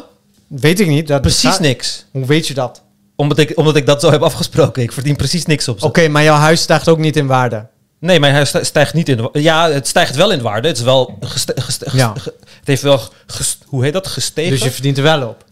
Ja, op die manier. Maar ik verdien niet aan hun. Ja, maar het gaat... Kijk, ik verdien niet aan hun en daar ligt het probleem. uiteindelijk boeit het niet hoeveel Kijk, geld jij uiteindelijk, dit is, dit maandelijks is natuurlijke Waar groei. het om boeit... Nee, het is helemaal geen natuurlijk. 100% Het is is gewoon groei groei. van je vermogen. Kijk, waar het om gaat is hoe je vermogen groeit. Mhm. En Ja. als die extreem groeit, dan is er iets mis, toch? Oké, maar wanneer is het extreem? Wanneer de huizenprijzen verdriedubbelen in een periode van 10 jaar. Waarom zou dat extreem zijn? Omdat het gros van Amsterdammers niet meer in hun eigen stad kan wonen. Het is niet hun eigen stad. Het is wel je eigen stad. Je Kijk, bent daar geboren en getogen, man. Waar heb kijk, je het dit, over? Nee, ja, dit is dus zeg maar de bloed- en bodemdoctrine van de nazi's. Omdat zij, omdat, omdat iemand in Amsterdam is Jezus geboren. Christus. Ja, Zwijn. nee, maar dat is. Ja. Dus omdat jij op een bepaald grond bent geboren, is jouw bloed gekoppeld aan die grond en heb jij meer recht op die grond. Ja, dat Natuurlijk. is het het gaat van niet- deze discussie. Het Nee, gaat maar niet kijk- om dat je er recht op hebt. Kijk, het gaat erom dat het kijk, normaal normaal moet Ja. zijn dat, je, dat, dat een land op zo'n manier groeit, of een stad, dat iedereen mee kan groeien. Oké, maar tuurlijk. Zo Nee, hoort nee, dat maar te gaan. prima, prima. Oké. Maar zodra jouw woningmarkt wordt opengezet voor buitenlandse investeerders, zodat een paar mensen er, er bakken mee geld kan kunnen verdienen, ja, dat is uiteindelijk niet goed. Maar moet je dat verbieden dan? Natuurlijk moet je dat verbieden. Nee, dat is kijk. toch ook wat we hebben gedaan? Dat is toch waar we ook mee bezig zijn? Kijk, dat stukje buitenlandse investeerders. Kijk, ik zeg niet dat dat gewoon maar op zijn vrije loop moet worden. Kijk, zelfs als je leest Adam Smith Mhm. en klassieke kapitalisten, die, die, die, die vonden land ook een speciale categorie, Mhm. zeg maar. Dus niet per se socialistisch of wat dan Ja. ook om het te reguleren. Maar ik ben het, kijk, waar ik bezwaar tegen heb, is dat de huizenprijzen in Amsterdam zijn zo hoog omdat er gewoon veel vraag is. Ja. In Weert kun jij letterlijk een vijfkamerwoning huren. Vijf kamers. Met een voortuin, met een achtertuin. Voor 885 euro per maand. Ja, Ja? maar niemand wil in Weert wonen. Dat is het dus. Het gaat niet om een recht te hebben, maar het gaat om willen wonen. Mensen Maar het gaat niet om willen wonen. Het gaat om... Dan gaan ze toch in Weert, Weert- wonen? Nee, maar- Al die nee, mensen die. Amsterdam niet kunnen Maar wat betalen, doen mensen? gaan lekker in Weert wonen. En, en dan? En dan zit je in de Weert. Waar ga je werken? Gewoon remote kun je werken. Oh, En alle mensen kunnen remote werken. Nou, dan zoek de kijk.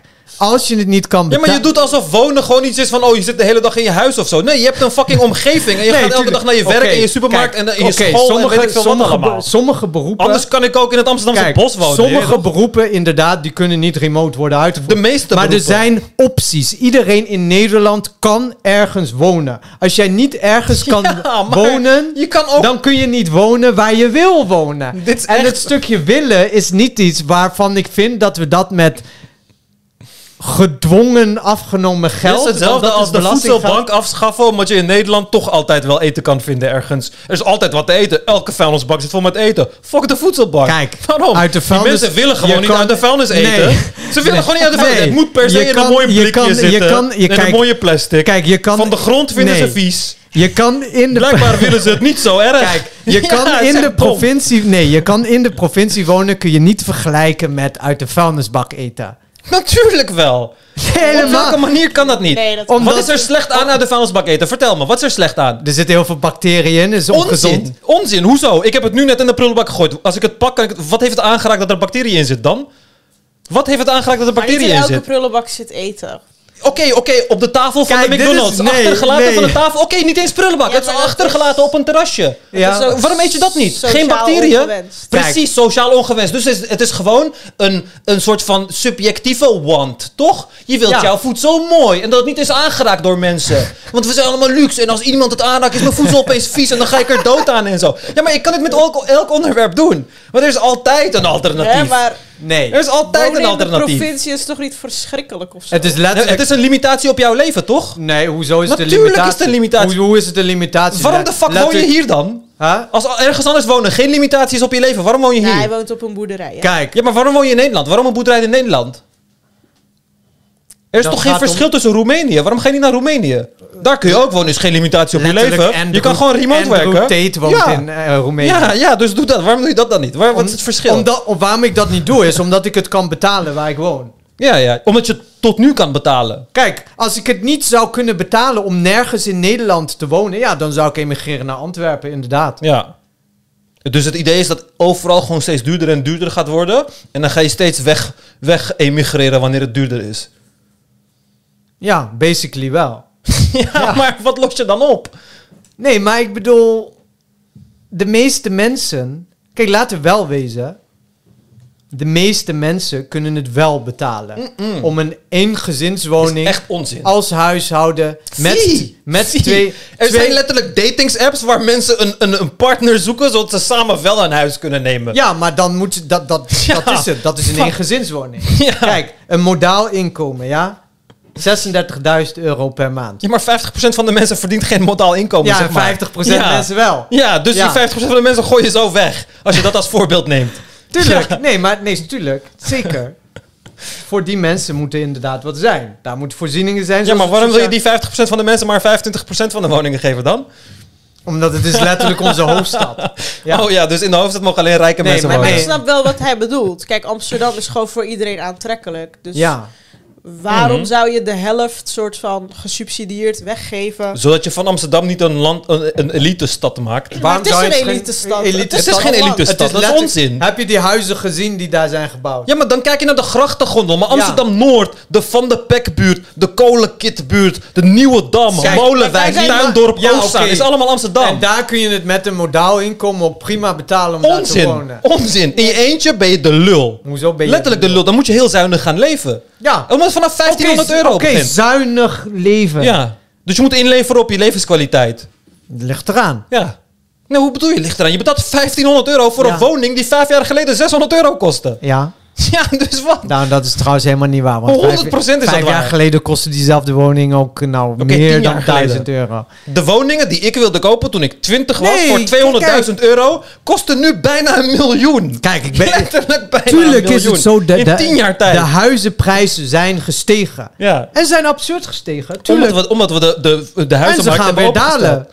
Ze gaan echt nooit meer dalen. Dat is echt Jawel, dat wordt nu verwacht, dat ze gaan dalen. Ja, maar weet- wat je krijgt is dus dat je grote pieken krijgt. Dus je krijgt bijvoorbeeld een 300% price increase. En dan Ja. krijg je 20% prijsdaling. Zodat je over, en dan zijn de mensen bedaard zo. En over 10 jaar kan je weer een 200% price increase. We hebben dit gehad in New York, hebben we dit gehad. In LA hebben we dit Ja. gehad. We, we weten hoe dit gaat. Ja. Wanneer zijn de prijzen, huisprijzen ooit gedaald in New York Vind en jij, LA? vind, jij het Ooit. vind jij het problematisch dat jij niet eh, tegenover Times Square kan wonen in New York? Maar dat is iets anders. Nee, dat Want is jij neemt nu de meest prestige plek van New York. maar als ik, niet op, als ik opeens in Brooklyn niet meer kan wonen... terwijl ik daar ben opgegroeid met mijn arme moeder en mijn vader... met een minimumloon... hebben ze me gewoon daar een leven kunnen bieden. En nu is het, ge- het huis waar ik ben opgevoed... is nu opeens een miljoen waard. Dat is het voorbeeld dat je moet geven. Want ik wil niet aan de grachten wonen. Ik wil gewoon bijvoorbeeld in Amsterdam wonen voor een normaal bedrag. Fucking duur. Average Brooklyn. 850.000 euro. In een motherfucking ghetto. Brooklyn is een ghetto. Het Ja, altijd nee, een maar ghetto. wacht even. Dus, 850.000 euro kosten nee, huizen maar daar wacht nu. even. Ja, dus dan zou je aan huur zou je waarschijnlijk 2.000, 3.000 dollar per maand betalen. Dat kan ik ook niet betalen. Dus ik kan het letterlijk niet eens betalen om te wonen in, in letterlijk de ghetto's waar Ja. Jay-Z over hebt. Ja. Vind ik dat erg? Nee. Ja, maar omdat je daar niet vandaan komt. Maar als je daar vandaan kwam en je wordt je uit jouw buurt... als jij in Brooklyn woont, letterlijk niemand die uit Brooklyn komt, wil in Brooklyn wonen. Letterlijk niemand die in Heel Schilderswijk woont, joh. wil in Schilderswijk Heel wonen. veel mensen hebben je daar welke- gewoon fijn. Weet je welke mensen in Schilderswijk willen wonen? Mensen die het geld hebben om er weer weg te gaan. ja? Ik denk niet dat het waar Iedereen die, iedereen die vrijwillig in een wijk als Schilderswijk gaat wonen, Heel veel iedereen die vrijwillig gewoon- naast Hajar Paleis gaat wonen, Ja. die heeft genoeg geld om weg te gaan. Alle andere mensen in die wijk, die zitten daar omdat ze het niet kunnen betalen om ergens anders weg te gaan, omdat ze dan dat nog meer... is. Nee, maar mensen in de... Kijk, hoe Oh, mensen jij de- zou vrijwillig tegenover Hajar Paleis gaan Ik zou wonen. vrijwillig tegenover Raja Paleis wonen. Echt? Ja, ik heb daar helemaal geen... Jongen, ik heb in fucking Zuid en West... Ik heb overal gewoond. Denk je dat het mij boeit? Je dat het boeit? Zolang ik maar het gewoon in de buurt van mijn als stad het is. jou niet boeit... Als ik het- woon naast de moskee. Wat gaat Oké, Paleis mij boeien? Als het jou niet boeit, waarom ga je dan niet in Weert wonen? Omdat ik dan niet in de buurt van Amsterdam ben? Omdat mijn leven in Amsterdam is? Oké, maar je kan je leven meenemen naar ja, Weert. ga ik, ga ik in het eh, biolab van Weert werken? Ja. Ja, ja is in, de- in de schuur van Buria. Nee, maar wacht even. Weert is niet zo ver van Eindhoven. Ja. Ja. Wat de fuck ga ik in Eindhoven? Daar is ik kom uit letterlijk- Amsterdam. Daar is letterlijk de meest, de, de, de, de, de meest, een van de meest vooraanstaande technische universiteiten van Nederland. Dus we zullen daar ook wel een biolab hebben. En dan ga ik, moet ik in fucking Weert gaan wonen, zodat ik in de buurt ben van Eindhoven. Nou ja, Moet ik Eindhoven een ander is leven wel- starten in een andere provincie. Eindhoven is ook betaalbaar. Omdat eh, fucking investeerders geld wilden verdienen in Amsterdam. Voor wat? Hoe is de wereld beter geworden? Ja, Op welke manier? De, de, de crux van deze discussie is dat jij vindt dat als je daar bent geboren en daar vandaan komt, dat je recht hebt op een Oh betaalbare nee, ik vind woning. absoluut niet dat je rechten moet hebben. Maar ik vind dat Jawel. als, als... Nee, nee, nee. Absoluut niet. Je hebt, je als hebt recht op een je hebt- betaalbare woning, vind jij? Oh ja, maar niet omdat je daar bent geboren of zo. Je moet geen speciale behandeling krijgen omdat je daar bent geboren. Maar als, als de systemen op zo'n manier veranderen dat de sociale klasse minder snel groeit dan de prijs van de woningen, dan is er een probleem. En dan hoor je daar een, een stokje voor te Maar steken. hij zegt, dan kan die sociale klasse verhuizen massaal. Kijk, maar waarom? Waarom, is dat, waarom kijkt- is dat geen moord? als Waarom is je dat kijkt- geen gekke massamigratie? Als je- dat gewoon... Als dat je is toch kijkt- niet erg? Waarom is dat niet erg? Kijk, als Waarom je, is het niet erg dat er nu allemaal Amerikanen en Engelsen en Duitsers in Amsterdam eh, komen wonen? omdat die ons in ieder geval... Omdat ze geld hebben. omdat ze ons meer geld opleveren. Ja, nou, Ja. waarom, waarom zou het erg Ja. zijn om dat te zeggen? Ja. Nee, maar kijk. Dus waar, waarom gaat je cultuur dan niet meer verloren? je, ja. je, Oh, maar die cultuur op het is- moment dat jij in aanmerking komt voor een sociale huurwoning, dan verdien je al heel weinig. Ja. En waarschijnlijk verdien je helemaal niks. De meeste mensen die, die in aanmerking komen... Dat is niet waar. Nee, maar Dat je- wacht even. Nee, maar dat is niet waar. 33k is niet heel weinig. Dat is heel weinig. Dit is niet heel weinig. is heel weinig. In ieder geval. Je kon letterlijk met... Jongen, mijn ouders hebben fucking vijf Kijk, jij kinderen opgevoed met Je- fucking nee, minimumloon. Nee, maar ga- nee over? kijk, jij, ma- jij mag zeggen dat 33k weinig is op het moment dat jij niet het talent hebt om 200, 300k per jaar te verdienen. Dan Ja. mag, dan mag jij Ik heb zeggen... zat genoeg in mijn leven om minder dan 33k per jaar verdiend. Nee, ja, maar kijk, het gaat niet om dat je het ooit hebt gedaan.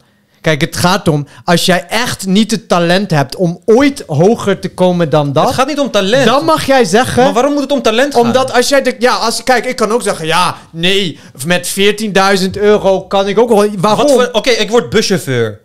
Ja, maar maar... moet elke buschauffeur zichzelf dan verder ontwikkelen en Nee, daarna hoeft- professor nee, worden? nee, dat hoeft niet Waarom kan iemand niet gewoon Nee. zijn hele leven buschauffeur Ja, zijn? dat kan, dat ja, maar nou kan. dan, nou, maar dan is hij toch, dan Nee. heeft hij zijn talenten niet Nee, gebruikt en nee, zo. nee, dan maar- moet hij van stad naar Nee, stad verhuizen de hele tijd. dat is Laat niet wat ik bedoel. Kijk, dat is niet wat ik bedoel. Kijk, jij en ik kunnen er nu voor kiezen om buschauffeur of bouwvakker of, of, of easy medewerker te Ja. worden. En we weten altijd, op elk moment dat we daar werken, als we zoiets van nou, we zijn het werk zat, of we vinden niet meer dat we genoeg verdienen, Ja. dat we gewoon iets anders verdien- gaan doen en dan weer gewoon 200, 300.000 euro per jaar verdienen, miljoenen euro per jaar, whatever ja. dat dat binnen het, het spectrum van capaciteiten ligt. Kijk, als je in zo'n positie zit, ja, dan is het makkelijk om te zeggen, ja, eh, zus of zo eh, is weinig.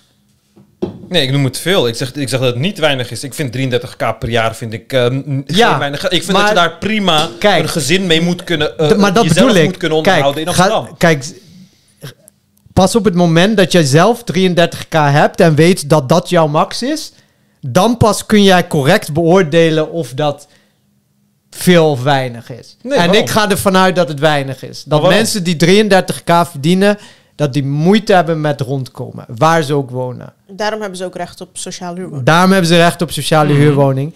En, en dat was Mhm. Maar ze hebben maar wacht even. Dat was kijk, mijn punt is dat als 25% sociale huurvoorraad niet genoeg is in Amsterdam, Mhm. dan is het probleem niet dat er genoeg sociale huurvoorraad is, maar dat er te veel mensen te weinig verdienen. Nee, maar die, En percentage hoort toch gelijk te staan aan de percentage van mensen die onder die grens zitten? Dus je kan ook 90% sociaal huurwoning. Als 90% van de mensen in Amsterdam onder de 33.000 verdient, ja, dan moet het inderdaad 90% zijn. Oh, maar Ja, dan is dat- het niet het probleem dat 90% onder de 33.000 verdient. D- natuurlijk is dat ook een probleem. Maar, Nou, hoe, je, je het- kan het dat is probleem het- toch niet Dat is aanpakken het wanneer die... primaire probleem. Ja, maar dus hoe ga je dat probleem oplossen? Wanneer die oplossing is van, oh, we gaan die mensen geen huisvesting geven, maar Kijk, we laten we sturen het ze een naar een beetje... andere Laat, stad. laten we het is het ook opgelost Laat- natuurlijk, laten, maar... we, laten we een beetje op de spits drijven, ja? Ken je de Rotterdamwet? Nee. De Rotterdamwet is een wet die is ingevoerd en dat gaat om huisvestingsvergunningen. Mhm. Waar het basically om gaat, jij moet een vergunning aanvragen en- om ergens te wonen. Mhm. En als de ambtenaar jou een pauper vindt, mag je er niet wonen. Mhm. Dat is niet hoe het wordt, maar dat is hoe het in de praktijk werkt. Ze gaan kijken naar jouw inkomen, naar jouw geschiedenis, naar wie ben jij. En dan geven ze wel of geen huisvestingsvergunning Ja. af. Uh, wat hebben ze daarmee in Rotterdam gedaan? Hebben ze mensen die zij kwetsbaar vonden, hebben ze uit wijken gehouden die al kwetsbaar waren, naar het oordeel van de ambtenaren. Ja. Ehm, dat is een heel omstreden wet, maar waarom zouden we dat dan wel kunnen doen? Ik eh, zie er geen problemen mee. Oké, maar dan wat is, hoe verschilt dat wanneer het niet zozeer eh, door de overheid wordt bepaald, maar door marktwerking, dat jij het sociaal-economisch niet kan dragen om in een bepaalde wijk of stad te wonen? Omdat dat marktwerking is. Je vraagt aan mij hetzelfde Oké, dus de, de overheid mag jou wel weigeren uit de stad, maar zeg maar, Ja, maar als marktwerking ja, als mag jou niet doet- weigeren uit de Als stad. de overheid dat doet, je geeft, mij net, je geeft mij net een voorbeeld. Je zegt van, oh, want het is beter voor deze persoon om hier te wonen. Want het is een, het is een eh, wat, wat is het woord dat je gebruikte? Het is een... De ambtenaar vindt jou een. Kijk, in de praktijk is het gewoon zo: de gemeente vindt dat jij te weinig geld meeneemt naar een wijk en daar mag jij er niet wonen. ja. Dus basically, jij kan het niet betalen om daar te wonen. Ja. Wat is het verschil als de huurprijzen gewoon te hoog zijn en jij kan het niet betalen? Om... Het verschil is dat, oude arbeiderswijken opeens in fucking dure wijken veranderen. Oké, maar dan hebben, we, dan hebben we het probleem specifieker gemaakt. Ja, maar kijk, ik kom uit Amsterdam. Maar dat is ook niet aan de Ik kom orde. uit Amsterdam- Want, kijk. want kijk, de mensen in Noord, in Amsterdam-Noord, Ja. er is een columnist van het Parool die daar continu over loopt te die? zeiken. eh, die Afghaan. Oh ja, die, ik is, hem niet. die is lid van zo'n eh, Ja. zo'n zo'n collectief, zeg maar. Van ja, nee, de mensen komen hier en eh, we herkennen ons, onze wijk niet meer terug. Altijd als ik dat zie, ik krijg zulke irritaties, want al die Nederlanders die uit de Schilderswijk komen en uit Amsterdam-West en die zeiden, ja, al die Marokkanen in Turkije, we herkennen onze Ja. wijken niet meer terug. Die hebben we jarenlang Ja, racisten maar ik heb, daar geen, ik heb daar En- geen problemen mee. Ik heb daar enkel problemen mee wanneer er een gigantisch niveauverschil is. Waardoor, kijk, ik heb geen probleem mee als er Duitsers, Engelsen en weet ik veel wat komen. Maar ik Ja. heb er een probleem mee wanneer zij komen en, en eh, omdat ze uit een andere economie komen, waarbij ze meer geld verdienen, hier dan zich meer kunnen veroorloven, wa- waardoor ze de kansen verminderen voor mensen die hier al wonen. Kijk, als er hier nu allemaal Qataris komen en die Oké, betalen maar hoe ben, jij dat niet, hoe ben jij dat niet geweest toen jij zelf naar Malta ging?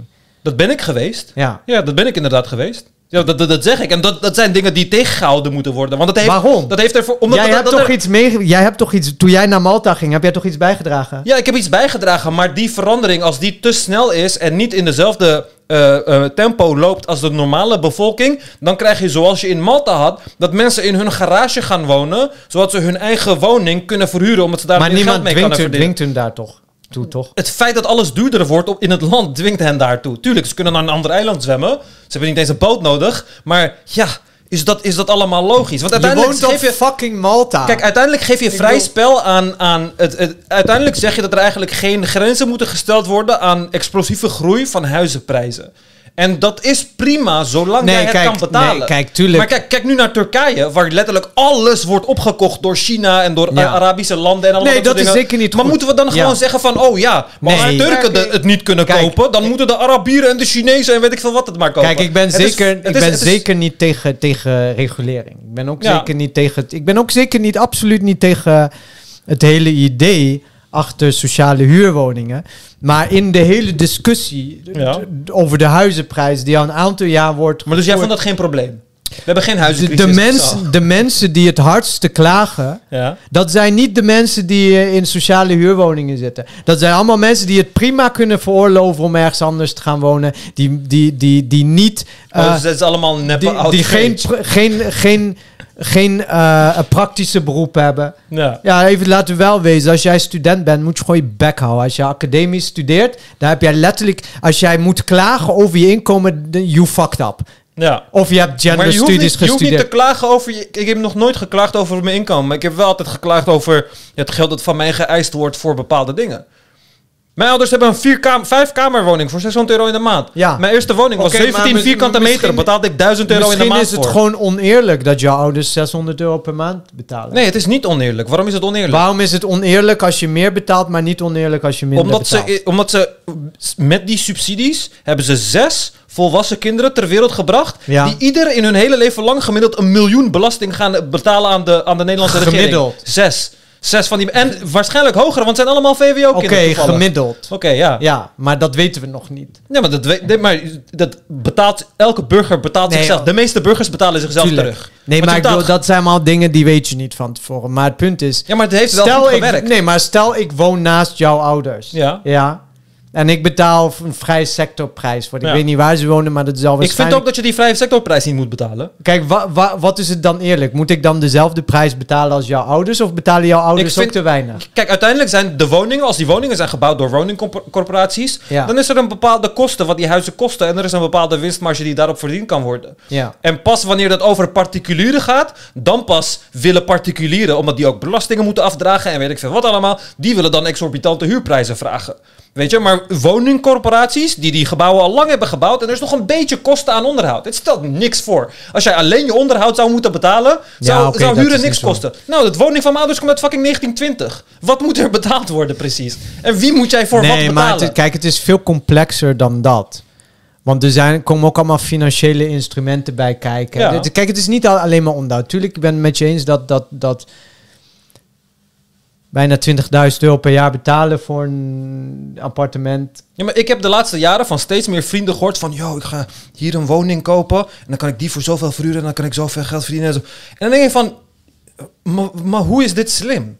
hoe is dit slim? Like, hoe kijk je jezelf aan dat je op die manier geld verdient? Op welke manier? Het is zo'n rare denkwijze om geld te verdienen. Waarom? Zo van, omdat, je, omdat er iets gaande is in de wereld. Er is een extreme groei in prijzen die zorgt voor leed in heel veel mensen. En het eerste waar jij aan denkt is van, hoe kan ik daarvan van mee profiteren? Ja, maar waarom zou je dat niet denken? Ik, nee, maar laat wel wezen. Ja. Alles, waar, alles waar jij aan kan profiteren, is het leed van een ander. Kijk, nu bij dat... Dat is absoluut niet zo bij mij. Uiteindelijk leidt er iemand. Ja, maar Op het moment je dat kan- jij een gen... Kijk, op het moment dat jij een gen en een ding uitvindt wat kanker geneest, daar gaan er ook mensen van lijden. Wel waar. Namelijk Waarom? de mensen die geen, geen werk meer hebben, omdat die gespecialiseerd zijn in de behandeling op kanker. Leid je dan? Nou, als jij je inkomen verliest, lijkt me wel dat je is niet lijdt. dat je inkomen verliest. Het is niet alsof die mensen daarin gespecialiseerd Nee, zijn maar- en verder niks kunnen. Kijk, het punt is, het punt is hier, het punt is hier dat dit is in jouw voordeel, zo. jouw voordeel kan een nadeel zijn voor een ander. Kijk, het is, Het niet, altijd- ja. het is niet altijd een zero-sum game, ben Mhm. ik het mee eens. Maar het kan een nadeel zijn voor een ander, ja. En ehm,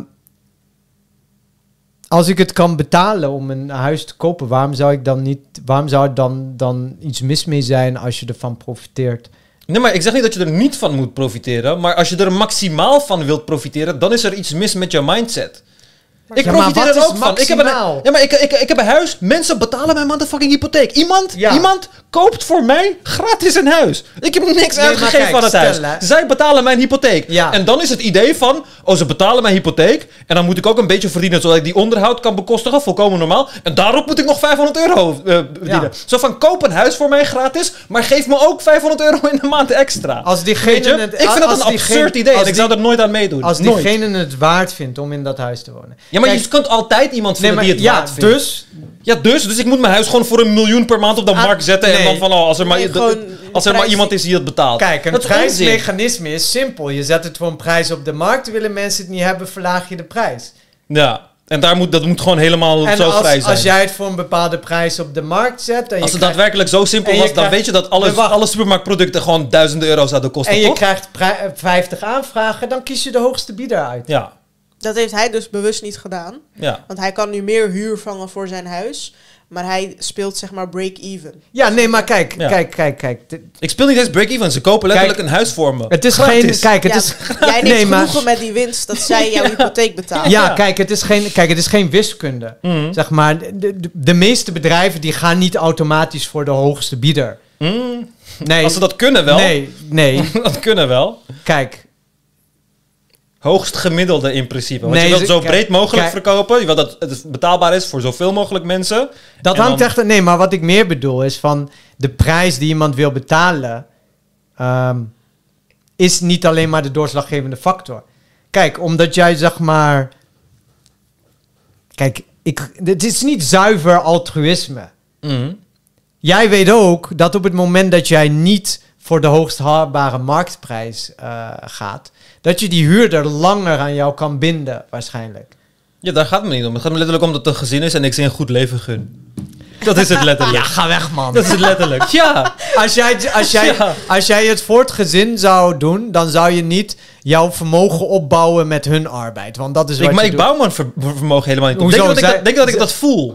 Het gaat, Ja, maar denk je dat ik... Denk je, gaat het erom of je vermogen Natuurlijk- voelt? natuurlijk nee, gaat het het gaat erom. erom of je vermogen hebt. Nee, want het is voor mij van... Is dat huis beschikbaar voor mij? Nee, het is niet Nee, beschikbaar voor mij. feitelijk is het zo. Je hebt een Ga huis... ik het huis ooit verkopen? Nee, ik ga het huis letterlijk nooit verkopen. Dit- Weet kijk, je? Kijk, dit, nee, nee. Dit, soort, dit, dit mag je... Nee. Dat is letterlijk zo. Nee. Kijk, feitelijk is de situatie zo.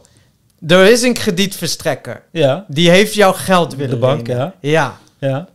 Vervolgens heb jij dat geld gebruikt om een huis te kopen... en dat als onderpand te nemen bij de lening. Ja. Ja, dus we hebben huis, waarde, lening. Mhm. Zijn gelijk aan het begin. Mhm. Vervolgens wordt er afbetaald. Mhm. Maar jij werkte niet zelf om dat af te betalen. Nee, ik laat dan iemand anders dat afbetalen. gezin werkt om het af te betalen. Ja. Dus dat is niet zuiver. Ik wil dat het gezin het goed heeft. Ja, maar natuurlijk wel. Want zij betalen gewoon uh, onder marktconform huur. Voor een heel, heel als leuk je, huisje. kijk, nee, kijk, als je wil dat mensen. onder de het- voorwaarde dat zij dan moet je gewoon goed zijn. Dan, dan, onderhoud moeten doen. En dat dan moet je dingen. gewoon zeggen: nou ja, luister, ik verdien in Nederland gewoon goed. eh, weet je, Ja, maar ik verdien het goed. Het is niet dat ik goed verdien en ik, van, oh, ik heb geld genoeg. Ik betaal alleen het onderhoud en dan is het prima. Ja, ze betalen de huur en de onderhoud is niet. Ze moeten mij gewoon niet bellen. Dat is het. Ja. ze doen gewoon alsof het hun huis is. Alsof Ja. zij het bezitten, maar ze kopen een huis van mij. En dat is al meer dan oneerlijk genoeg eigenlijk. Nee, ik heb, ik heb een beetje... Want ik heb niks gedaan, Snap hè? je waarom ik zeg SP? Ik heb... Nee, Nee, ik, dit is geen nee, SP. nee. Want ik heb nee, niks nee, gedaan. dit is Ik links, er- dit is links lullen, re- wat ze li- noemen links lullen, rechts vullen. Nee, nee, nee. Nee, het is letterlijk dat ik... Ik hou niet van dingen waar ik niet heb, voor heb gewerkt. Kijk, ik wist toen ik in de IT-wereld begon, kwam ik erachter Ja. dat als ik zelfverzekerd genoeg ben, ik welke prijs ik wil kan zetten op de factuur. Ik kan welke prijs ik wil. En toen ik daarachter, ik was 19 of zo. En ik dacht, wat? Ik hoef alleen sterk in mijn schoenen te staan en een babbeltje te geven. En jij bent bereid mij tien keer zoveel te Dat is betalen. letterlijk hoe alle verkoop ja, werkt. maar dat is toch fucking absurd? Dat is toch letterlijk fucking absurd? Nee, dat ik is... doe letterlijk hetzelfde werk. Maar omdat ik je heb omgeluld, ben je bereid mij tien keer zoveel te betalen. Ja, Dat is letterlijk absurd. nee. Nee, ik wil dus niet in zo'n wereld leven en ik doe daar dan ook niet aan Ja mee. maar, ja, maar kijk, dat is... Dat is Ik zou nooit aan meedoen, dat soort kijk, dingen. nee, maar je kan niet alles deterministisch, wiskundig Maar het is niet deterministisch, maar nee, maar dat is wat jij ook wat wil. eerlijk is en wat niet eerlijk is. Nee, nee. Dat weet je heel goed. Nee. Jawel. Hoezo? Kijk, Omdat je fucking... Waarom heb je dat soort rare v- huisjesmelkers en Kijk, dat wat eerlijk is, wat eerlijk is, is dat ik mensen niet dwing om bij mij te gaan wonen. Als ik zeg, hmm, ik heb hier een appartement met één kamers, huurprijs 3000 euro per maand. En iemand komt naar mij toe en zegt, ik wil jou 3000 euro per maand betalen. Ja, prima, als jij dat ervoor wil betalen, dan wa- waarom zou dat oneerlijk zijn? Ja, als mensen tegen mij zeggen van... Yo, je hebt een blank check en je moet dit voor me fixen, een laboratorium weet. Je hebt ongelimiteerd geld. Ik doe het zo goedkoop mogelijk voor ze. Ik doe het letterlijk... Als Lale tegen mij zegt van... Yo, fix een lijst van we hebben spullen voor de podcast nodig en weet ik veel wat allemaal. Ja. Denk, je, denk je, ik denk van... Oh, ik ga gewoon lekker dure Nee. dingetjes. Nee, ik doe letterlijk uren Nee, onderzoek van... dat- oh, wat even. heeft de beste prijskwaliteit? Ja. Het is niet eens mijn geld. Maar dat doe ik ook geld. Nee, maar dat doe ik ook niet. Kijk, tuurlijk, ik, je kan... Kijk, sommige opdrachtgevers die kun je gewoon uitmelken. Dan weet je gewoon, nou, ik doe even Ja, maar wat. daarom, dat wil ik dus en niet dan doen. schrijf je... Ja, maar sommigen verdienen het ook. Als jij ministerie bent, dan verdien je het, zeg maar. Nee, je wilt niet, mee, je wilt niet bijdragen aan systemen waarbij je kan zien dat ze gewoon irrationeel zijn. Kijk, bij, maar bij sommige opdrachtgevers doe je dat niet. En wat maakt het verschil? Waarom heb je bij de ene opdrachtgever... Kijk, misschien ga jij weg. Kan ook. Dat als je zoiets hebt van, dit is gewoon een kutcultuur, kutbedrijf, ga ik weg. Kijk, ik heb zoiets van, oké, weet je, dan schrijf ik wel 40 uur op, weet je, maar eigenlijk heb ik gewoon zoveel gedaan. Maar bij andere opdrachtgevers wil je het juist, zeg maar, zo goed mogelijk doen. Ja. En wat maakt het verschil? Zeg maar. Snap je? Nee, maar bij mij maakt het, maakt, is er dus geen verschil daarin. Oké, dus als die Ik zou huurders die sowieso voor hebt- een bedrijf waar ik het niet eens mee ben, zou ik sowieso geen opdrachten doen. Over Kijk, het algemeen. Als, als die huurders klootzakken waren. Of heel Ja. rijk. Ja. Of heel rijk. Oh, maar dan zou ik ze sowieso niet in mijn huis, dat zou ik ze niet in mijn huis laten. Want mijn doel met mijn huis was niet dat ik er iemand in zou zetten die het als vakantiehuisje zou gebruiken. was eigenlijk een soort sadaka, zeg maar. Nee, absoluut geen sadaka. Kijk, ik kwam, ik voelde mij, kijk, ik ging, ik ging expres, toen ik in Malta ging wonen, ging ik expres, ik ging eerst in het centrum wonen, onder alle experts en zo. En toen ging ik in een buitenstadje wonen, onder de normale bevolking. Ik Ja. wilde ze leren kennen en zo. En toen heb ik met heel veel mensen gepraat en toen heb ik gezien wat de negatieve effecten zijn van mijn, je- komst, van mijn komst in dat land. Ging je ook naar, zeg maar, een weeshuis jezelf eh, fotograferen Oh nee, met absoluut low-cost niet. Nee, maar ik doe, daarom, ik doe al die shit uiteindelijk niet. Want uiteindelijk boeit het mij, al die dingen boeien mij niet. Maar voor mij was het heel raar dat ik daar twee jaar kon werken, één jaar kon Ja. werken. En deze guy, mijn buurman, die letterlijk getrouwd is en die heeft gewoon kinderen. En die woont gewoon bij zijn ouders, omdat hij geen huis kan kopen. Hij heeft gewoon een baan, al fucking 15 jaar. En hij kan gewoon geen huis kopen. Maar ik kom daar Nee, als kijk, snotneus. ja. Ik heb één jaar gewerkt. Ik doe eventjes dit op een computer, op kantoor. Ik doe eventjes dit. En dan ga ik naar de bank en die zegt van, oh alsjeblieft man, hier heb je geld. Hier. Ja, maar kijk, dit, En kijk. dan, en dan denk ik van, wat voor fucking rare wereld Je, nee, maar geen nou één, weer? geen arbeid is inherent waardevol. Ja. Dus ook IT-werk. Maar sommige arbeid is voor andere mensen heel belangrijk. En ze zijn bereid daar heel veel voor te betalen. Ja. Kijk, zou je het nog steeds niet eerlijk vinden als jij een huis had gekocht tussen die expats in de wijk waar al die expats wonen met z'n allen? En je had het dan gewoon voor een dikke prijs neergezet. Ik had hem niet voor een dikke prijs. Want dat betalen al die mensen die in die wijk willen wonen, die betalen dat al. Ja, ik had hem, ik had hem voor de prijs... Ik zou, ik zou sowieso voor zorgen dat iemand die daar woont, daar kan wonen. Iemand die daadwerkelijk in Malta woont, daar ja, maar dat wonen. is, kijk, daar komt het steeds op terug. Van iemand die er al woont. Ja, omdat het van hem is weggenomen. Helemaal niet. Helemaal wel. Het is letterlijk van hem weggenomen. Ah, hier gaan we nooit uitkomen. Laten we de negen. stemwijzer afmaken. Jij Ja. moet zo meteen weg eten. Ja. Het wordt Ik koud. doe even die stemwijzer afmaken. Wat zijn we? We zijn het er... eh, Helemaal niet mee eens. Noord-Holland moet meer geld uittrekken voor de integratie van asielzoekers met een verblijfsvergunning. Staatshouders. Ja, vind ik wel. Er blijkt toch nog uit, eh, uit onderzoek dat er heel veel obstakels zijn voor asielzoekers of voor statushouders om eh, ja, deel te nemen aan de arbeidsmarkt. Ehm, en ja, daar moet meer geld voor zijn om uit te vinden wat zijn de drempels en hoe pakken we dat aan en hoe zorgen dat die Nou, mensen kunnen, eh, kunnen eh, meedoen. Provinciale wegen mo- mogen worden uitgebreid met extra rijstroken over. Ja, zeker. Ik eh, vind dat niet alleen provinciale wegen, maar gewoon ook de snelwegen moeten allemaal minstens drie baans zijn. Trouwens, dus hij heeft net D66 gehad. Als jij nu ook D66 krijgt, geloof ik deze stem. Heb ik D66 gehad? Ik had Ja. Volt gehad. De Ja, Volt provincie, is een soort D66. de provincie moet bezuinigen op kunst en cultuur. Absoluut niet mee eens. Waarom? Als het geen geld oplevert, dan moet je het gewoon skippen, toch? Waarom Ehm, zouden we dat subsidiëren? Omdat mensen het mooi vinden? n- nee, kijk, dit is ja. het geheel van kunst en cultuur. Kijk, sommige kunst en cultuur is Mijn commercieel. sector. Ja. Mm. Maar als het geen geld oplevert, waarom zou het dan moeten blijven? Ik bedoel, als in plaats van die museum daar een wafelplek... Omdat dat het die geheel... wafelplekje, die verdient Kijk. veel meer. Het, kijk, het geheel Ja. heeft meerwaarde. En wat we niet willen is dat de overheid gaat bepalen wat is goede kunst en cultuur. Dus we moeten ook gewoon alle pulp en troep eh, subsidiëren als het aan de criteria. Ja, ik zie ook wel eens dingen waarvan ik denk, ja, waarom geef je geld aan uit? Maar ja, ik wil ook niet dat er een overheid is die bepaalt van dit is de juiste cultuur, daar geven we geld aan uit en dit is niet de juiste cultuur. ja. Dus, ehm, maar het, kijk, het is natuurlijk wel belangrijk, omdat dat, dat, het, het, het is heel fundamenteel in, in het zin geven aan ons bestaan. Kunst Ja. en cultuur. Ja. Ja. Maar de armen, die moeten gewoon protten. nee, Die, die, geven, die zorgen niet voor... nee, ik zeg, kijk, ik zeg dat we, kijk, we moeten naar een wereld toe. Kijk, eigenlijk moeten we naar een wereld toe waar 0% van de mensen een sociale huurwoning moet Ja, hebben. maar dat kan dus niet. Nee. Het, het systeem waar, wat jij voorstelt, kan dat letterlijk juist niet. Kijk, en nu zeggen we, als er meer dan 25% mensen een sociale huurwoning moet hebben, dan is er een probleem en moeten we dat probleem oplossen. En niet zozeer dat er te weinig woningen Dus zijn. bijvoorbeeld inkomens moeten omhoog. Ja, Van bepaalde- Ja, maar ben je daarvoor? ja zeker. Ik ben wel voor een hoger minimumloon, dat sowieso. Ehm, en ja, een deel is natuurlijk marktwerking. eh, maar als we het hebben over overheidsfuncties, eh, kunnen, vind ik dat sommige ambtenaren wel wat meer mogen verdienen. Als ik zeg wat de salarissen, zie wat de salarisindicaties zijn bij vacatures van de overheid, daar schrik ik soms echt van. Behalve bij leraren, want die moeten echt niet zeiken. Dat ben ik echt gewoon zat, dat leraren zeiken zijn. Eh, want die krijgen letterlijk drie keer zoveel vakantie als dat de rest van Nederland is. Die ze ook gewoon Zo wat als ze drie keer zoveel vakantie krijgen. omdat als jij een, als, als, als iedereen 25 vakantiedagen hebt, dan heb je trouwens niet eens, je hebt 19 wettelijke Je vakanties. vergeet echt dat jij gewoon werkt met volwassenen. En dat leraren gewoon met pubers moeten doorbrengen. Gewoon alle maandenlang. Van 9 tot 5 niet alle letterlijk. leraren. Door pubers. Je had in het basisonderwijs kunnen gaan of het Ja, volwassen maar die moet met kinderen doorbrengen. Ja, maar daar heeft niemand- Dan heb je echt een langere vakantie nodig, je toch? Jij werkt gewoon met volwassen mensen. Het ergste wat iemand doet is aan je kont zitten of zo. Daar, daar krijg je kauwgom in je haar en gespuug.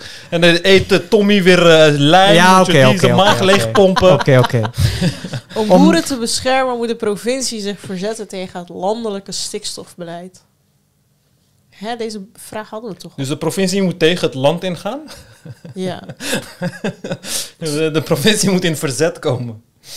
Nee, ja, nee, dat is gewoon echt de onzinvraag. Dit, dit is letterlijk een, een, een gericht op wappies. Ja. Zeg maar. Ik bedoel, de provincie heeft zijn bevoegdheden en de, de, de, de nationale overheid heeft zijn bevoegdheden. En die komen niet door elkaar als het goed is. Mhm. Dus de, de- waar de, de, de eh, Maar je kan je toch wel ergens tegen verzetten? hoe dan? Ik weet niet wat voor bestuurlijke instrumenten ze hebben. Kijk, als het over van we gaan het beleid frustreren, Ja. dan ben ik het niet mee eens. Want het gaat al heel moeizaam soms. Om de leefomstandigheden van arbeidsmigranten te verbeteren, moeten er meer woningen voor hen gebouwd worden. Dit is letterlijk dezelfde vraag als sociale huurwoningen erbij. Nee, het is een arbeidsmigrant. Oh, arbeidsmigranten. Oh. Ja, maar wat bedoelt... Ja, Kijk, dit- één pot nat zijn de armen. Ja, nee, maar... Nee, maar, maar... dat is toch zo? De- nee, maar ik heb altijd van... Het zijn nooit duidelijk, deze stemwijzen. Want wat betekent meer woningen voor hen Ja, gebouwd dat zijn worden? toch meer sociale huur... Of wat ja, maar, ze de, met de- arbeidsmigranten? ja, maar het is ook, je kan het opvatten als nee, meer heel veel woningen arbeids... Kijk, heel veel arbeidsmigranten... die eh, wonen vaak in soort van van... die vieze pensions. ja, en dan Ja. met z'n allen, met zes man in één kamer... en allemaal dat soort dingen. Want die Oh. zitten allemaal bij plekken... waar ze dan in- aan landbouw Ja. moeten werken. En dat Dus soort dingen. Meer sociale huurwoningen. Ja, maar het zijn geen sociale huurwoningen. Het zijn meer van die... eh, want Van die prefabs. Ja, precies. Van die containerwoningen en allemaal dat soort dingen. Ah. Dus geen eh, sociale huurwoning. Eh, want dus het- er moeten meer woningen voor hen gebouwd Nee, vind ik niet. Ik vind wel dat er beter moet worden gehandhaafd. Dus dat er brandveiligheid is en... eh, je weet toch? Ja. En als dat blijkt dat het niet op orde is... Ja, misschien moeten we dan inzien dat het, dat het niet kan. Dat het model niet werkt. En dan moeten we misschien meer woningen bouwen. Maar nu weten we dat nog niet. Dus ik ben het er niet mee eens. Laatste vraag. Oh nee. De provincie moet zich inzetten Nee, om absoluut niet mee eens. meer toeristen naar Noord-Holland te halen. Nee. Oké, dan doe je niet. Ik ben nu echt doe benieuwd. Doe, doe gewoon verder. Doe gewoon verder. Nou, jij bent conservatief rechts. Je zit bij de CDA. Hè? Ja, ik wist het. Jij zit bij VVD en CDA. CDA en code oranje. Oh, dit zeg maar in dit Je bent- cirkeltje. Je bent meer in de buurt van CDA dan VVD. Ja, maar gewoon op die lijn. Ja, dat komt door die boerenvragen waarschijnlijk. Ja, ik weet het niet. In ieder geval heel ver van D66. Ja. Daar ben je niet eh, links genoeg voor. Nee, maar ik ben het heel erg eens met Je de bent ook kern. absoluut niet progressief. Nee, maar er werd daar letterlijk geen enkele vraag over gesteld. Ik was hier en jij bent daar. We zijn eigenlijk precies tegenovergesteld. Ik was ook in de buurt van Izzy. Ik, ik Als had- je hem zou spiegelen en 180 graden zou draaien, dan eh, ja, dat is eigenlijk... eh, Ja. ik was iets boven Izzy. Ja, ik was bij progressief en rechts. Kom wel goed jongens, met de tijd als jullie wat meer gaan leren en zo, dan leren jullie het ook wel. Maar Ah, bij nee. mij was dat puur omdat ik op al die migrantenvragen negatief heb gedaan. Da- Er komt ook bij mij altijd PVV uit. Heb je gewoon iets tegen migranten? eh, ik hoef gewoon geen nieuwe migranten, ja. Niet uit het Midden-Oosten tenminste. Dus als je daar negatief op antwoordt, zit je al bij PVV, rechts, bla bla bla. Het is altijd zo, in elke stemwijzer die ik doe. Ja. Ik, ik heb gewoon progressieve ideeën. En in elk land heb je zeg maar een linkse partij die anti-migranten is. In Turkije, in Spanje, behalve Mogen, in er, Nederland. mogen er Turken naar Nederland komen? Voor mij niet. Oké. Oké. Ik hoef niet meer eh, mensen uit het Midden-Oosten. Dat- Maar die mening heb ik al heel vaak hier Is gezegd. Turkije het Midden-Oosten? Ja. Tuurlijk. Nee, Wat is- wat natuurlijk niet. dan? Europa? Turkije is Eu- Eurazië letterlijk. Is Europa en Azië. Turkije heeft niks met Midden-Oosten te maken. Ze zijn islamitisch. Ja. Ja. Voor mij hoeft dat niet. Dus ja, daar ben ik ook gewoon open over. Maar als je dat in stemwijzers invult, krijg je altijd PVV. ja. Ja, maar kijk, stemwijzers. eh, het is leuk om het in te vullen en dan even met, met jezelf ehm, Ja, het is onzin. erover na te denken of met z'n allen een gesprek erover te voeren. Maar that's it. Als jij een stemwijzer nodig hebt om je stem te laten betalen, dan verdien je het letterlijk niet om in een democratie te wonen. Dan, dan verdien jij gewoon een dictatuur. Nog niet eens een Erdogan. Dan verdien jij letterlijk een eh, Kim Jong-un of zo. Ja. Zeg maar. Als dat is wat jouw stem beïnvloedt, dan, dan ja. En ik weet niet hoe het, hoe het ooit acceptabel is geworden. Want ik weet nog, toen het kwam, toen er nog geen internet was. Want ik ben opgegroeid in een tijdperk zonder internet. Eh, toen deze dingen kwamen, in ieder geval in, in, in mijn omgeving, vond iedereen het gewoon een beetje belachelijk, zeg maar. Zo'n stemwijzer van ja, wa- wat gaat een stemwijzer jou vertellen wat je moet stemmen? En Ja, nu, Vroeger kon je het partijprogramma niet eens opzoeken. Ja, nee. Dan maar- moest je het hebben van de foldertjes en Tuurlijk, de toegankelijkheid is toegenomen met internet. Maar zo'n stemwijzer, ik bedoel letterlijk... Ja, de stellingen zijn heel raar. Je moet 30 keer klikken en dan zou dat ding jou moeten vertellen wat je moet stemmen. Oké, en dan voor, de, voor, de, voor zeg maar eh, de pluriformiteit hebben we allemaal verschillende stemwijzers, zodat je daar ook nog wat kan invullen en zo. Maar ja, waar, Nee, maar als je ethisch bent, hè, hoe kan je voor migra- migratie zijn? Want dan heb je brain drain als de slimme mensen Het hierheen is allemaal komen. onzin. Al die Hoezo? dingen zijn onzin. Waarom? Al die dingen zijn letterlijk onzin. Waarom? Waarom? Hoe is er brain drain? Dan komen de slimme mensen hierheen. Is, waren jouw ouders slim? Nee. Kijk, mensen die Eh, migreren... dus dat- wat is er gebeurd? Dus Turkije is slimmer geworden toen jouw ouders naar hier kwamen, toch? Turkije? Ja, Turkije is slimmer geworden toen jouw... Zijn je ouders bovengemiddeld slim? Weet ik veel. Ze Zijn je ouders bovengemiddeld... Ze kunnen niet lezen en schrijven. Nee, Dan maar zijn ze ik niet weet bovengemiddeld niet. slim. Jij wil Dan eigenlijk- is Turkije letterlijk slimmer geworden omdat jij ou- ouders, jouw ouders weg zijn gegaan. Ja, klopt. En Nederland eigenlijk dommer geworden. Jij wil eigenlijk naar, naar Beide Trumps, landen- eh, de- de- dit beide landen, de, de, de gemiddelde IQ is gewoon aan het stijgen. Van beide landen. Dus waar is die brain drain? Waar is die? Nou ja, ik lees overal dat er dan een brain drain komt. Ja, maar waar dan? Nee, maar dat, kijk, dat is ook wel gebeurd, zeg maar. En dat, Als dat, alle slimme Iraniërs nu weggaan uit Iran, wie gaat Iran opbouwen, alsjeblieft? Ja, dus alle Iraniërs die er nu zijn, zijn dom. Huh?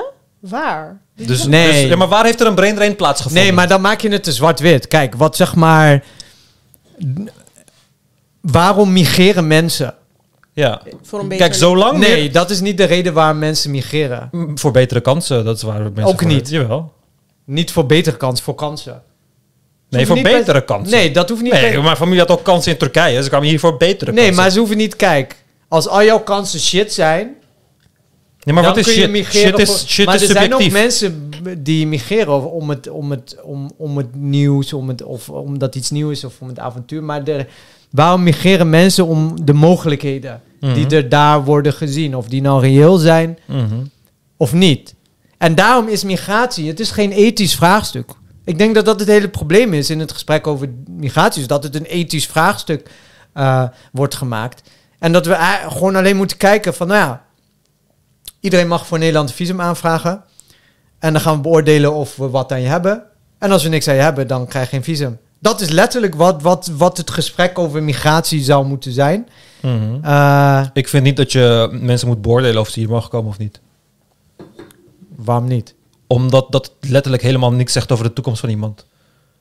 Nee, oké. Had, jij, had jij kunnen voorspellen dat twee analfabete Turken uit de bergen Nee, eh, eh, een schrijfster gaan uitpoepen die een prijs wint? Nee, Had je, dat, nee, had je niet eh, voor je Nee, maar- Of had je kunnen dat eh, twee, Nee. twee idiote Turken uit eh, Istanbul komen naar hier en een of andere natty professor uitpoepen? Nee, dat, dat had je niet kunnen. nou, nou, maar nou dan. Dus je kan al die dingen niet zeggen. Het is allemaal, dat uiteindelijk is dat bullshit. Want uiteindelijk, Kijk, het gaat kijk je op korte over- termijn. het Dan zeg je eigenlijk van, Ja. wat kan jij voor de komende vijf jaar voor mij betekenen? Ja. Maar in een land gaat het niet over de komende vijf jaar. Het gaat over de komende 300, 400, Nou, 500 ja, oké, jaar. maar dat kijk, is waar het om gaat. als het grootste deel van de mensen uit migranten zou bestaan, ja, dan zouden we misschien zo ernaar kijken. Maar dat is het niet. Kijk, het grootste deel van de aanwas, dat zijn gewoon mensen die in Nederland worden geboren. Mhm. Weet je? Ja, en de migranten is letterlijk En minder van- dan een procent van Nederland, Ja, toch? dus als- de grootste schade die ze kunnen doen is letterlijk Ja, niks. maar het gaat niet om dat ze schade kunnen doen. Jawel, is- want je kijkt naar 1%, minder dan 1% nee, we willen, gewoon, binnenhaalt. we willen gewoon de beste van ja, maar de beste waarom, ja, maar waarom doe je dat bij... Kijk, bij 99%, 99,9% van je bevolking doe je dat niet.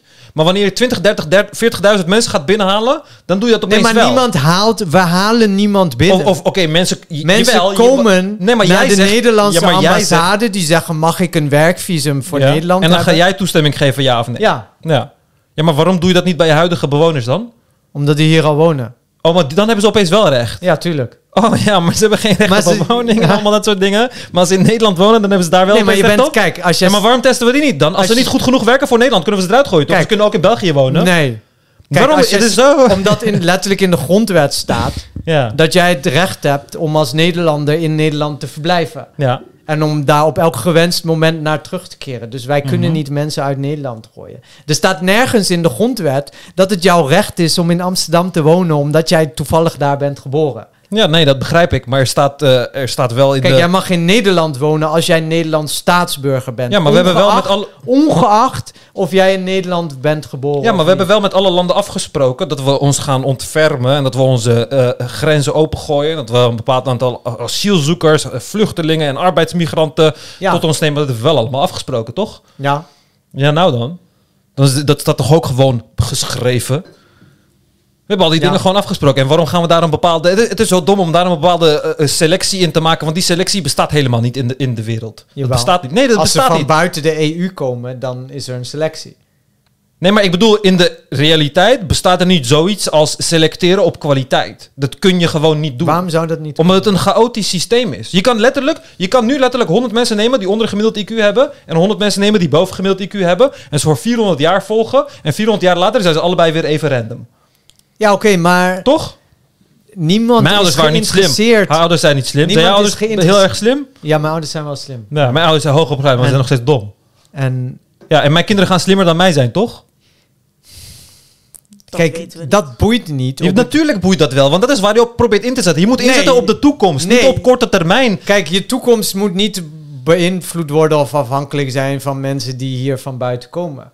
Dat is gewoon een extraatje voor nu. Nee, maar wat- dat wordt ook niet beïnvloed. Kijk, die mensen, die, ze- die moet je zien als een extraatje voor nu. Ja. Als zij, wat, als zij ons geld opleveren, nu op korte termijn is dat mooi meegenomen. En daar moeten de best van... En dat is het alleen. dat is hoe we met arbeidsmigranten moeten omgaan. Ja, vind ik dus absoluut niet. Het is, je, je zegt zelf... het is dat net- het enige wat wij hebben gehad aan arbeidsimmigranten? Ja, letterlijk. Ja, dat is het enige wat wij hebben Wat hebben, we- wat hebben we meer... Voor wat zitten wij hier? Paleis. Voor wat Oh ja, zitten- nee, maar, Hajar-paleis, nee, maar ja. voor wat zitten wij hier? Nee, maar dit is Zijn geen... wij geen product van die dingen? Nee, maar dit is geen. Dit, wij doen nu niet iets wat we niet hadden kunnen doen als, we, als onze ouders.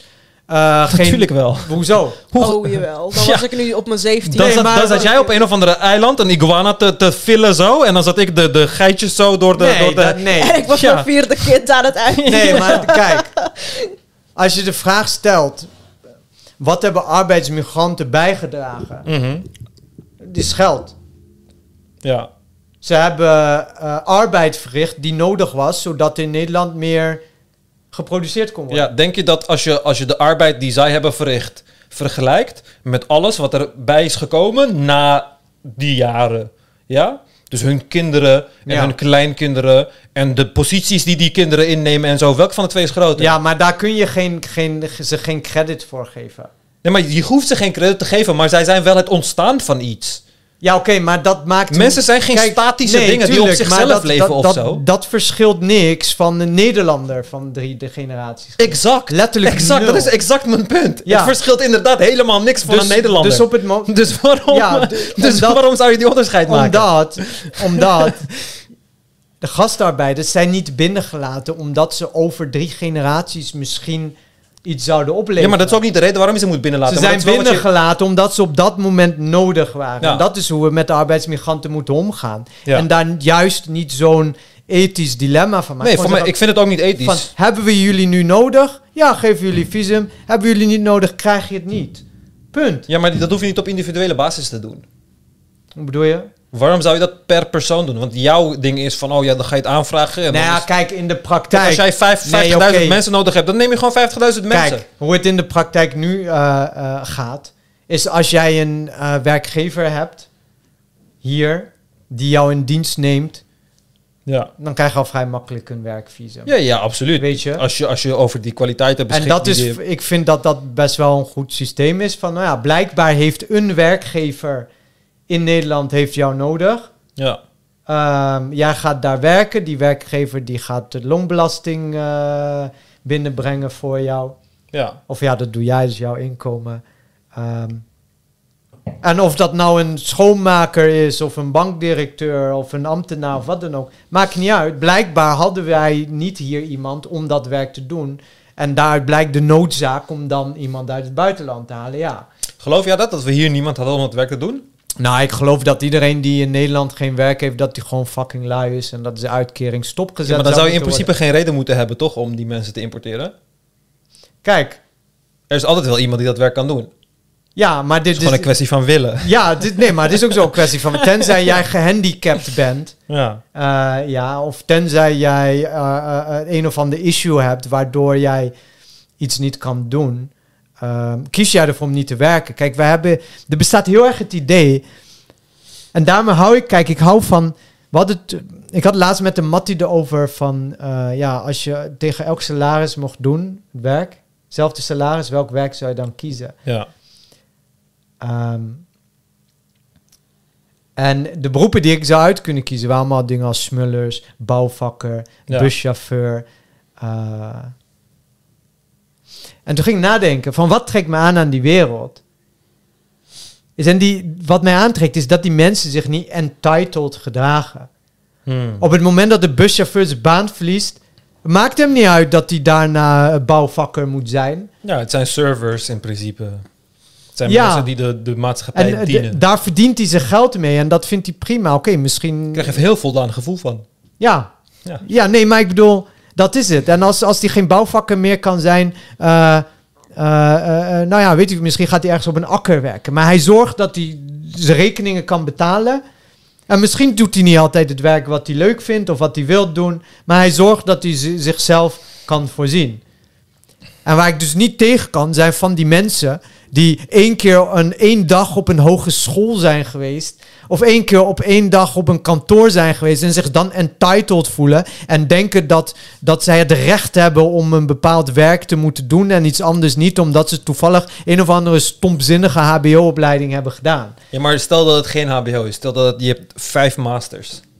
Mag je dan wel in tijd Nee, dan ook niet. Ja, oké. Je mag je nooit entitled voelen. Kijk, iedereen moet in zijn eigen inkomen voldoen. Ja. En als, als, als letterlijk het enige werk wat jij kan doen is, is orders pikken of stront uit een put halen, eh, dan moet je dat doen. Ook al heb jij 15 masters. Niet zeg, Ja. nie- niemand zegt dat omdat jij die master hebt, dat je dan recht hebt om eh, bepaald werk niet Ben ik te het helemaal doen. mee eens. Ja. Weet je? En dat is het. Van als wij. Kijk, ik ben niet tegen immigratie. Mhm. Maar ik vind het wel belachelijk dat er hier arbeidsmigranten komen voor, voor ongeschoold werk. op het Mhm. moment dat wij hier 500.000 werklozen hebben. Dan wil er iemand niet werken. Ja, maar hoe wil je dat oplossen? Wil je de 500.000 mensen die niet willen werken gaan bedreigen, zodat ze gaan werken? Of wil je mensen die heel graag willen werken gewoon hier Kijk, sowieso, als je op het moment dat jij een vervolgopleiding hebt gevolgd.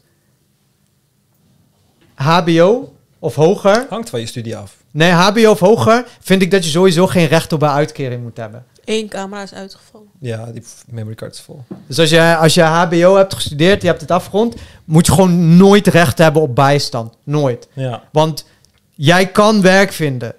Sowieso. ja. Tenzij je echt aantoonbaar, er klopt iets niet in je hoofd. Of... ja Ja. ga maar filosofie studeren. maar zelfs dan. Kijk, zelfs dan. Als jij filosofie hebt gestudeerd.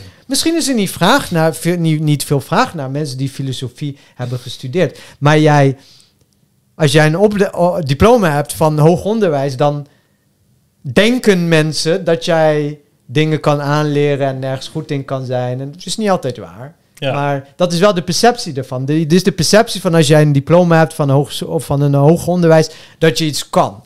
Dus jij, er zijn genoeg ingangen voor jou om ergens betaald werk te vinden als jij hoger onderwijs hebt gedaan. En dus Ja. vind ik ook dus dat je, ehm, eh, als je dat hebt, dat je dan gewoon geen recht moet hebben op bijstand of zo. Want je, moet, je kan het gewoon zelf. Kijk, als je MBO hebt gedaan, heb je vaak een specifieke opleiding gehad voor specifiek beroep. Ja, Ja, maar mensen die MBO hebben gedaan kunnen over het algemeen veel meer dan mensen die MBO hebben gedaan. Ja, nee, dat met sowieso. HBO Dat afgestuurde, Dan sowieso. vraag ik van, wat Ja. kan je? Ja, wat? De SWOT-analyse. ja, ja, ja. ja, ja. Maar iemand die MBO heeft gedaan, die kan opeens alles. Fucking laborantwerk en eh, ja, die kan echt alles. Die kan straten maken, techniek, ICT. ja. Kunnen al die dingen gewoon. Ik ken mensen met een master in eh, artificial intelligence die niet eens kunnen coderen. Ja, Ja, het is, ja, precies. Dus als je kijkt wat daar wordt... eh, Nee, maar dat, dat is ook zo. Dat, dat, ja. Kijk, HBO neem ik sowieso niet serieus hoor. Kijk, ik bedoel, dat is gewoon veredeld mbo. Denk gewoon, ga gewoon werken. En, ehm, maar hetzelfde zie je ook op, op, op de universiteit. Voor heel veel mensen is het gewoon een HBO+. plus. Eigenlijk vind ik dat als je ehm, academisch bent geschoold... dat je dan eigenlijk gewoon echt onderzoeker zou moeten zijn. Mag wel in de private sector, maar...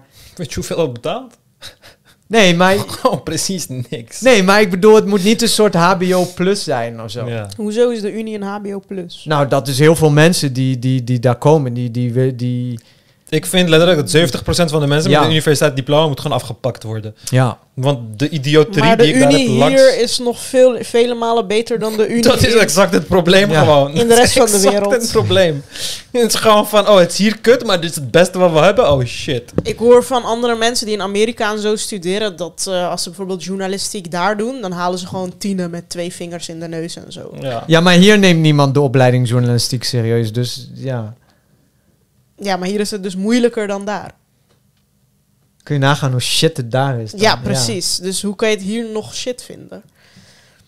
Ja. Ja, maar nee, maar de, kijk, het is niet dat er heel veel kwaliteit wordt geleverd of zo. Van, kijk, iedere Mongool kan een academisch eh, diploma halen. Want wat zegt zo'n diploma van een school? Of het is echt gewoon dat je eh, discipline hebt en bereid was Je instructies opvolgen. Ja, dat is wat het zegt. Het zegt niet dat jij slim bent of zo. ja. Kijk, je hebt wel eens mensen die... ehm, stel je hebt huiswer met huiswerkbegeleiding het VWO gehaald. Mhm. Dan is jouw niveau is niet VWO, dan is het HAVO. Ja, Ja. Maar, huh, maar je hebt toch gewoon die toets gehaald? ja met Met, huiswerkbegeleiding. met hulp. Ja, maar je hebt het uite- uiteindelijk heb je het toch begrepen, blijkbaar. Ja, maar dat- je staat Met gelijk, hulp. je staat Ja. gelijk aan iemand die zonder huiswerkbegeleiding die HAVO zou doen. Ja. Dan heeft hij het sneller, eh, iets langzamer begrepen. Kijk, het is ja. net zoals jij een... Nee, je hebt gewoon hulp gekregen. Is Ja. gewoon een cheat eigenlijk, uiteindelijk. Ja, maar Stel die je hulp doet gaat een niet die spel. toets voor je maken. Nee, maar stel, stel wij gaan eh, een spel doen waar een bepaalde vaardigheid is vereist. Mhm. Bijvoorbeeld Stratego. Oké, Stratego? Ja. Maar iemand vertelt mij waar jij je stukken hebt staan. En ik Ja. win. Heb ik dan gewonnen of niet? Heb ik dan Nee, zelfstandig dan gewonnen, van jou? Nee, maar dat Nee, maar als je dus- met een toets. Jawel, als je huiswerkbegeleiding hebt, is het precies hetzelfde. Het hele punt is dat als VWO... Een, een, een, een, een opleiding hoort iets te zeggen. Dus als jij VWO hebt, moet dat over jou zeggen dat jij dat niveau hebt. Maar als jij hulp nodig had, Mhm. dan had jij dat niveau niet. Dan was je HAVO. Of misschien wel MAVO. VWO Maar er zijn ook mensen die, ook al gooi je er 10 uur per week hulp tegenaan, ze, Ja. ze halen nog steeds MAVO. Dan is MAVO hun Ja. niveau. Ja, precies. Ja. Dus als jij het op, uiteindelijk wel begrijpt en wel die toets kan maken, dan ben jij gewoon VWO, maar je Ja, begrijpt maar je kan geen hulp. VWO zijn wanneer je die, die hulp hebt gebruikt. Hoezo Omdat, niet? omdat je kan dan alleen VWO zijn als iedereen diezelfde hulp zou gebruiken. ja, Want dat is wat je, je gebruikt. leraar, Ja. zeg maar. Ja. Maar als je extra hulp nodig hebt... Want die hulp heb je ook niet... eh, jij Kijk, kan je- bij je mij kan, komen... Je kan het bekijken in de Ja. vorm van IQ-testen. We geven iedereen een IQ-test, oké? En jij scoort 120 op je IQ-test. Maar wanneer je IQ-test training krijgt, daarvoor Ja. betaalt... en een IQ-test training krijgt, Ja. dan scoor je 125. Je IQ is gewoon 120. Maar weet je wel hoeveel Ja. mensen van VMBO B naar Unie gaan of zo? Of Ja, VMBO K ja naar en dat Unie? bewijst inderdaad dat iedereen die VMBO Ja. B kan doen, ook Unie kan doen in principe. Nee, Ja. je, je, Want dat is ook maar je altijd... doet er mijn- gewoon langer over. Ja, maar nee, maar Ja. dat is ook altijd mijn, mijn, ehm, mijn bezwaar bij het discussie onder advisering. Kijk, misschien was dat wel gewoon hun niveau en hebben ze er gewoon heel veel tijd in gestoken om wel op de universiteit te komen. Ja, maar uiteindelijk halen ze hun toetsen. Ja, maar, ja, Ja, maar het gaat, het gaat niet, al- kijk, het gaat niet alleen of je de toetsen haalt. Tuurlijk wel. Het gaat om ook Kijk, hoe ik je kan, ze je- haalt. ik kan je een omgekeerde voorbeeld geven. Ik ben bovengemiddeld intelligent. Oké? Ik heb heel vaak ene voor toetsen gehaald, Mhm. Ja. omdat ik gewoon niet heb geleerd. Ja. Ben ik dan dom? Ik ben slimmer dan iedereen in die klas. Je hoeft niet dom te zijn, maar, Ja, maar- je hebt niet je best gedaan. Ja, maar volgens die toets... geen VWO. Maar volgens die toets heb ik die niveau niet. Ja, Maar ik Ja. heb die niveau wel. Ja oké, maar je doet er niks mee. Wat heb je Ja, daaraan? ja dus, dus Als jij een Ferrari in de garage hebt, maar je rijdt hem niet, wat heb ik daaraan? Ja, maar precies. Dus je kan, Ja. dus je kan heel makkelijk gewoon VMB eh, je normale pad kan naar VMBOT gaan. Maar als je ietsje meer je best doet, dan kun je Ja. gewoon HAVO doen. Ja, tuurlijk. en daarna wordt VWO toch makkelijker. en daarna wordt eh, Unie makkelijker. En het hangt er ook vanaf wat je doet. Kijk, er zijn heel weinig mensen die bij VMBO B beginnen en dan een hele technische opleiding aan de universiteit afronden. ja, meestal heel zijn weinig het echt, mensen. echt van die sociale studies, zeg Precies. maar. Die, Gewoon simpele Ja. dingen. Maar, Maar die hebben we ook nodig. Nou, Oh maar ja, niemand- 100%. Ja, maar, als je vanuit VMBO B, bijvoorbeeld natuurkunde, scheikunde, biologie, wiskunde B op VWO-niveau, dat daar gaat veel daar, zou ik, daar zou ik van onder de indruk zijn. Daar- dat ja. gaat veel minder Ja. mensen lukken, want dat is daadwerkelijke talenten in je hersenen en zo, weet Ja. je. Maar gewoon instructies opvolgen en leer dit en ga vervolgens Ja. eh, vragen erover beantwoorden, dat kan iedereen. Nou, jij Als je een. IQ van 100 Jij kan, kan je dat gewoon. Waarom kan ik dat niet? Jij wilt er geen de tijd in steken. Ja, precies, Ja, maar dat wil niet zeggen dat ik het niet kan. Ja. Dat wil niet zeggen dat ik het niet kan. Dat is het verschil. Ja, kijk, en, en het punt is ook dat... Kijk, dit is een bepaalde studielast. Stel, jouw studielast is, eh, ehm, is ingeschaald 20 uur per week, noem maar wat. Mhm. Maar jij stopt er 40 in? Ja, dan ben jij niet dat niveau. Ja. Oh ja. ja. Het idee is dat gewoon... Maar zo hebben we die systemen niet opgesteld. Als jij je Jawel, toetsen zo haalt, zijn ze exact opgesteld. Er is heel exact gespecificeerd wat een ECTS inhoudt. En hoeveel maar uur... niemand dat- checkt hoeveel uur jij ergens aan besteedt. Nee, niemand checkt dat. Maar dat is, dat is het stukje eigen verantwoordelijkheid. Kijk, tuurlijk, iedereen heeft de vrijheid om eh 90 uur per week te besteden aan het kunnen voltooien van een academische studie. Maar je, als je die vrijheid hebt, dan is het ook jouw verantwoordelijkheid om zel- jezelf de vraag te stellen van... Goh, als ik hier 90 uur per week aan moet besteden... Is Maar het zo zijn niveau heel veel dan misschien... studenten. Is het niveau... nou, als jij... een- Kijk, luister. Als jij 90 uur of heel veel... Nee, niet 90, maar heel veel studenten eh, doen meer uren aan hun studie dan wat zeg maar in het dingetje staat. Mm. Ja, dan zitten ze op een te hoog niveau. Alleen maar om hun Maar als ouders je het niet... haalt is het toch prima? Ja, maar als je het haalt, lijk je op dezelfde Oké, niveau. nee, maar Als nee. ik die haal Nee, met vijf even. uur werk en zij halen het met 40 uur werk, hebben we allebei een diploma en zijn we op hetzelfde ja, niveau. Nee, maar wacht Dat even. zo. Kijk, Maar wat nee. is daar mis mee? Nee, maar wacht even. Het is prima Ja. als je het met die tijd kan. Het is prima als jij 40 uur per week aan je academische studie zet. Ja. Of 30 uur. Is prima. Om het niveau te kunnen halen. Maar dat niveau gaat op de werkvloer ook van jou worden verwacht. En dan moet je niet dan ook gaan janken van... hé, hey, de werkdruk is te hoog of er wordt te veel gevraagd. Want dat is wat er gebeurt. Mm. Zeg maar. En dus ja, mensen moeten zijn zelf verantwoordelijk in zichzelf Dat af te vragen. het geval. Mensen hebben, meerdere mensen die ik ken hebben dokters meegemaakt die tijdens het consult dingen moesten googlen en zo. Weet je? Ja. Allemaal dat soort dingen. Ja. Dus ja, we, we halen het al. Meer mensen halen het, maar we halen het allemaal met je dus supplementaties, zeg maar. De onderwijsniveau moet je nog moeilijker maken of zo. Nee, we hebben het juist makkelijker Nee. gemaakt omdat we tekort hadden aan die Ja. mensen. Ja. En dus hebben we de kwaliteit van die mensen verlaagd. En dit is Nederland hele- is een van de hoogste onderwijsniveaus op de wereld. ja, en daarom is het ook zo bar slecht. Ja. bar slecht met de wereld eigenlijk. Kijk, niet iedereen kan een genie zijn. Ik, kijk, ik vind niet dat iedereen hoger onderwijs hoeft eh, te hebben. Kijk, als het gaat maar om... we in- hebben blijkbaar een tekort aan ze en daarom hebben we het een niveau van. Waar hebben we een tekort aan, zeg Dat zegt maar? hij net. Nee, we hadden. Ja, we dat was, hadden vro- dat was vroeger, Ja. zeg maar. Kijk, vroeger wilden ze ook... Kijk, vroeger wa- waren ook de carrièrepaden... die waren veel minder soepel. dan dan- kunnen we het toch nu vermoeilijken. Kijk, waar ik denk dat... Waar wat, voor, me- wat ik denk dat de kern van het probleem is... is dat we veel te weinig aandacht besteden... eh, aan beoordelen van... hey, zit ik op het juiste niveau? Of ook tegen mensen zeggen van... jij bent niet dit niveau. De meeste mensen die, die, die ik op de universiteit tegenkom... dat zijn geen mensen die, die, waarvan ik vind... dat die op een academische, in een academische omgeving thuis zijn. Wat je zei, 70, wat zei je, 70 procent is Ja. dom. Ja, Ik ook. Ik zag, ik zag lezingen van Islamitische Stichting Amsterdam op de VU van hoe kun je trouwen combineren met studeren. of Ja, le- ik ja. ook, ja, wat doen jullie hier? Maar Er ja. lopen daar letterlijk vrouwen rond die zeggen van... ja, als ik klaar ben te studeren, word ik huisvrouw. Ja, Ja, uphoud you. Maar ik bedoel, maar ja. het is die- niet die- de die- cognitieve elite, zeg maar. Dat is wat, Nee, een, wat het niet. academisch instituut zou moeten zijn. De cognitieve elite. En, maar wij willen niet zeggen tegen mensen van... luister... Jij, zat op, jij, jij, jij zit op een te hoog niveau. Nee, prima dat jij letterlijk eh 40 uur per week eh, besteedt om eh, van VMBO-kader naar VWO te komen. En dan nog in, in een schakelklas en dan nog een mentorklas en dan nog een Ja. huiswerkbegeleiding om uiteindelijk op de universiteit te komen. Dat is een beetje alsof jij gewoon iemand aan life support hebt hangen. Zeg Ja. maar, die is eigenlijk gewoon dood. Maar dat doen al die mensen die rijk zijn met eh, witte kindertjes. Ja, die hebben het geld daarvoor om Ja, precies. Dan ga je Ja. meestal een opleiding als rechten en zo doen. Want die, dat Ja. kan iedereen. Kijk, er zijn, ja, er zijn Ja, opleidingen. hoef je helemaal niks voor te kennen. Waar je niet slim- geen wiskunde, slim geen natuurkunde, geen Ja. scheikunde, helemaal niks. Ik heb ook heel lang eh, huiswerkbegeleiding gegeven aan huizen.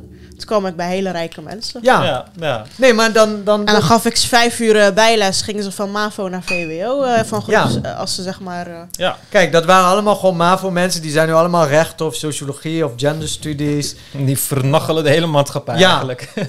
Kijk, de, ja, ja, dat zijn zeg maar die boomers. zeg maar.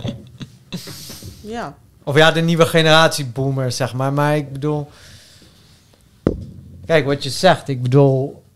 Wie kan er een, een informatica afronden of biogenetica of Ja, dat is- artificial Dat intelligence is een of veel wiskunde of kleinere groep. natuurkunde of astronomie. Eh, maar is dat niet gewoon of je alfa of beta bent? Nou, het is of je daadwerkelijke dingen leert, waardoor jij iets kan. Kijk, als je. Je hebt rechten gestudeerd, toch? Mhm. Wat kan je? Meester in de rechten worden. Ja, maar wat kan je? Wat zijn je talenten, wat je kan? Ehm, ja, de wet interpreteren of zo. Ja, dus eigenlijk is er gewoon een boek en je weet een beetje wat er in dat boek ongeveer vaagjes staat. ja, en dat je weten weet heel hoe... veel mensen niet. Dus Ja, ja, precies. Maar wanneer je de wiskunde hebt geleerd, wat kun je nu opeens? je kan kansen berekenen. Je kan in je hoofd, kan, eh, in je hoofd kun je dingen doen, kun je hele abstracte dingen Ja. doen die andere mensen niet kunnen. Scheikunde, Ja. wat kan je opeens? Je weet waar letterlijk elk stof van de wereld uit bestaat. Wat de Ja. basisbestanddelen van het leven zijn. En daar kun je weer hetzelfde, type abstracties mee maken als met wiskunde. En dan Ja. zeg maar allemaal nieuwe dingen verzinnen. Ja. Jullie Ja. doen alsof de enige wetenschap die ertoe doet beta-wetenschappen zijn. Nee, het is niet dat Nee, het- maar dat niemand is, zegt maar- dat het er niet toe doet. Kijk, rechten is een belangrijke studie. Een hele Ja, belangrijke Dat is een wereld 100%. zonder Maar- advocaten en Ja, rechters. Ja, maar- maar, je bent niet bijster intelligent als jij rechten Ja. hebt gestudeerd. Ja. Of Maar sociologie wat of is wat dan ook. intelligent? Alsof beta equals intelligent. Ja, Ja. over het algemeen zijn de beta-wetenschappen hebben een veel Ja. hogere dat. intelligentie. Dat is zo. Noem eens, noem, eens, noem eens slimme mensen die we kennen als heel erg slim, die niet in de wetenschap zaten, uit de Eh, geschiedenis. kijken, die niet in de wetenschap zaten. Filosofen? Spinoza? Ja, dat, maar dat, nee, maar dat zijn de, is eigenlijk een is, vorm is de van, eh, voorloper van de Van moderne wetenschap. Ja. Oh. ja, je kent precies niemand van, oh, een hele slimme advocaat van vroeger of zo, ken je niet. Nee. Ik ken helemaal niemand. Iedereen die je kent, Kijk, de wereld enige voorbeelden die niet uit de wetenschap komen, dat zijn bijvoorbeeld regisseurs Ja. of kunstenaars. Of, Ja. Maar het zijn geen mensen die in de rechten zaten Ja. of de sociologie of, of wat dan ook, weet je. Dat is gewoon... Kijk, niet... Kijk, niemand ontkent zeg maar, het belang van die studies, want anders hadden ze niet bestaan. Dat er Oh, advocaten ja. zijn is belangrijk, dat historici zijn is belangrijk. Ja. Ehm, Alsof Maar- Maarten van Rossum niet slim is, omdat hij historicus is. ja, maar Maarten, kijk, Maarten, dat, nee, maar het is niet zo dat je niet slim bent als je historicus bent. Kijk, Maarten van Rossum, dat, dat, in ieder geval verbaal is die heel sterk. Ik denk dat ik Maarten Ro- van Rossum wel dom kan laten lijken hoor. Dat lijkt me niet zo heel, heel lastig als hij niet heel veel verstand heeft van natuurkunde, scheikunde, biologie, allemaal dat soort dingen. Want dat is de wereld, hè? Ja. Alle andere dingen zijn verzonnen systemen die het constant veranderen. Maar biologie, natuurkunde, wiskunde verandert nooit. Het zal nooit Ja. veranderen. Het zal ten alle tijden gewoon En om dat, te kunnen, om dat te kunnen doorgronden en begrijpen. Kijk, basisniveau, als je zeg maar bijvoorbeeld wiskunde hebt, je zegt eh, ja. ehm, kijk, wiskunde is eigenlijk gewoon een reeks logische beweringen. Mm. Ja. Dus als je zegt tegen, tegen iemand, oké, x is 2 en eh, y is eh, y is Ja. 3. wat is eh, x eh, vermenigvuldigd met y is 6. Mhm. Kijk, dat kan iedereen nog wel begrijpen. Maar hoe verder je wiskunde in gaat, en scheikunde idem dito, na- natuurkunde ook. En IT, eh, in essentie ook. eh, dat wordt een veel langere reeks logische statements die veel complex is, die eh, veel meer afhankelijkheden in elkaar hebben, verbanden. Eh, is echte, echte genius, zeg maar. Mensen die Ja. hogere scheikunde hebben, kunnen dingen in hun hoofd die wij voor onmogelijk, die Ja. wij ons niet eens kunnen voorstellen, als het ware. Ja. Dat zijn genieën, daar komen ze niet en dan ben je in A. Maar iemand die sociologie of weet ik veel recht heeft gestudeerd, waar ga je mee komen precies wat het mij versteld gaat doen staan? Die vult hem- misschien ja. een manier om met die paar enquêtes, zeg maar. ja. Ja. misschien een manier om geld te besparen of zo voor het bedrijf. Misschien belastingontduiking of Wij zo. gaan alle Is drie naar de wetenschap. psycholoog. Is wetenschap. Nee, ik Ja, heb ook niet van mijn psycholoog dat die... Ja, maar de basis van psychologie ligt in de wetenschap. Psych- Ja. Psychologie geldt als een wetenschap. Ja, maar ik ben ook niet, denk ook niet dat je bijster slim moet zijn. Nee, absoluut niet. Maar als je de, be- de beginselen, als je de pilaren van, eh, van psychologie wilt vormen en wilt veranderen, dan zit je naar de neurowetenschappen te kijken en zit je in de wetenschap. En dat is toch Ja. weer een beta-wetenschap. Ja, maar daar heb je geen eh, natuurkunde, wiskunde of scheikunde. Oh, Voor jawel. Je hebt alleen statistiek. Oh, voor psychologie zelf, ja, ja, ja. ja maar Dan psychologie is, is, is ook een soort van verwatering van eh, neuroscience in principe. Het is een soort sociologie. Er was zelfs ooit een onderzoek dat 70% wat je leert bij psychologie onzin is. Oh ja, 100%, want het is niet, het is niet koude, koude wetenschap. Nee, maar dat is, psychologie is niet in die zin meetbaar. Kijk, neurologie is meetbaar. Als, als iets neurologisch Psychologie is. constant blijven Ja. veranderen. Terwijl dat voor natuurkunde, weet je, force is mass equals acceleration, zal voor altijd hetzelfde Kijk, en blijven. psychologie is natuurlijk ook heel erg cultureel. Bijvoorbeeld dingen als nymphomanie of homoseksualiteit. Dat, dat werd vroeger gewoon geacht van dat zijn stoornissen. En nu, Mhm. en nu Ja, denken we daar niet meer zo achter. Maar dat heeft niet zozeer wetenschappelijke redenen, maar meer culturele redenen. Mhm. Ehm, dus, maar die, die beta-wetenschappen, ja, dat zijn gewoon, het vergt veel van, van je. Mhm. Dat, is heel, dat kun je niet echt aanleren, denk ik. Nee, als je het niet kan, kan je niet. Kijk, Ja. sommige mensen die hebben bijvoorbeeld, eh, kijk, ik werk dan wel eens met mensen die komen niet uit IT-sector, maar dan, dan willen ze IT ingaan. eh, Maar stel je kan geen wiskunde, maar je kan tien talen leren. Ben je dan dom? Ik kan, ik kan geen wiskunde. Ik ben heel slecht. Ik, tenminste, ik kan wiskunde, maar ik ben heel slecht in wiskunde. dat Enorm slecht in de wiskunde. Hè, maar Wiskunde is ook beta, toch? Ja, maar ik, in de zin ook van dat ik... Ik had... Tenminste, kijk, ik heb wiskunde nooit mezelf geleerd. Ja. En ik heb VWO maar tot de derde klas gedaan. En vervolgens ben ik twee keer van school gestuurd. Heb ik VMT-diploma geda- gedaan. Heb ik een colloquium doctum gedaan. Toen moest ik v- eh, VWO, eh, wiskunde op VWO-niveau, wiskunde B doen. En ik had daar enorm veel moeite mee. Uiteindelijk wel gehaald. En drie weken later weer vergeten. Nergens voor gebruikt. Ja. Want Maar ja... dan kun je volgens je eigen theorie nooit slim zijn. Je hebt al moeite met wiskunde Oh op nee, maar ik ben, ik ben ontzettend goed. Ik kan fucking genetic sequences in mijn hoofd vormen en bijna een simulatie vormen van wat het tegenovergestelde. Ja, maar dat hoef ik ook niet. Heel veel natuur, of ja, natuurlijk heel veel biologen kunnen geen wiskunde. Je hoeft ze niet allemaal te kennen, Mm. maar het zijn gewoon knobbels die je hebt. Niet Ja. iedereen die natuurkunde kent, kent scheikunde en wiskunde en allemaal dat soort dingen. Tenminste, ik kan wel meer wiskunde dan waarschijnlijk 80% van de wereldpopulatie. En van Nederland waarschijnlijk. Maar echt op niveau. Ik heb bijvoorbeeld vrienden die wiskundigen zijn. En ja, zij vertellen dingen waarbij ik denk van... hoe de fuck doe je dat in je hoofd? Want ik, ik volg het allemaal niet meer. En dan voel ik me dom inderdaad. Want ik ben Ja. op dat vlak ben ik ook dom. Mhm. Ja. Kijk, en, en betreffende die talen, kijk, tien talen leren is niet zo bijzonder. Mhm. Is letterlijk niet bijzonder. Ik bedoel, Sigrid Kaag kan er zes. Ja, maar Sigrid Kaag is ook niet bijzonder. Dus Ik heb nooit een taal geleerd. Ik kan er drie, ja. kijk, wat is bijzonder? Ehm, als jij een taal dusdan die niet je moedertaal is, dusdanig eigen kan maken dat je alle nuances en ins en outs kent. En niet alleen de, De ehm, standaard dingen. de standaard dingen en de formele grammatica, maar alle nuances, gezegde, taalstructuren. Oh, maar Eumer kan dat in het eh, Engels. Ja, Hij kan echt vloeiend Engels. Ja. ik wil ook als je zegt van... eh, wat is het verschil tussen TGI Fridays en Chuck E. Cheese bijvoorbeeld? Weet ik ook. Wat is het verschil tussen een Costco shopper en een Walmart shopper? Weet ik bijvoorbeeld ook. En dat zijn die nuances die je dan moet leren om, Ja. een, om een taal je helemaal eigen te maken. En dat is wat Ja. lastiger. Jij denkt zelfs in het Engels. Mhm. Ja, maar tijdens die, dat zag ik bij de vorige aflevering, dan had ik mijn brein zo in mijn handen. En dan in mijn hoofd zeg ik van, at the bottom of the brain we have the cerebellum. En dan ga ik dat vertalen in mijn hoofd. En toen zei ik van, op de bodem van de hersenen. En toen dacht ik van, oh, je klinkt echt als een fucking idioot. maar het is gewoon een directe vertaling van the bottom of the brain, weet je. Dus, eh, ja. Maar ja, jongens, we hebben vier uur en tien minuten opgenomen. Ah, Jeetje, die afleveringen worden alleen maar meer Joe Rogan. Vier uur, ja. Eigenlijk hadden we hem in twee moeten splitten. Ik maar, zit eh, hier al sinds twee uur met jou. Ja. En het is nu kwart Ne- over ja, negen. negen uur, dus Mijn hele uurtjes. dag is Ja. weg. Gaan we hier eten of beneden zo? Je mag eten waar je wil. Je mag ieder waar je wil. Oké, Oké, nou. Ja, eh, bedankt voor het luisteren. bedankt voor het luisteren. Eh, geef een duimpje omhoog, laat een comment achter, laat vragen achter. Join de Telegram chat, join de donateurs Telegram chat als je donateur bent. Je kan doneren of lid worden van die Telegram chat op ikgaleven.backme.org. En till next time. Hoe weten we eigenlijk dat iedereen in de donateurschat gedoneerd heeft? Oh, want ik, stu- hij ik stuur ze- de link uiteindelijk. Oh, het is een geheime link. Ja. Ja, ik had jou wel ge, ge Ze kunnen- toegevoegd. ja, ze kunnen hem wel doorsturen. Dan kan iemand anders lid worden. Maar als ik weet van ik heb in de laatste paar dagen aan niemand een link gestuurd. En Dan, zie ik dat zo en dan ja. gooi ik ze eruit. Ja. En niet proberen, hè, want ik kom er zo achter welke van de donateurs de persoon erin heeft gezet. En dan ja. Dus niet proberen. Laat me geen Sherlock Holmes praktijk. Als donateur heb je toegang tot de premium afleveringen waar je geen melding van krijgt op YouTube. Ja. Het staat alleen op Spotify. Als je er beeld bij wil, kun je hem er een DM sturen. Ja, als je in de Eh, donateursgroep komt, daar staan alle links van alle betaalde afleveringen. Dus, eh, Ja. En eh, ook ver van tevoren krijg je de afleveringen te zien. Vaak een week tot twee weken van tevoren.